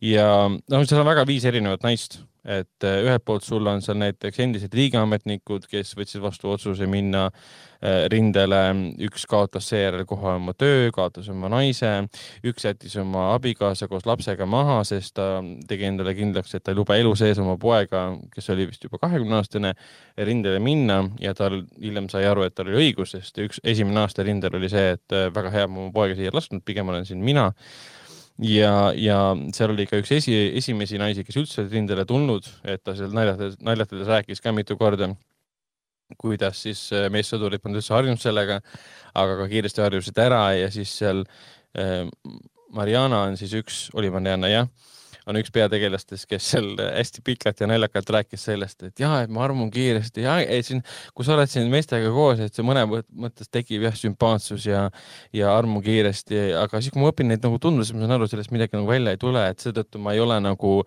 ähm, nagu, nagu siis üritanudki midagi nagu välja arendada sealt, et ei ole, ei ole nagu okay. sügavat mõtet. ja tema on ka see, kes on siis postril, kes ennast meigib, et filmi, filmi postril ongi äh, naised rindejoonel, siis I on on seal äh, kuul või noh, padrun tegelikult, äh, kus on siis huulepulk otsas. Ja filmis ongi tseen, kus siis äh, Mariana siis pärast seda, kui kuulid tema pea kohal lendavad, on valmis oma vahetuseks ja, ja enne vahetuse alguses ta võtab relv on seal põlvede peal, veel põlvede läheduses, võtab siis peegli välja ja, ja hakkab ennast meikima. Ja tema siis põhjendus on see, et ta tahab ilus välja näha. ta tunneb ennast hästi, kui ta ennast meigib ja talle meeldib ennast meikida ja noh, see on rohkemat põhjendust nagu välja ei tooda, aga siukseid e-, elemente on nagu filmi täis, isiklikud lood, miks nad sinna tulid, miks nad seal on, miks nad seal võitlevad. Äh, ühtlasi me saame päris mitme vanema inimese suust kuulda nende eluoludest ka, kes elavad Ida-Ukrainas, elavad äh, külades, mis on täiesti purkpommitatud, kus pole mitte midagi enam alles äh, magavad öösiti täisriietes, siis kui hakkavad pommid langema, siis nad saavad kohe keldrisse minna no seitsmekümnendates, kaheksakümnendates inimesed põhimõtteliselt, kes on terve elu seal elanud ja nad on muidugi kurbust täis ja nutavad, sest nad pole oma poegi, oma, oma inimesi juba väga-väga ammu näinud ja kuna mobiililevi üldse pole, mitte midagi pole, sa ei saa ühendust ka enam, sa ei tea, mis on saanud. räägivad perekondadest, mis on lõhki kistud. ühed, kes on jäänud siis sinna Donbassi poolele ja, ja teised, kes on jäänud siis ähm, Ukraina poolele. ühesõnaga tugev, väga tugev film, kogenud, kogenud operaatorid, kogenud režissöörilt äh,. igatipidi soovitan vaadata, tunnikese oma elust, elust anda mm, ta ei mõju pika filmina, ta minu arust lõpeb täpselt õigel hetkel ära, et kui ta oleks umbes poolteist tundi olnud, siis teemad oleksid levima, levima ja veni, venima hakanud. et, et ta suudab kõik täpselt ära öelda selle aja jooksul et jah, soovitan, fantastiline, fantastiline film. ja, ja teine Väga. film, teine dokumentaalfilm, kuna, kuna kaks, kaks dokumentaalfilmi siin kohe nüüd alustasid Naised rindejoonel siis kakskümmend kaheksa mai ja kahekümne neljandal mail, kui me kino avasime, siis alustas Kehavõitlus, Mariann mm,. kehavõitlus alustas ka meil kahekümne neljandal. täpselt nii, ka Foorum Cinemas äh, kinodes. kehavõitlus on siis, on siis Mariann Võsumetsa dokumentaalfilm, mis esilinastus PÖFFil see oli siis nüüd tänane aasta kaks tuhat kakskümmend üks, oli eelmise aasta PÖFFil. Ähm, ja, ja see on, kuidas nüüd öelda, see, on film dieedi kultuses, see on äh, film ähm, keha ilust, see on film keha kujutamisest, see kestab tund, tund, natuke üle tund neljakümne ja see kogu lugu on muidugi UK-s, Inglismaal, Londonis siis, et eestlasest režissöör, aga me jälgime brittide suhtumist, suhtumist dieeti, kehakujusse ja kõigest, kõigesse sellesse, et meil no natuke tekkis küll tunne, et ma oleks tahtnud mõne eestlase eh, kogemust ka kuulda, aga millest see film tegelikult nagu räägib, on, ongi see, et selline, kui me võtame nagu selle sellise, kuidas nüüd öelda üldise pildi, milline peaks üks keha välja nägema, siis film toob välja selle, et kuivõrd kahjulik see tegelikult on. Äh, et ideaalkuju on mehest, kes on musklis, ideaalkuju naisest on mehest, kes on, äh, naisest, kes on siis äh, ilus ja, ja kõhna ja, ja mida see ütleb inimestele mida see ütleb inimestele, kes, kes, kes on väga tervislikud ja kellel ei ole tervislikult, tervislikult tervise tasemel mitte midagi viga aga kelle kehakuju on lihtsalt erinev. kas on tüsendav või mitte, et selles mõttes ma pean silmas inimesi, kes lähevad arsti juurde, arst ütleb, et sa oled maailma parimas vormis, aga nad on teistsugused, nad on paksemad teatud kohast, aga kogu ühiskond ütleb neile, et sa oled rõve paks, ära käi McDonaldsis, tee trenni ja siis inimene ütleb, aga ma käin iga päev trennis. Minu keha sellest ei muutu. Ja te kõik kogu aeg annate mulle mõista, et ma olen mingi vastik paks inimene. Ja selles mõttes ma saan nendest inimestest täiesti aru ta, ta on täie tervise juures inimene näiteks ja, ja, ja kogu aeg jäetakse talle mulje, et sa teed midagi oma elus valesti. käib arsti juures äh, külmetuse pärast, näiteks toodi näide ja siis äh, arst ütleb talle, ja sa pead ennast ikka käsile võtma, inimene mingi, ma söön tervislikult ja käin trennis. miks sa nii paks siis oled? See on minu keha, mis ma teha saan, lähen mingi rasvaimu tegema või? Et selle vastu see film nagu võitleb, eriti dieedikultuse vastu ka, et ta väga sügavale dieedikultusesse nagu ei lähe ja kogu selle dieeditööstusesse tuuakse välja küll erinevaid numbreid, mida ma pean nüüd kontrollima hakkama, sest Raik on seda mulle õpetanud, et kõik, mida väidetakse, väidetakse filmides, peab alati numbreid kontrollima. aga see tuuakse välja küll, et need miljardid, mida dieeditööstus nagu teenib ja siis tuuakse välja statistika, et nagu kaheksakümmend viis pluss protsenti dieetidest ei töötagi ühegi inimese peal ja siis, kui see ei tööta, siis öeldakse, et aa, sa oled ise siis selles süüdi. ja seal tuuakse huvitav analoog ka, et mida, kuidas, kuidas dieeti nagu kirjeldada. dieet on nagu õhupall või siis jalgpall äh,, no igatahes õhku täis ese, mida sa surud vee alla korraks ja siis ta, kui sa lahti lased, ta põrkab tagasi vee peale, et see on põhimõtteliselt dieet. dieet on ainult ajutine, et, et sa, sa ei pea suruma ennast toituma õigesti või vihkama mingit toitu, sa pead olema lihtsalt aktiivne, hea tervise juures ja toituma selles, mis sa tahad. Äh, muidugi, kui tekib probleem, siis peab muidugi enda eest hoolitsema. ja, ja siin üks, üks, mis lõpupoole tuleb, on selline suurem selline outside nagu catwalk äh, paraad, kus siis naised ja mehed väga erinevate kehakujudega siis eksponeerivad oma kehasid, mis tegelikult oli väga positiivne. Äh, ta nii-öelda toob nagu kapist välja inimesi, kes muidu ei julge ennast üldse näidata kellel on mingi selline body dysmorphia näiteks, kellel on puuded, äh, ka neid nagu peidetakse nagu ära, et ühiskonnapildis ei näeks umbes. Ja, ja siin nagu film toob välja, et maailmas on, palju meil inimesi on, seitse-kaheksa miljardit, seitse miljardit. Ja me ei näe kõike, ei näe kõik ühtemoodi välja siin pole midagi teha, me ei näe ka ühtemoodi välja, me ei saagi ideaalkujul välja näha, mina ei näe ideaalne välja, sina ei näe ideaalne välja ja meil ei ole mõtet selle poole püüelda. mul on äh, nüüd beebi, nii et ma ei peagi üldse midagi täpselt. välja nägema. mul on ka beebit vaja, et ma ei peaks ideaalne välja nägema. aga mis on oluline ja mida film nagu välja toob, on see, kui sa tunned ennast hästi, kui sa oled tervislik ja kui sa ei tee endale liiga selles mõttes meditsiiniliselt, et su verenäitajad on korras, kolesterool on korras, et sa ei tekita endale mingit insulti, selle vastu olen mina täiesti. Et kui sa nagu pühitsed inimese kehakaalu, et ma ei peagi kõhn olema, aga sa oled ülekaaluline, su süda on ilge koormuse all ja sa saad homme infarkti, see ei ole okei okay aga kui su, kui su keha on selline, et ta tundub paksem ja on paksem ja sa oled väga tervi-, täie tervise juures, siis kes, kes on need inimesed, kes nagu mõnitavad seda inimest, et sa näed teistmoodi välja, et see ei ole mingi mustris modell. Selles mõttes, selle, sellega ma olen täiesti nõus ja film seda, neid teemasid nagu katsub ja, ja käsitleb ja ta laseb, laseb nendel teemadel rääkida inimestele, kes on asjaga kokku puutunud seal on inimene, kes oli kunagi ratastoolis, kes oli kunagi ülekaaluline kes ei saa toituda läbi, läbi oma seedetraktide, toitub otse läbi nagu voolikute oma kehasse. näeme tema moondunud keha, kuidas nahk on kokku tõmbunud umbes niimoodi, tema ei ole selles süüdi olnud. Aga see ongi jälle see, et kui ta paneb riided selga, siis ta näeb nagu kõhni naine välja, aga tegelikult tal on ka moondunud keha, mida ta ei julge näidata. et sellest nagu kehakujuttus tegelikult räägibki ja, ja ta võib-olla äh, võib-olla pole kindlasti kõigile, kõiki nagu huvita selles, minu seansil üks, üks härrasmees otsustas ära minna, et ma ei tea, mida ta siis vaatama tuli.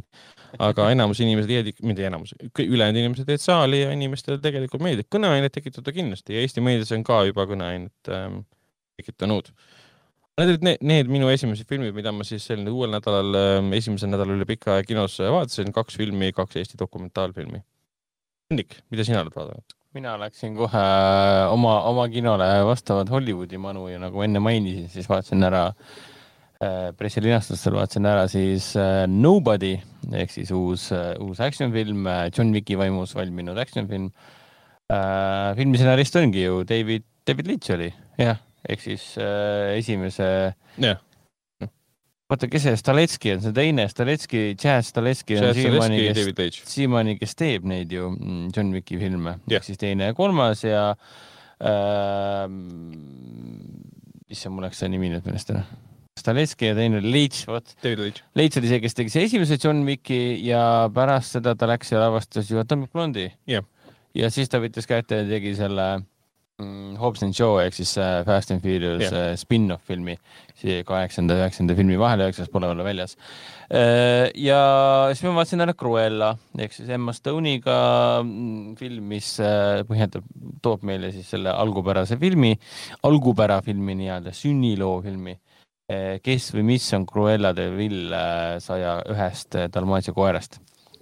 aga Nobody peaosas on siis Bob Odenkirk, keda enamik teavad sellest Breaking Badi spin-off seriaalist Better Call Saul äh, midagi väga mõnusat on näha selles, kuidas sul on keskealine täiesti ontlik mees, et vähemalt esimesed, esimesed kakskümmend või kolm, poolteist tundi film ehk siis kuskil kakskümmend minti. viisteist, kakskümmend minutit. väga rahulik film, et sa näedki reaalselt Bob Odenkirki, kes on ontlik pereisa äh,, keskealine valge mees, kes käib lihtsalt esmaspäevast reedeni tööl ja ongi kõik, ühel hetkel murtakse neile majja sisse ja sa näed, et ah, tal ei ole julgust ikkagi eskalee-, eskaleeruda, eskaleerida, eskaleerida vägivalda.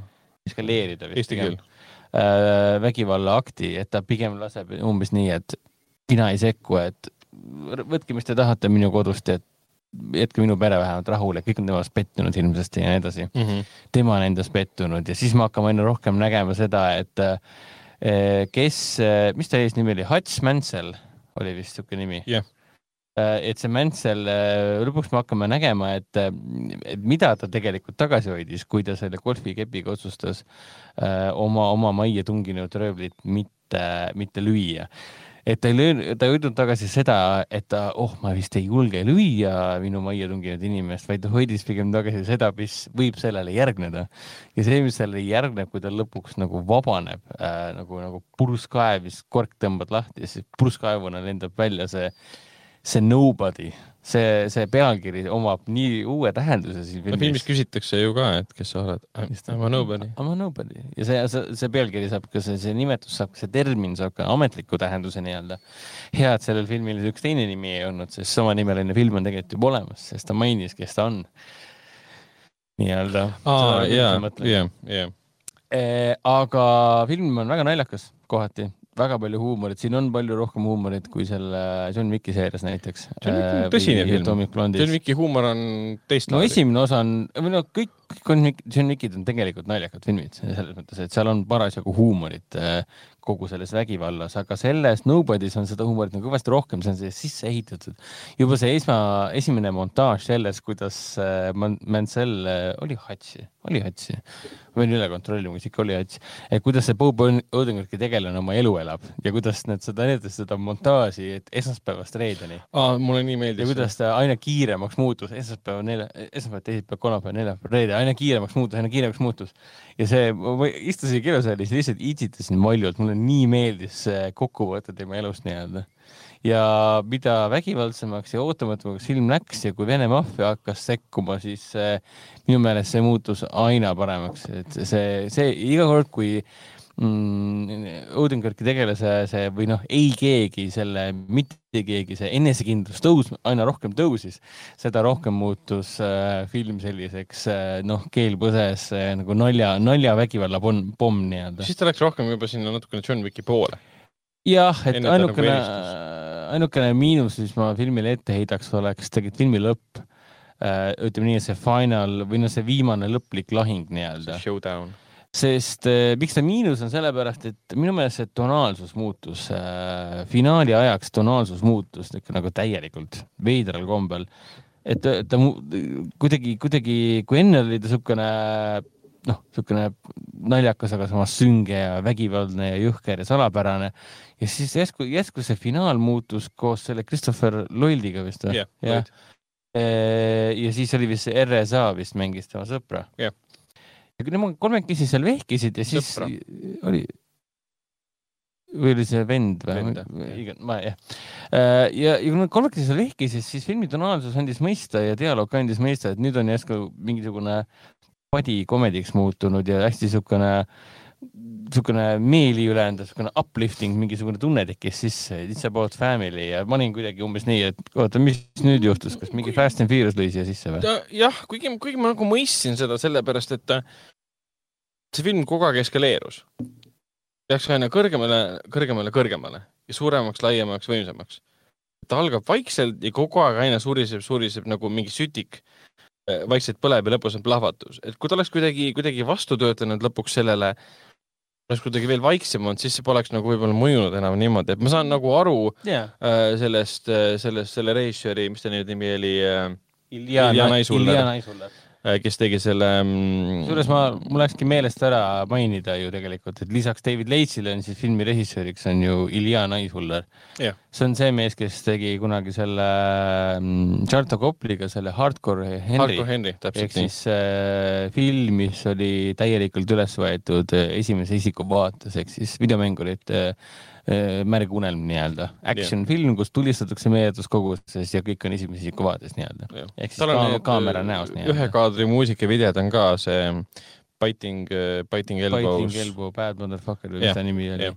pluss Ilja Naishuller on ju seda väga kuulsat, kuulsale bändile Leningrad ah,, yeah. Venemaa bänd, Vene bänd, Leningradile muusikavideosid teinud ja kõik tema muusikavideod, mida ta on Leningradil teinud, on totaalselt vaatamisväärsused no Leningradi muusikavideod on üldse kõik vaatamisväärsused, sest kui tahad näha head lühifilmi, siis pane lihtsalt suvel Leningradi muusikavideo tööle ja vaata ja naudi, selles mm. suhtes äh,. aga ja Ilja Naishuller, kelle perekonnanimi on lihtsalt Crazy, perekonnanimi on Naishuller, see on jah, hämmastav lihtsalt.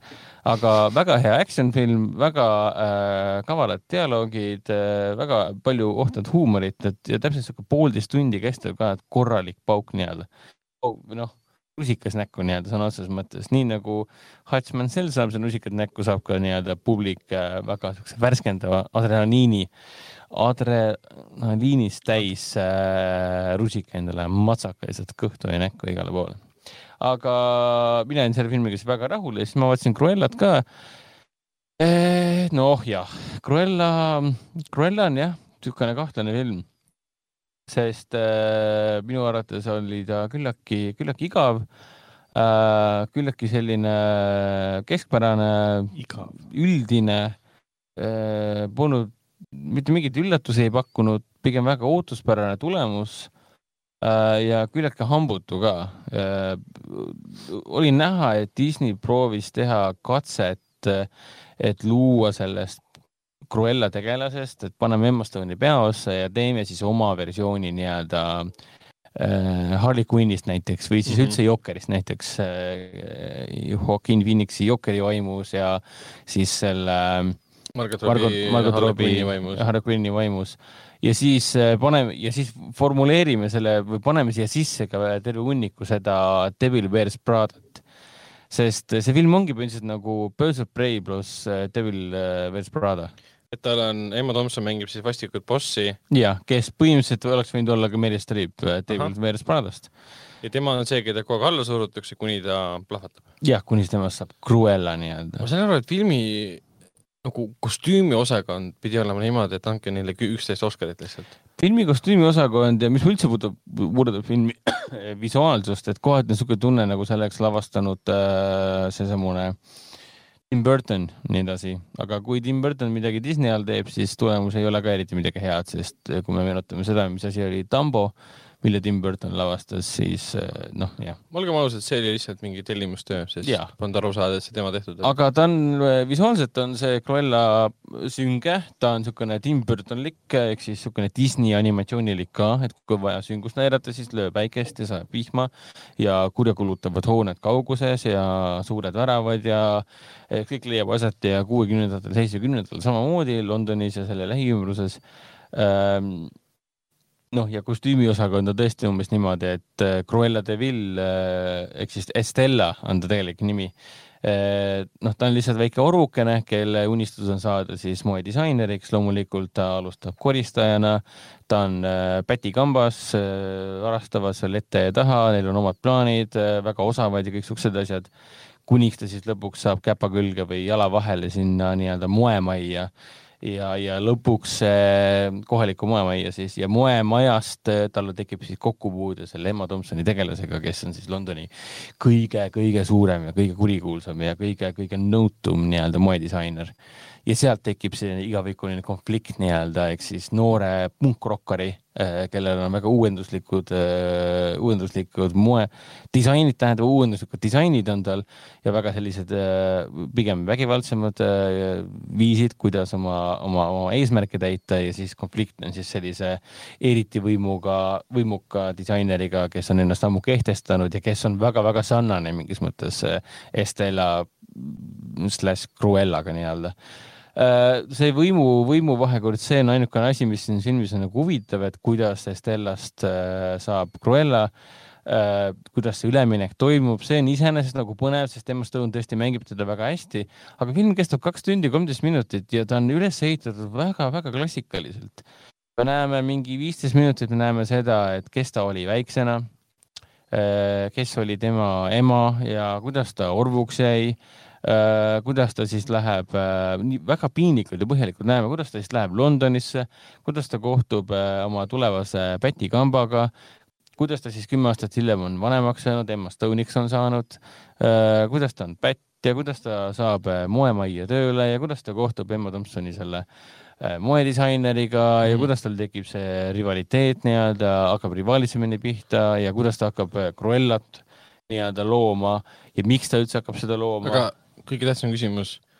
kuidas asjasse esimest korda puutuvad Dalmatia äh, siin nad on siin ära põhjendanud. sa ei pea sellele vastama, selles mõttes kindlasti kuulata on ise teada, aga. ma ei ütle välja, aga, aga see on siin ära põhjendatud tegelikult päris äh, no pigem päris huvitavalt ja andekalt, et sellel on loogiline põhjus, miks tal on pigem negatiivsed emotsioonid, mis puudutavad äh, no. väga, väga, ütleme nii, et väga loogiline põhjus, miks ei. tal on negatiivsed emotsioonid, eriti seoses Dalmatia koertega. ehk siis mitte ainult see, et nagu, nagu Glen Close'i versioonis ma sain aru, et koerad äh, koera nahk ja, ja, ja karvastik oli see, mille pärast ta tahtis endale neid, et mingeid rõivaid teha yeah. ja, ja ta vihkas neid koeri, sest nad, ma ei tea, lükkasid kuskile muda sisse. jah yeah no täpselt. et siin on, no ma saan aru, parem põhjendus. siin on antud väga niisugune emotsionaalne ja, ja, ja pigem selline noh, psühholoogiline põhjendus pigem mm. -hmm aga kas sa näed, et pärast seda filmi nad teevad siis nagu nii-öelda uue nägemuse siis esimesest saja ühest Dalmatia koerast ja teisest? no ma ei ütle midagi, aga ütleme nii, et pärast esimesi algustiitreid ehk siis need värvilised algustiitrid, nagu ma neid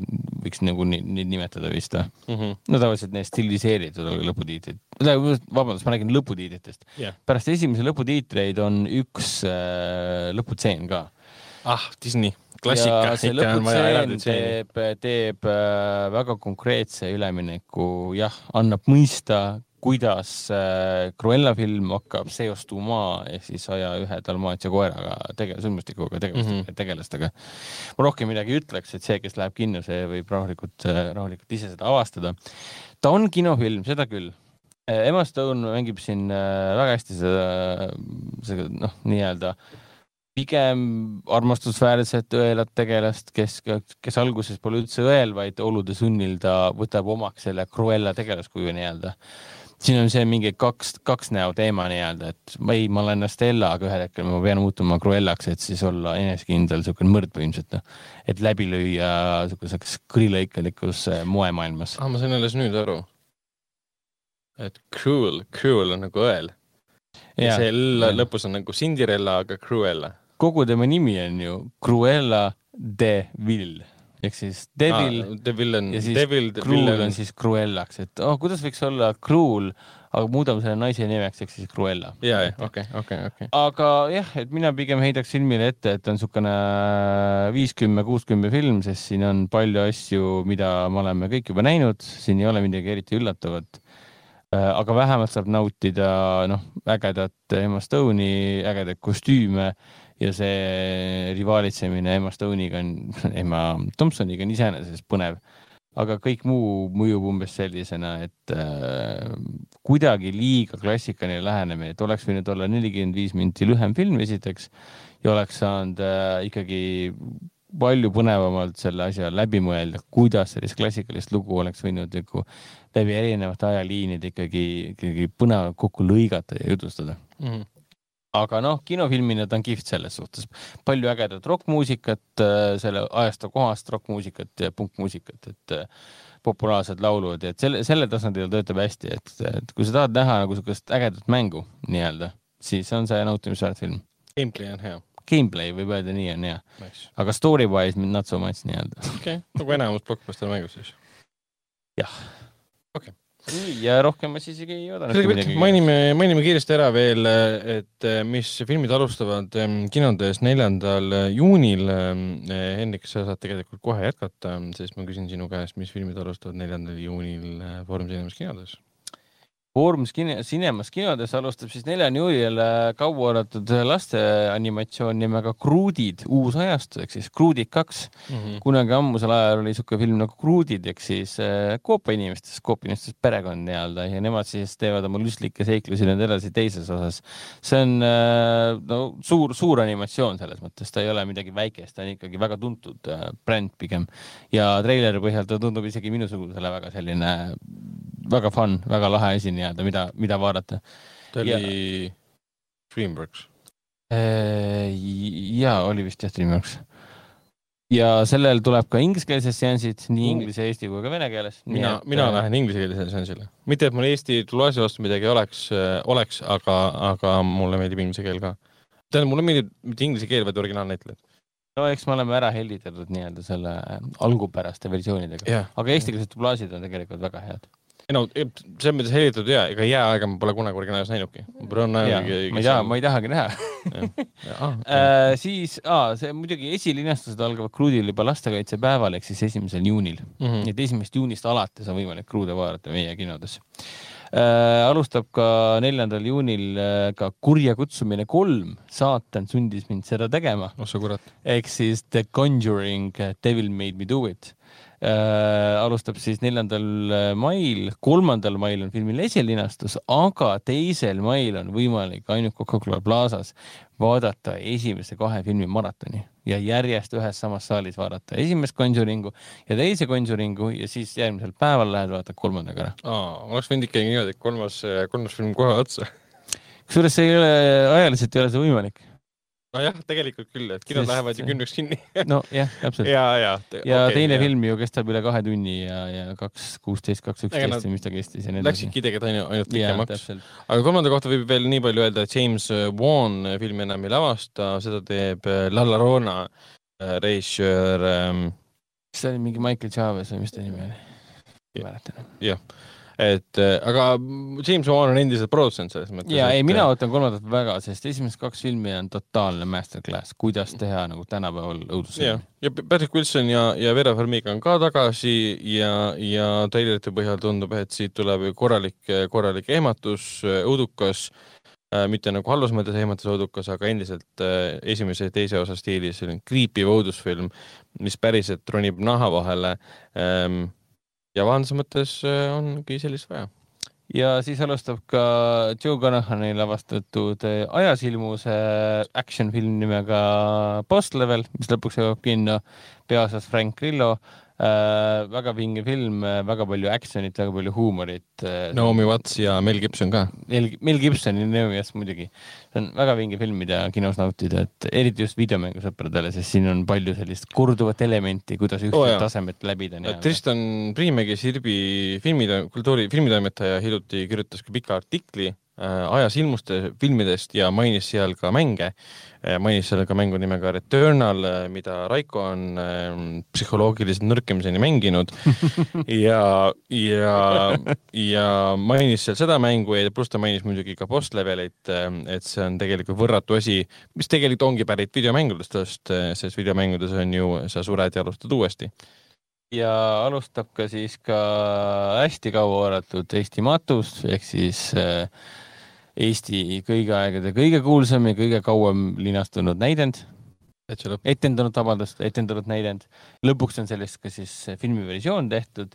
Äh, esilinastused algavad teisest juunist ja, ja muidugi tuleb mainida ka seda, et filmi ees linastub ka siis Andrus Kivirähki äh, lühilool valminud äh, animatsioon äh, Kaka ja Kevad. ehk siis kõikide Eesti matuste seansside ees on siis Kivirähki, no Kivirähki kombo nii-öelda siis yeah.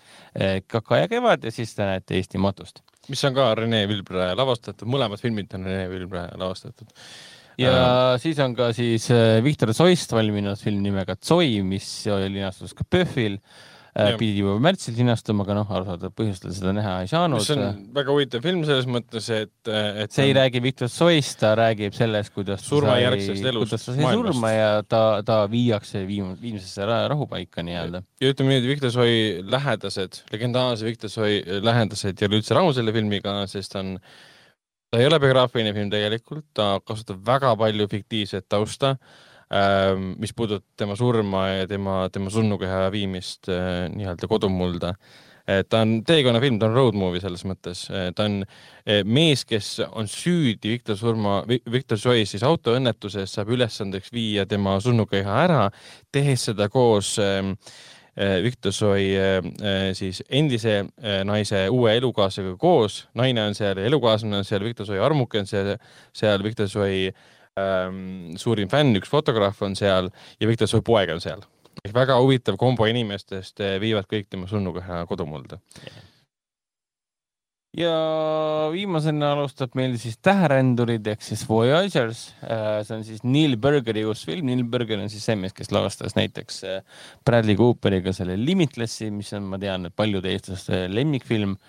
Äh, pikka aega olnud, selle põhjal tehti vahepeal seriaal, mida ma näinud ei ole tegemist on siis ulmefilmiga, mille peaasjades on siis Colin Farrell, äh, Johnny Deppi tütar Lily Rose Depp, äh, Tai Sheridan, kes ei tea, kes ta on, siis ta kõige populaarsem film on tõenäoliselt Ready Player One. kes Lily Rose Deppi ema on? ma ei tea kuulsust eraeludest nii palju. mitte Amber Heard ära jama nüüd uh,. Okay, äkki see Vanessa Paradise või? võimalik. no nii palju ma tean Äh, sa väidad, et sa ei tea, aga ja siin mängib ka Fionn Whitehead, kes oli peategelane ju Christopher Nolani Dunkirkis. jah, täpselt nii.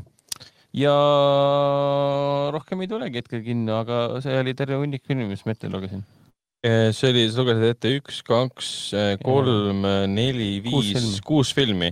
Artises alustab üks, kaks, kolm, kolm filmi siin poole nädala pealt tuleb üks film veel juurde. Troy samamoodi alustab meil, meil on esimene linastus, esimesed kaks linastust on filmil juba kolmandal juunil. see on siis neljapäeval, üks on hommikune seanss, üks on õhtune seanss ja samamoodi meil alustab siis Eesti matus koos Kaka ja Kevadega. esimesed seansid on siis teise mai vabandust, teise juuni õhtust. lisaks sellele meil on kaks hoopis teistsugust filmi, üheks neist on Üle piiri, The Crossing Norra, Norra, seda, ta on Norra lastefilm tegelikult, aga kui sa loed sünopsist ja vaatad treilerit, see tundub väga tõsine film olevat. film põhineb siis Maia Lunde samanimelisel raamatul Üle piiri või The Crossing. ta võitis siis siin hiljuti just oli üle-eelmine nädal oli siis ähm, EFI teade ka Euroopa Filmiakadeemia noore publiku auhinna. miks ta on tõsisel teemal, on sellepärast, et see on lastefilm, see on, see on perefilm, et tulge perega vaatama. aga lugu leiab aset neljakümne teise aasta Norras, äh, kus siis äh, kus siis äh, Gerda ja Otto, kümneaastane õde, õde ja vend siis, no vend on natuke vanem, siis ähm, leiavad oma keldrist äh, juudi rahvusest eh, Sara ja Danieli ja aitavad neil siis eh, põgeneda, põgeneda Rootsi läbi lumiste metsade, samal ajal kui eh, riukalikud ja, ja kohutavad natsid neid jälitavad. see on lastefilmi sisu ja see nimetati Euroopa, Euroopa parimaks noore publiku poolt siis nagu filmiks ka. ja see on tegelikult väga tugev film, see on väga, see on väga huvitav asi, millest lastefilmi teha, mida perega vaatama minna ja mida noored võiksid vaadata selle koha pealt, et ta on äh, ajaloolisel taustal, ta on, ta on natsidest, ta on sõja ajal, ta on Norras ja see on lapsed, kes põgenevad, et see on nagu justkui teekonnafilm ka, aga ei pea kartma, et ta oleks nagu väga tõsine film, et lapsed ehmatavad ära, siin ei ole mingit eristamist, siin ei ole mingit ähm, noh, siin on natsid selles mõttes, et see, see on nagu võib-olla äh, mitte kõige parem asi, aga okei okay,, vabandust, ma võtan sõnad tagasi, mitte selles mõttes natsid ei olegi väga head asjad mõtlesin, või, võib-olla kõige paremad asjad. aga see film, väga põnev film tegelikult ja kindlasti soovitan noore publikuga tulla, eriti nagu kasvõi, kasvõi võtame hariduslikul, hariduslikul äh, eesmärgil. et äh, kui, kui täpselt me näeme nagu lastefilme nagu me ikka näeme, siis antud juhul see on ikkagi, ikkagi reaalsetel, reaalsetel sündmustel põhinev film väga karmist peatükist Euroopa ajaloos ja, ja lisaks äh, siin kaheksandal, äh, see on siis neli päeva hiljem reedest, äh, neljandast juunist alustab Kunda.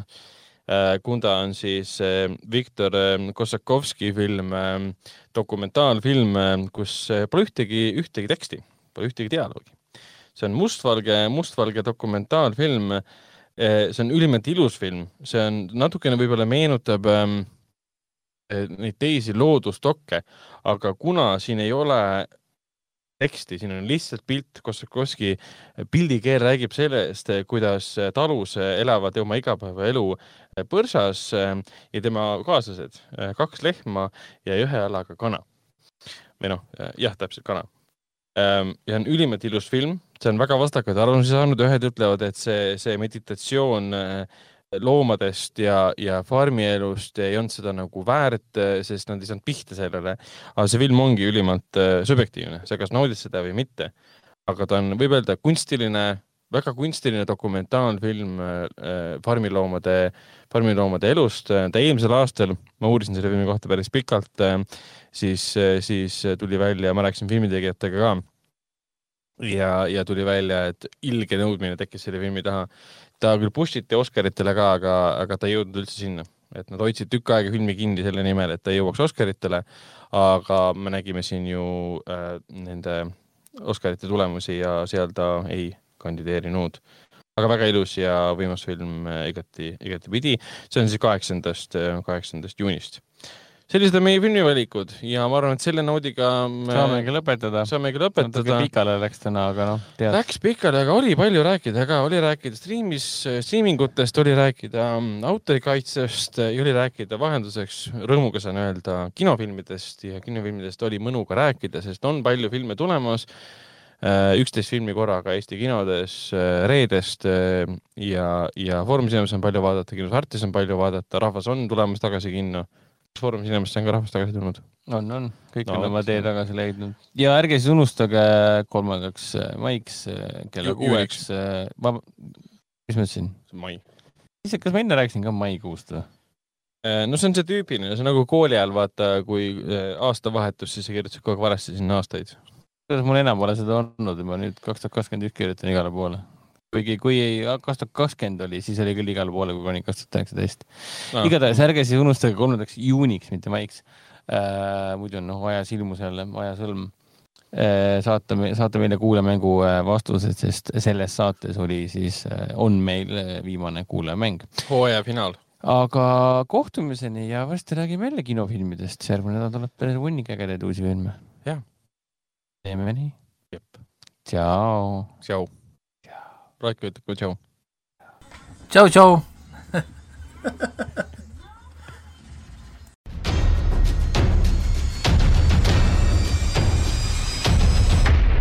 kinoveebi Jututuba podcasti toob teieni Foorum Cinemas